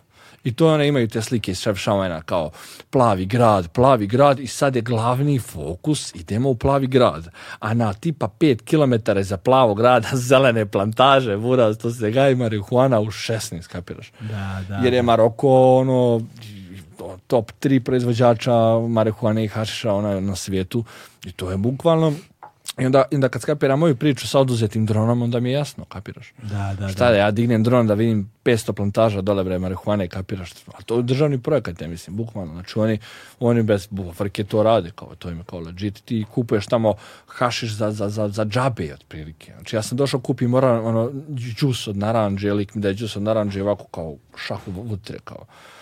hajde, dobro, kao, da probam, pa do you want to buy the, best, best hashish in the Morocco, best pa je rekao, e, kad si mi dao koliko para, te ti diram se. A, e, ja krećem tu sad, svoj par. Ne, ma nema šanse. Uh, e, 20 for you. A, koja ko je konverzija? Njihove valute Bila je nešto jednostavno. Uh, 10 je 1, ja mislim, tako. 10 je 1 euro, tako nešto. Mhm. tako nešto bilo. Bilo je nešto, bre, smiješno, otprilike. I on je meni htio da proda hašiš za za, za 30 evra. Sam bio pozvao, ne može, došao sam na pojlo ovde, haša da mi ga zavadaš za 30 evra, bre, iz prve ruke, sluti, znaš, kao. Da, I on meni kao, ne ma ne, kao, ajde ovo, i dođemo mi do cifre 10 evra. Ajde, rekao, ke, za 10 evra da kupim hašiš u Maroku, jel došao sam u Maroku, ok da probam hašiš i da ga kupim za 10 evra.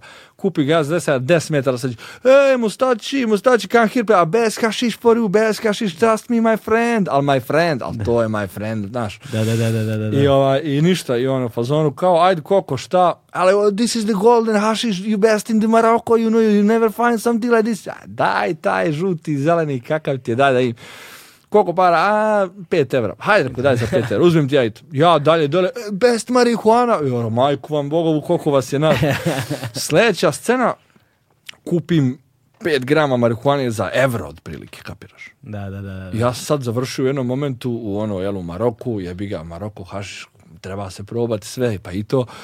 Ja u jednom momentu završio pre puno šaka, bre, kapiraš onaj svega. Ja kao, pa dobro, ajde, kao ne mogu sad da, da, duvam, tu treba da vozim do granice dole sa Seutom. Ona i usporit će me, znaš, dirać za jebi, kao idem ja tamo, pa ću negde na moru, na obali, fina zalazak, zalazak sunca, vremena popišu, haš, kao, ajde, da se računao, sam bio u Maroku i to, znaš, kao, došao ti ja tamo, kukala ti majka, ja, onaj, nešto uveče oko tipa 11, 12, ne vidi se ništa i ja sve čekam da izbijem nekako na plažu, ali ne može jer sve nešto privatno, privatno, sve neki objekti, sve kao da je zabranjeno da se priđe na plažu. Nađem neki ćošak iz tog ćoška izbijem na plažu, ako, e, saka, to je, sjednem ovdje, me boli dupe malo i ti vidiš tu u Seutu što je granica sa, jer Maroko ima uh, granicu sa Španijom u Africi. Mm Naš. I to je jedan ćošak, jedno polostrvo Seuta, koje se one graniče tu. I ti kad ulaziš u Španiju, ti ulaziš u Africi. Mm. I onda mm. fataš trajekt koji je u Španiji. Kao, jel? I ona, Aha, taj trajekt, taj, taj, ta, trajekt ta, ta pogranična zona zapravo pripada Španiji. Španiji, da.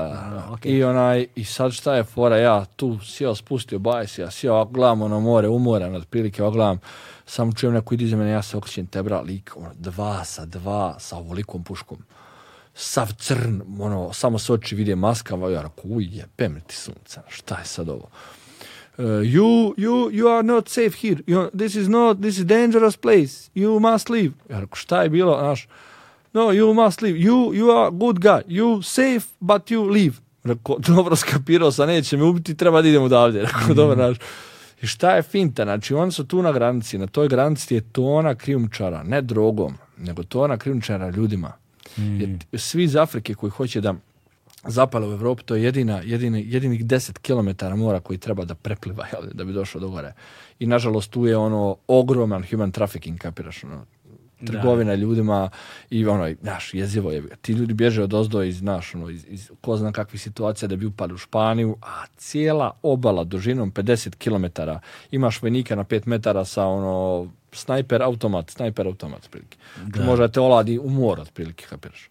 Da, I on kao, a ja u tom momentu kod sebe samo onaj hašimar, brate, sam sad padnem u Maroku, je, od kada da se ubijem, je. Sa, sa hašišom, ne bi se lepo pravao. Ne bi se nikako, ja se vraćam tamo, bacam onaj hašiš i štura, spičim tamo do granice, zaspim negde i na kraju sam bio u Maroku, nisam duhaš. haš. A dobro, nema veze, ali opet su ti ono story bili sa te plaže, ti si prespavao na plaži bio e, zapravo. Ne, nisam, nego sam zaspao na plaži, ja sam odšao tipa 10 km uzvodno i lego tu i nakon na plaži i taman ušao u šator. Sam hello, hello sir, hello, izlazi još jedan s automatskom puškom, kao, ne možeš tu, ali možeš ovdje na parkingu koji je parking od plaži. Da, jeste na parkingu se spavao. I sam ja zaspao na parkingu koji gleda na plažu. I nije loše bilo. Jer ti se ujutru probudiš, ti vidiš cijelu plažu i more. Da. Ali si na parkingu. da, i onda si se, ovaj, i onda si išao na trajekt i posle si malo vozio da. i to je bio malo ono kulturološki šok, prelazak u Evropu. Neverovatno. Ono Ti pređeš u Evropu, tamo Španija, jug Španije, te, brado. El Hirasa do Malage, sve je privatizovano. Četiri zvezdica, pet zvezdica, pet zvezdica, četiri zvezdica, četiri zvezdica, pet zvezdica. Ne, I niko se ne kupa na obale. Svi su, svi su ble u rezortima, znaš, ble u bazojne, gledaju tu, znaš, kao... to sam primetio ovaj, da postoji kao fenomen ljudi koji odu na more i, ne kupaju se u moru. ble na moru. Ble u bazenu. U, u bazenu, ono, plate ne znam koliko, da, hiljada eura rezort i kao ne okupaju se u moru. Sretao sam ljude, ono, znaš... Ovdje cijela obala, ja, ali to su rezorti nevjerovatni, to je, to je trava da je pasaš. to je bukvalno trava da je pasaš, otprilike tu ali ti, naš, kao, sve priva, ne možeš tu zabude šatar, naš, ne možeš ti istek tu.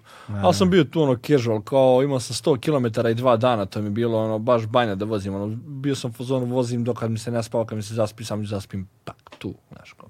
I zaspao sam spavo na, na, na, na, plaži, ali jako oprezno, znaš, zavezao sam baj za nogu. Da, stvarno. Zavezao sam bajs za nogu, za onu gurtnu, pa sam onda ušao u vreću. Da, da, Kapiraš? Tako da, ako hoće da ukrade, mora da me probudi, pa da se suočimo. A Pederuša? O, Pederušu nikad ne skidam više. Nikad više. Pederušu sad nikad više ne skidam, znači sad imam Pederušu oko, pasa i mm. to je ono, tu stoji pasa, špare, telefon, to nikad ne skidam e, Što sam teo ti kažem, ovaj, u Maroku se već sad primetila jedna razlika u ono produkcijskom kvalitetu, mislim, proizvodnji sadržaja, naš način, znači, to je sad već bilo putovanje na kojem si ti ono, na jedan te, prilično temeljan način planski napravio da. dnevnik celokupnog putovanja, ovaj, koji je već počeo da dobija svoj neki oblik koji je bio mnogo koherentniji nego što je to bilo ranije. Nije bilo tako histerično, da. razumiješ, i sporadično, da. već je bilo onako, e, sad idem i sad to beležim na ovaj način. Ali ono što se vidilo kao jedan izuzetno ono, produkcijski skok, skok jeste posle povratka iz Španije, ti si ovaj, ti ja smo, nešto smo zapisivali ti si tad planirao Island, ali se on zapravo vrlo brzo desio. Da. Koliko? Pa ne znam, dva mjeseca, tri prošlo možda. To, što znači da je već pobijamo jedan pattern, razumeš? Da, da. Ovaj, nekoga jeste, ko će profesionalno početi se baviti ovim stvarima. Pa jeste da je jako brzo prošlo, ali na šta je fora? I taj format sad izgleda sasvim drugačiji. Da, fontovi, jeste, jeste, jeste, ono, koliko, koliko tebi zapravo vremena oduzima, prema što pređemo na Island, mm koliko tebi vremena oduzima zapravo proizvodnje tog sadržaja?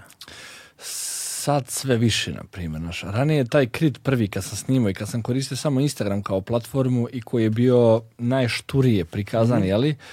Zbog formata samo i zbog korištenja samo Instagrama, tad mi je trebalo dva sata otprilike naš. Dnevno. A, dnevno. A sad na Islandu mi je trebalo 5-6 sati. 5-6 sati dnevno. 5-6 sati dnevno. Znači ja sam na kraju, samo da smontiram ali ne pričam o ostalim aktivnostima na telefonu, dok ja to okačim, dok onda mi je zanimljivo stvarno da, da, da, da dopisujem s ljudima otprilike da čitam šta mi šalju, to su ne, ti ne možeš da vjeruješ, buraz. Znači, meni je stiglo snimak otprilike učiteljica ona je pustila klincima u, ne znam, u osnovnoj školi da pogledaju video i sad klinci pričaju njihove utiske s čepim vragolijama ja volim Šćepine Vragolije jer on škampuje i nije u hotelu. Ma, I to je snimak oko tri minuta gdje mi stine. Onda ovaj sam okačio od ove tetke. Znači neki lik mi je poslao snimak uh, gdje je njegova tetka htjela men da se javi. Slušaj Šćepo, vidi, naci, zgodan si, lijep si, sve ti ide. Ovo ti je prva liga, super ti ide, samo nastavi. Znaš, I tako ti vojsevi stignuti. Ne možda da vjeruješ koja je to podrška, na koje razine, na koje naš. Tako da mi je sve to i dok iščitam i dok odgovorim, kao uzme mi vremena, ali sad, na primjer, sam na Islandu imao drona, kapiraš. Mhm. I prosto sa dronom je to još jedan korak, jako veliki, jako spor. Znači, Odakle ti dron? E, dron sam na kraju kupio od, gospode, ne, od, dobio sam od gospode Špjodr, da. To ima u trećoj epizod, nek se, drugoj epizod, nek pogledaj ljudi. Gospođa mm. Špjodr me derivala, to. To, to, to e, ali, ne uspjela drona, da, treći je uspio. treći je uspio, da. Ovaj, e, fora je bila što onaj, uglavnom mi ovdje, naš kao, sa dronom sam dobio taj moment da ti moraš da staneš, da, da, da dignem drona, da skapira kadar koji ću da imam, da ga snimim, da taj kadar uspije, sa dronom imaš dva teka. Digneš ga jednom, opa, i on pet minuta crkla mi baterija. A imam tri baterije. Tako da ja za jedan dan imam tri tejka da napravim sa dronom. I sad ako failujem, ja sam izgubio vrijeme dok sam stao, dok sam ga podigao, dok sam napravio kadar, snimio, spustio ga, spakovao ga i vratio ga, imam fail. I imam fail, istrošio sam bateriju za koju mi treba 45 minuta da napunim. Što znači da je meni to 45 minuta koliko će mi treba da napunim bateriju plus vrijeme koje sam izgubio samo da stanem i ta stajanja puta koliko puta dnevno kapiraš. Plus stajanja da snimi ovako nešto. Tako da na Islandu se to pretvorilo jedno 5-6 sati. Sad sve je sad bilo tu koketiranje od epizode do epizode. Za epizode za koje sam uh, se jako puno potrudio. Što više napravi materijala, to će biti luđije. Ali to će mi trebati više vremena da ga, da ga smontiram. Jel oduzimao od iskustva? Uh, trudio sam se za, ne, ali je bilo koketiranja. Bilo je na, momente da, da, da mi... E, montiranje epizode pojede toliko vremena da ne stignem taj dan da uradim ono što sam htio. da, da, Jer, jer te stigne, uh, znaš, moraš da opet upadneš u neki mod i moraš da skontaš workflow koji te odgovara. Mm. A, a ovdje je bilo drugačije, jer sam mogao da vozim po noći, jer je bio dan i dalje po noći. Pa mi se sve tu malo zarotiralo, a volim da spavam, moram da se naspavam da bi funkcionisao naš. Tako da sve je tu bilo koketiranje između toga. Jer, znaš, kako meni se proces svede na to da ja uzmem, snimim 100-150 snimaka. Onda tih 150 snimaka ja moram da pregledam sve. Da mhm. vidim šta je, ja, znaš šta je najjača finta, što ja ne znam u šta se upuštam, ja ne znam šta ću imati. To nije dokumentarac u kome ću ja biti u fazonu, e, idem da snimim ovo, ovo će biti punchline. Znači, e, priča će ići ovako, doći tu i bit će najjače. Ne bre, kapiraš, nemam predstavija, možda im na, na, na, na, na ovaj, vulkan gore da se ugasi vulkan. Ja došao, vulkan se ugasio. To je realno da se desi taš. I zbog toga je isto top, zato što naš, uopšte nemam, nemam scenariju i ne znam šta će mi se desiti. I zbog toga ja snimam sve. Mm. I, I onda kad snimaš sve da bi mogao da pokrenem cijeli dan, završiš 150-200 klipova onda moram sve klipove da pregledam. I kada odaberem šta su klipovi koji mi su highlight dana, koji će upečatiti e, ono što se meni zaista dešavalo, njih spakujem jedan folder to management foldera na iPhone-u, ti ne možeš da imam 500 foldera unutra. I sve te snimke od tih 150 izaberem 50 koji su za montažu, ubacim u hand folder. Onda otvorim ovaj, aplikaciju za, za montiranje, taj splice koji sam koristio i poredam te klipove. I onda mi ne trebaju svi klipove 3 minuta, nego mi treba i scena ova, scena ona, ova, scena ova, scena ona. Dok ih poredam sve tako. Kad ih poredam sve, kad smontiram, to ispadne 8 minuta, na primjer, jedna epizoda onda skapiram da iz moje priče možda nije jasno, ali to sam to što se rekao da je se produkcija digla, digla se zašto sam ja zimu sjeo pogledao Kriti Alpi iz početka. Malo sam ih zaboravio i pogledao iz početka i vidio sam da, znaš, jako je zajebano, meni je nešto se podrazumijeva, a, a nešto ljudima nije jasno. Onda sam skapirao za dosta stvari se meni podrazumijeva i ne budu jasne, znaš, vamo. Da, da, I onda sam uključio titlove za nešto, znaš, i onda kad sjedem da, da montiram, moram totalno da se isključim iz dana, iz svega, iz, iz mjesta na kome stojim, a na, na Islandu sam, sjedim pored puta na polju, pet stepeni duva vjetar i ja sam u danu prošlom. I moram da znam, znaš, moram da se skoncentrišem, da tačno ispričam taj dan kako mi se desio. Znaš, e. da se emotivno povežem s tim danom, kapiraš. A kad prođeš šleper, pa te malo ono, a, šleper, kako se radi, znaš. I, onaj, I onda izaberem sve te klipove i saberem ga taj u osam minuta, to je što će da ide. Pa onda dodam titlovem. A pa to traje. A to traje, titlovanje ubijanje u pojam. Ubijanje, dok ja namikarim, a imam iPhone mini oliki mali. ja dok ga to namikarim, dok ga namjestim, kad ga namjestim, ha, kao ok, i e onda posle toga bude varijanta da moram da ga isjeckam, ali moram da ga isjeckam u odnosu na Instagram, koji sjeća na 15 sekundi. Mm. Tako da ako imam video u kojem ide muzika, ja moram da ga stavim da je 15, 30 ili 45, na primjer. Mm. Pa onda muziku kad ubacujem, moram da stavim traku na 15 sekundi, pa ona počinje od 0 do 15, od, 0, od 15 do 30, pa onda od 30 do 45, od 45 do minut, znaš. Dok ti tu muziku stakviš da ona bude hopa, pa kad to neko gleda da ide muzika da se nastavlja. Da, da, da. Pa onda dok taj video sam od 8 minuta i sjećam na sve to, pa ga prebacim, pa onda nađeš mrežu, onda nemaš mreže. Znaš, a treba im što bolji kvalitet mreže da ga kompres Instagram ne bi sabjela, kapiraš. Pa onda dok nađem repetitor, pa dok zabodeš ispod repetitora, pa dok, to okačim, kapiraš. A ti kad kreneš da kačiš, ljudi krenu da bombade. Oh, ha, ha, ha, ja sam, mrdama, ovo kačim, naš pakao, pa sam pogasio notifikacije, sve da bi mi proces bio laši. Ali onda kasnije, dođem moment sa dronom koji snima samo u horizontalnom formatu. Mm. I onda imam opciju da zoomiram to i onda sam ga prebacivao u 4K da bi mi rezolucija bila što veća, pa da dakle, kad ga zoomiram da ne bude onih otprilike. Ali 4K ne može telefon da ishendla 3 minuta 4K sadržaja da renderuje, što je normalno je Da, da, da, da. I onda ga prebacim u 2K otprilike, 2.7 pa sam onda pravio te neke duple, triplekse, duplekse od videa, kapiraš, koji su bili kao su trip, pa tako sam ja i doživio Island nekako, ko neki interstellar trip, gdje ono, časti je nebo gore, časti je dole, nekako, sve mi je tako bilo ludo, tako sam pravio. I sad, što više ja vremena i uslova imam da to montiram, ta montaža bude bolja. Ja sam svjestan svih mogućih mana, šta je moglo, i ako mi je žao što nije moglo sve što sam zamislio, ali samo kad skapiraš u realnost da ja sjedim pored puta, pada kiša, napolje je stepeni i ono pokrio sam jaknom telefon da bi to smontirao i okačio, budem u ok, jevi ga, da citi, jevi ga. Za, za ove uslove i za ovo vrijeme koje imam, i to je, to. Ono, to je ono što ljudi ne razumeju, bez obzira šta god je to što radiš. Znaš, I ovo deluje kao ono, seli ti ja stavili dva mikrofona i pričamo. Ma da, bre, behind znaš, the scene, bre. Ali onda kad dođeš i shvatiš da, to uopšte ne izgleda da, tako, ma i da bi ovo dobilo taj efekt, zapravo da bi ti sačuvao na autentičnosti sopstvenog iskustva, kao što recimo mi želimo sačuvati na autentičnosti razgovora. Naš, stvari oko toga moraju da se razvijaju kako se model razvija. Naš, kako, se tebi, kako tebi raste publika, kako se rastu ono produkcijski kapaciteti i potrebe i kako stvar postaje profesionalnija i kako očekivanja rastu, da bi ti sačuvao jezgro tog iskustva, da ne bi od njega uzimao da bi ispoštovao formu, onda ovo okolo mora da raste, znaš. sada to što je telefon sutra mora bude laptop, mhm. da bi mogo da hendlo ne znam, 4K. Znaš, ono što je sa dronom, sa ovim, to će sutra da bude još jedan lik koji će da, da hendluje sve to dok ti voziš biciklu da. ga, razumeš? Ali to, to sam isto razmišljao o tome, ali tad, tad bi se izgubio čar toga, pa jer neko ko zna otprilike može da pretpostavi šta je behind the scene, koliko treba da se to smontira i da sam ja sve snimio sa samo telefonom mm. i sa dronom sada. A da, ali onda znaš šta se dešava, onda možda treba da ti, e, treba da se poveća vreme. Treba vreme da se poveća, to je to. To je, znaš, znači, stvari, sam... ono što je nekad bilo 10 dana, sad će da bude 20. 20 dana, da. I to se desilo, znaš šta se desilo na Islandu, pala je kilometraža. Ja sam to, e. pala katastrofa, pala kilometraža. ne, znači, ja sam na Islandu vozio 700 km, 800. Da, da, da. A meni je bila ideja 1400 da pocipa. E, pa to Ali je, nije, nije realno. Onda bi, onda, onda bi moj doživljaj mm. bio mnogo manji, onda bi sadržaj isto bio mnogo manji, ja bi prešao više kilometara for fuck's sake, ali je to, što, zašto? Jednostavno da. sam bio u fazonu, ok, ja sam krenuo tamo, stavio sam tanke gume da vozim samo road i onda sam bio u fazonu, ja stvarno moram to da radim. Ja ću sad idem ja sad idem mi se ide tempom kojim hoću i to je to. I to sam rekao u prvom videoklipu i meni je bila ideja da obiđem krug oko Islanda.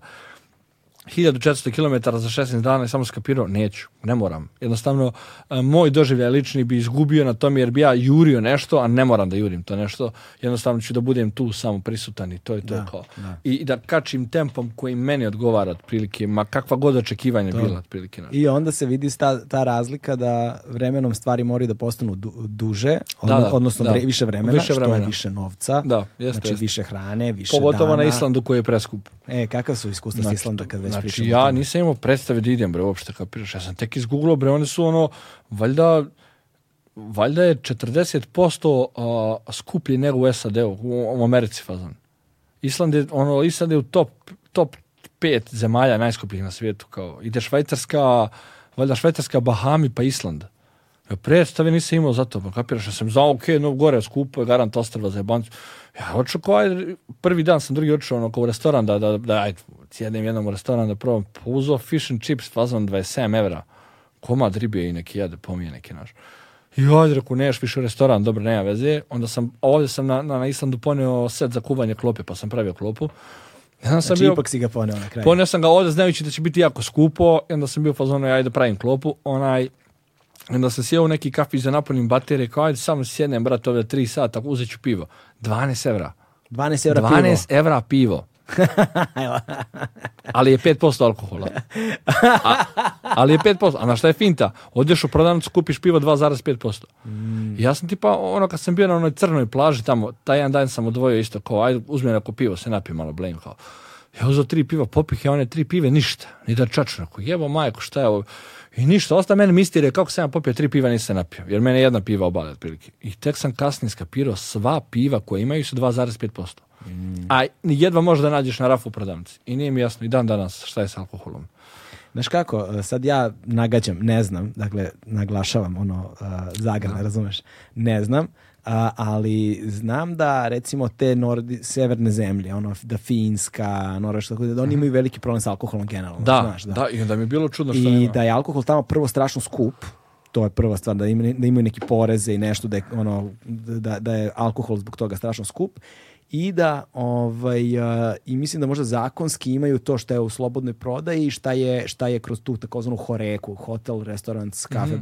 bar što ono ide šta ide kroz taj ugostiteljski biznis je jedna stvar da. ovo što se kupuju prodavnici kao taj masovni na veliko da možda imaju neke limite zakonski, ovo ono što ljudi užasno mnogo piju, piju gore. Da, to sam ja pročito negde da, da imaju problem. Ali ne mogu da garantujem da je, je ovo što, pričam, da je ovo što pričam istina, znaš, tako da, ali čini mi se da, me da ako me da li kreiram lažna sećanja ili na osnovu nečega što sam nekada davno čuo, ali mislim da je to tu negde tako. Ja, to ima smisla skroz, jer znači samo imaju 2%, 2,5% alkohola otprilike. Da, ali na stranu to i na stranu bosi hipsteri na 5 stepeni i to koji su ono prihvatili da je leto to. Da, da, da. A ovaj, kakav je Island? Mega, mega lud, nešto neverovatno, ne, ne, naš, ne može se porediti ni sa čim. Znači, ono, pitao sam isto, malo prije bila priča, da li sam svjesno otišao u takvu distinkciju u odnosu na Maroko, kapiraš? Jer sam imao top more, imao sam top planinu, imao sam top kulturološki e, šok u odnosu na religijski, kulturološki, ali svakako. I posle toga mi je trebalo nešto totalno treće, četvrto, nešto, naš, nešto drugačije. I stvarno je to Island jer je po prirodi ne može se porediti ni sa morem ni sa planinom jer imaju i vulkan koji se slijeva, imaš dugu koja je obasjala glečer koji pravi vodopad koji ulazi u rijeku, ulazi u okean i tamo puca vulkan. I sve u jednom ono danu, da, ono. sve u jednom danu u jednom pogledu vidiš. E, znači to, i ono, budeš u fazon. E, ali ono što sam skapirao kasnije, taj hype koji te drži na početku, a vidi ovo, vidi ono, vidi ono, nakon tipa, ja sam tamo bio 14 dana ili 15, nakon 14 dana se nagledaš se svega. Znači vidio sam i vulkan, i glečer, i planinu, i rijeku, i termalne vode, i jako okean, i neke istepovane ptice, i svašta nešta. Posle toga, kad se ti zasitiš time, kad e, taj wow moment prirode i okruženja ti postane normalan, e tad postaje ono naš, kako je živjeti na Islandu naš. Mm. Tad je onda, vrate, šta rade ovi ljudi ovdje, evo te, naš, Znaš, tad, tad, tad, tad, izolovano daleko. Izolovano daleko, hladno. Skupo. Skupo. Njima nije ajde kao vjerovatno obrću lovo neko, ali tu je fora što naš, ja, ja, sam došao u taj grad hofon i ovako obala, okean, neki galebovi tamo nešto, nema, ne sve super kao da ja i neke klupe tu, baš onako super, neki neki spomenik veliki kao onako polosunčano rekao evo što je lijepo ovdje on gradić da se neko bodu venu ne da super kao top mi je mater toplo je ne ja, ja dolazim i sjedam za tu stolicu i samo izvaljuješ da vjetar šiba 50 na sat on nosi ti sendvič iz ruke i samo izvaljaš, zašto bre za, za zašto nikoga nema ja što, zašto nema nikoga je nedelja lijep dan nema nikoga eto zašto nema nikoga da, da, I prosto, naš, kao, kad, kad e, priroda izgubi wow moment na Islandu, ja mislim da je tad taj reality check malo zajeban, naš. Ja. A meni za 15 dana nije još ispario taj moment. Mislim, naš, kako, nagledao sam se super nekih vodopada i vidio i vulkan i glečer i ovo naš. I sad kad vidiš jedan vodopad, treći kanal ti peti, već si okej okay s time, naš, kao jebi ga, još, wow, vodopad. Naš, Ali za mjesec dana kad bi bio tamo, uf, naš, a s druge strane, znaš, to sivilo jako utiče psihički na tebe, kapiraš? Ja nisam ni izvaljivo u stvari koliko, koliko utjeca ima to sivilo na mene, kapiraš se? Ja volim sunce, kad dođe zima, znam da je zima, pomirim se s time nekako, ali zima kod nas dolazi postepeno na kaščicu i ti se pomiriš s time, onda dođe decembar, blejiš u kući i okej s time. A ovdje sam ja iz ljeta, vajba, došao tamo, i ono sivilo jedan dan tenzija. Jer mi imamo u Evropi taj moment, to sam baš pričao, u Evropi imamo taj moment, ono sivilo kiša kreće i, ovaj, i, svi su pozvani, bježte, bježte, kiša, kiša, bježte, djeco, kiša, ajmo, bježmo, bježmo, bježmo, kiša. Ovdje oblak ne leti, bježte, djeco, kiša, svi bježe, evakuacija, Beograd, saobraćaj, kolaps, ne rade semafori. Tamo ne, tamo ništa, stoji oblak, ono, voliki pun svega. Ma ništa, ko casual, ljudi ble, ljudi ble. I on stoji tu, da, mene nabija tenziju jer sam navikao da se ponašam, da će onda rokne, on neće da rokne, on stoji tu. I na šta je tri, poblaci se ne mrdaju uopšte, stojim oblaci. Da. Po 15 dana je ona jedan stoji tamo. Nigde ne mrda. A vjetar neki duva dole, kapiraš. Da, Jebo, mamo, šta, znaš. Ja, znaš, kao, baš mi je to bilo. Tako da, ono, zeznuto je za život. Priroda je mega dobra. Treba da se ovdje mega je dobro, mega je skupo u bilo kom aranžmanu.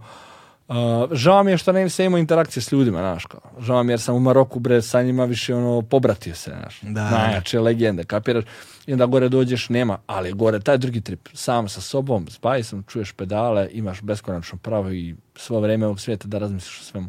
Da, da, Tako da, je, da se pomiriš sa sobom. se pomiriš sa sobom i sa, i sa tom maglom koju sam imao znaš, gdje sam slučajno upao u maglu, uh, u, u tipa pola tri po noći voziš po magli i znaš da imaš 90 km toga, ta magla ne prestaje, opcija da staneš tu jeste, ali ti nije prijatna, mm.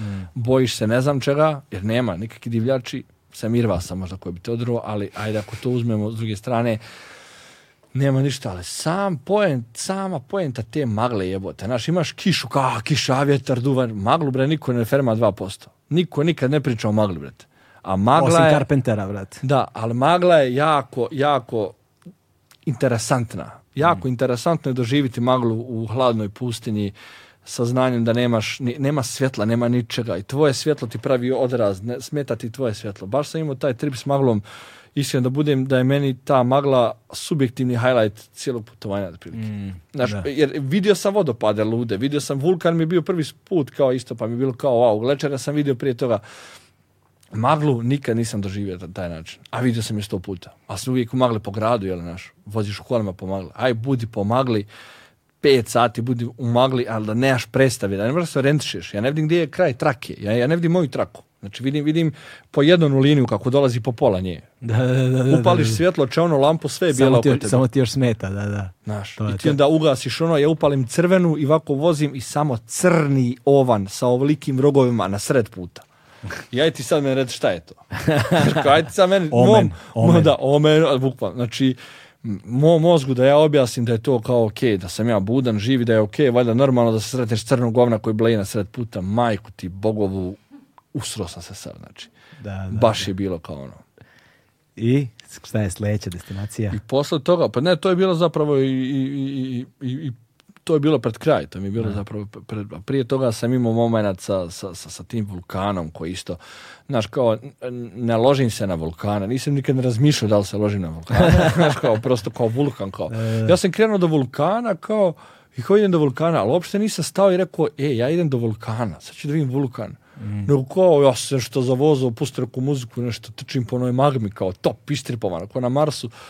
I to je moment kad ti vidiš dole, kao, ono, tu lavu sred bijela, da, meni top, ono naranđasto, fina, ona naranđasto, bre, sivo sve danima, jebote, nisam vidio sve, znaš. Sve tu boju. Da, nisam vidio boju. I ono, znaš, kad sam vidio onu magmu, bre, ono, lava, ono, sve crveno, fino, a, toplo, znaš, super je. I onda sam blejao, sam tu onaj, gledao sam taj vulkan neki kao dobrih sat vremena. Čak sam se spustio jako blizu, bio sam neki 100 metara od prilike, možda 150 metara od same erupcije, nakon što je bilo malo rizično, jer on može svaku trenutka da prolevi malo jače, jel? Ali kao, ajde, znaš, šta znam, znaš, I onda, i onda blejiš tu i samo bleji nas više tu, otprilike na tom nekom brdu naslagan, gledamo ga i samo čuješ pu, ali znaš ko, ko u Cineplexu kad sjeneš pa ono interscene, počinje tor, e, taj, grum ispod i zatresa se zemlja. Jebote, tad izvališ koko je sve šupljo. To je dole, ti si na nekoj planini, ona šuplja, buraz, do, zvoni dole. I mm. puklo je nešto ispod nas. Ja, u tom trenutku, brate, znam sad, ako i novi vulkan na ovom gdje mi stojimo, otprilike, na Nema vas u sekundi, I to je tamo realno, ja mislim. I takve stvari se kao dešavaju kao realno. Da, nismo ni mi razmišljali o vulkanu, nisam ja zapravo nikad razmišljao o vulkanu dok nismo otišli na Siciliju i onda smo vozom putovali. Gde smo bili? Katanja? Ma ne, bili smo u Palermo kad smo išli na vulkan. Katanja, da. Ove, ovaj, I onda kao vozimo se i ko izvali ona da imaju kao ovaj, da ima kao to neki smeštaj, neki hosteli, nešto gotino katanja, kao odemo tamo vozom i, ovaj, i kao to podnožju etne. Aha. I kao ajmo, ima, naš sednemo na bus i ima, znaš, do 3000 metara, ono, nema pojma, da. kao ideš pa žičara neka, pa nešto, kao, e, tamo kad dođeš gore, pa, pa onda prolaziš autobusom, serpentine i to, i onda vidiš ovako samo nešto, vidi kad ono krov neke kuće, samo viri iz zemlje, ajoj, zato što je tu posle erupcije celo naselje koje je prekriveno, znaš, ono, sa ohlađenom lavom, razumiješ i onda se penješ gore, a sve izgleda kao površina meseca, onako, naša da, fotografija. Da, da, Ali super. Ja to sam vidio kod tebe na snimcima, isto tako izgleda. Da, da, super, ja sam hodao po tome, na, kranči onako, ko neki cornflakes dobar, naš crni, daš, ono, baš Kranči. Da, bukvalno, baš je bilo. I onda se to puši dole. I sad zajebano je tu što, znaš, e, vulkan isparava neke gasove koji mm. mogu da te šamute, da, mm. da rokneš, da padneš kapena, da više ljudi pogine od tih gasova. Pa, da, da, I dole ima gorska služba spašavanja sa nekim mega, mega džipovima koji su došli tu i oni kao mjere koliko je zagađenje, koliko je vazduha. Da li da, sigurno da prolaziš? Da. da li sigurno da budeš tako blizu tu, naš kao. Da, s druge strane, recimo New Mexico izgleda kao površina Marsa. Sve crveno. Ozbiljno. Sve crveno. To može ti bude jedna destinacija da u Ameriku i da pičiš tamo. E, pa to mi jeste, to mi jeste donekle. Sad Amerika je opet tamo. naš kao. da, da koliko, koliko košta avion koliko do, košta za bicikl za do Amerike. Bajz, da, bukvalno, bajz da, Amerike, to, to, ali to mi je svakako neka ideja isto, pa, da mm. Patagonija i taj neki sebe. Mm, da, da, da, da, tu, znaš, morat će sponzori da rade za ta putovanja. Vidit ćemo, da. A dobro, krenuli su prvi sponzori. Da, jeste, jeste, jeste. I ovaj, ovaj put sam imao kao, ok, znači, ekipa sa Los Silos festivala mi ona isto kao tu, javila se sama, bil pozvano kao je nama ovo strava, onaj jetel u kome ja radim već ono 5-6 godina isto su bili u fazonu kao da, da podrže priču, kao ja njihov kao zaposleni koji radi jer je tamo ono mm. naš. Tako počinje, da. Da, da, i pored toga isto Pro Bike Shop koji se javio isto također mm. sam ja kupujem tamo na jako dugo onaj i onaj, i isto drugarica mi je napravila custom made pederšu, jer su mi ono bili ukrali, pa sam imao custom made pederšu, tako i javila se ekipa isto iz, iz kluba, iz Podgore, cijel, legendo, evo ti naš kao kupi neki onaj kršten obrok otprilike. Tako da da, javili se već neki ljudi kao bilo je isto onaj, neki pre, pregovora mi se nisu svidili jer naš baš zbog toga da. što naš sad počnu tu da dolaze na momenti gdje je sad bi trebao ti ovako, trebao onako, onda sam bez kompromisa u fazonu, ne, ja sam ovo do sad financirao sam, makar ga sve financirao sam, hoće bude moj mm. doživljaj. Bre. Pa da, kažem, ali ako stvari krenu, krenu se razvijaju u tom smjeru, ti onda imaš ono tu, onda raste broj ljudi oko tebe u smislu, barem ovdje imaš nekoga ko će da pregovara te stvari za tebe, da, dok ti samo, tvoje samo da tvoj sadržaj i tvoje iskustvo ostanu autentični, da, da to niko ne ulazi. Da, naravno, naravno, naravno. Ili si razmišljao o tome šta je sljedeća destinacija? Jao, jao, jesam, mislim, jesam i nisam, ali nekako, ne mogu Evropu, to definitivno ništa mi više nije zanimljivo tu, kao, znaš, kao a opet, Patagonija je preskupa i jako veliki korak. Naš. Mm. Možda ako bi uspio da nađem sponzore pa da pišem Patagoniju, ali bi tu trebalo da odvijem mjesec dana za to. Naš. Da. Ako ne jače, da to ono, čekiram. Otprilike, to mi je padalo mi je na pamet vamo Uzbekistan, Tadžikistan, Kirgistan. Tamo Možda je si za to. Da, mislim da, ja mislim, Možda si Ja mislim da jesam, jer mi je to naš...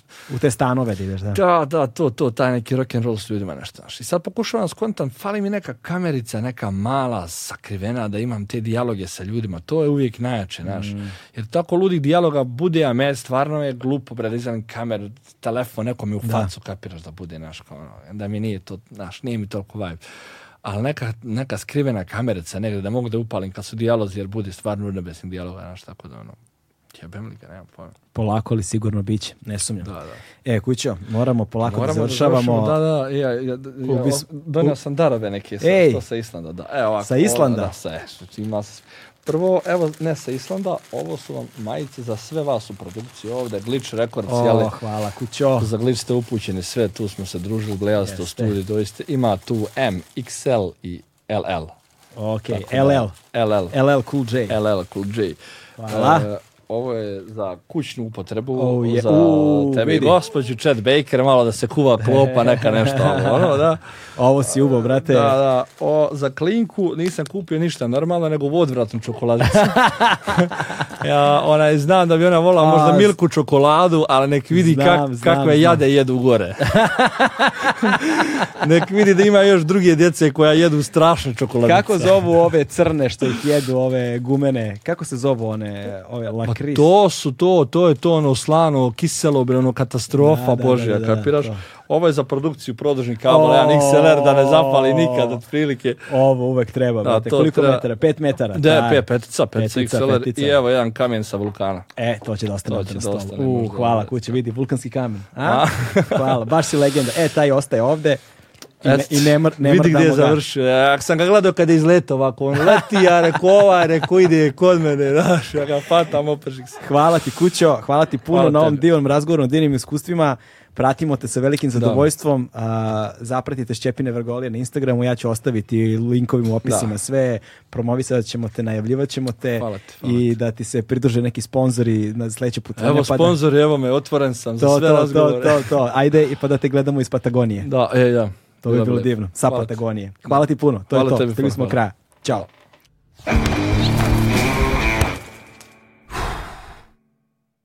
Hmm.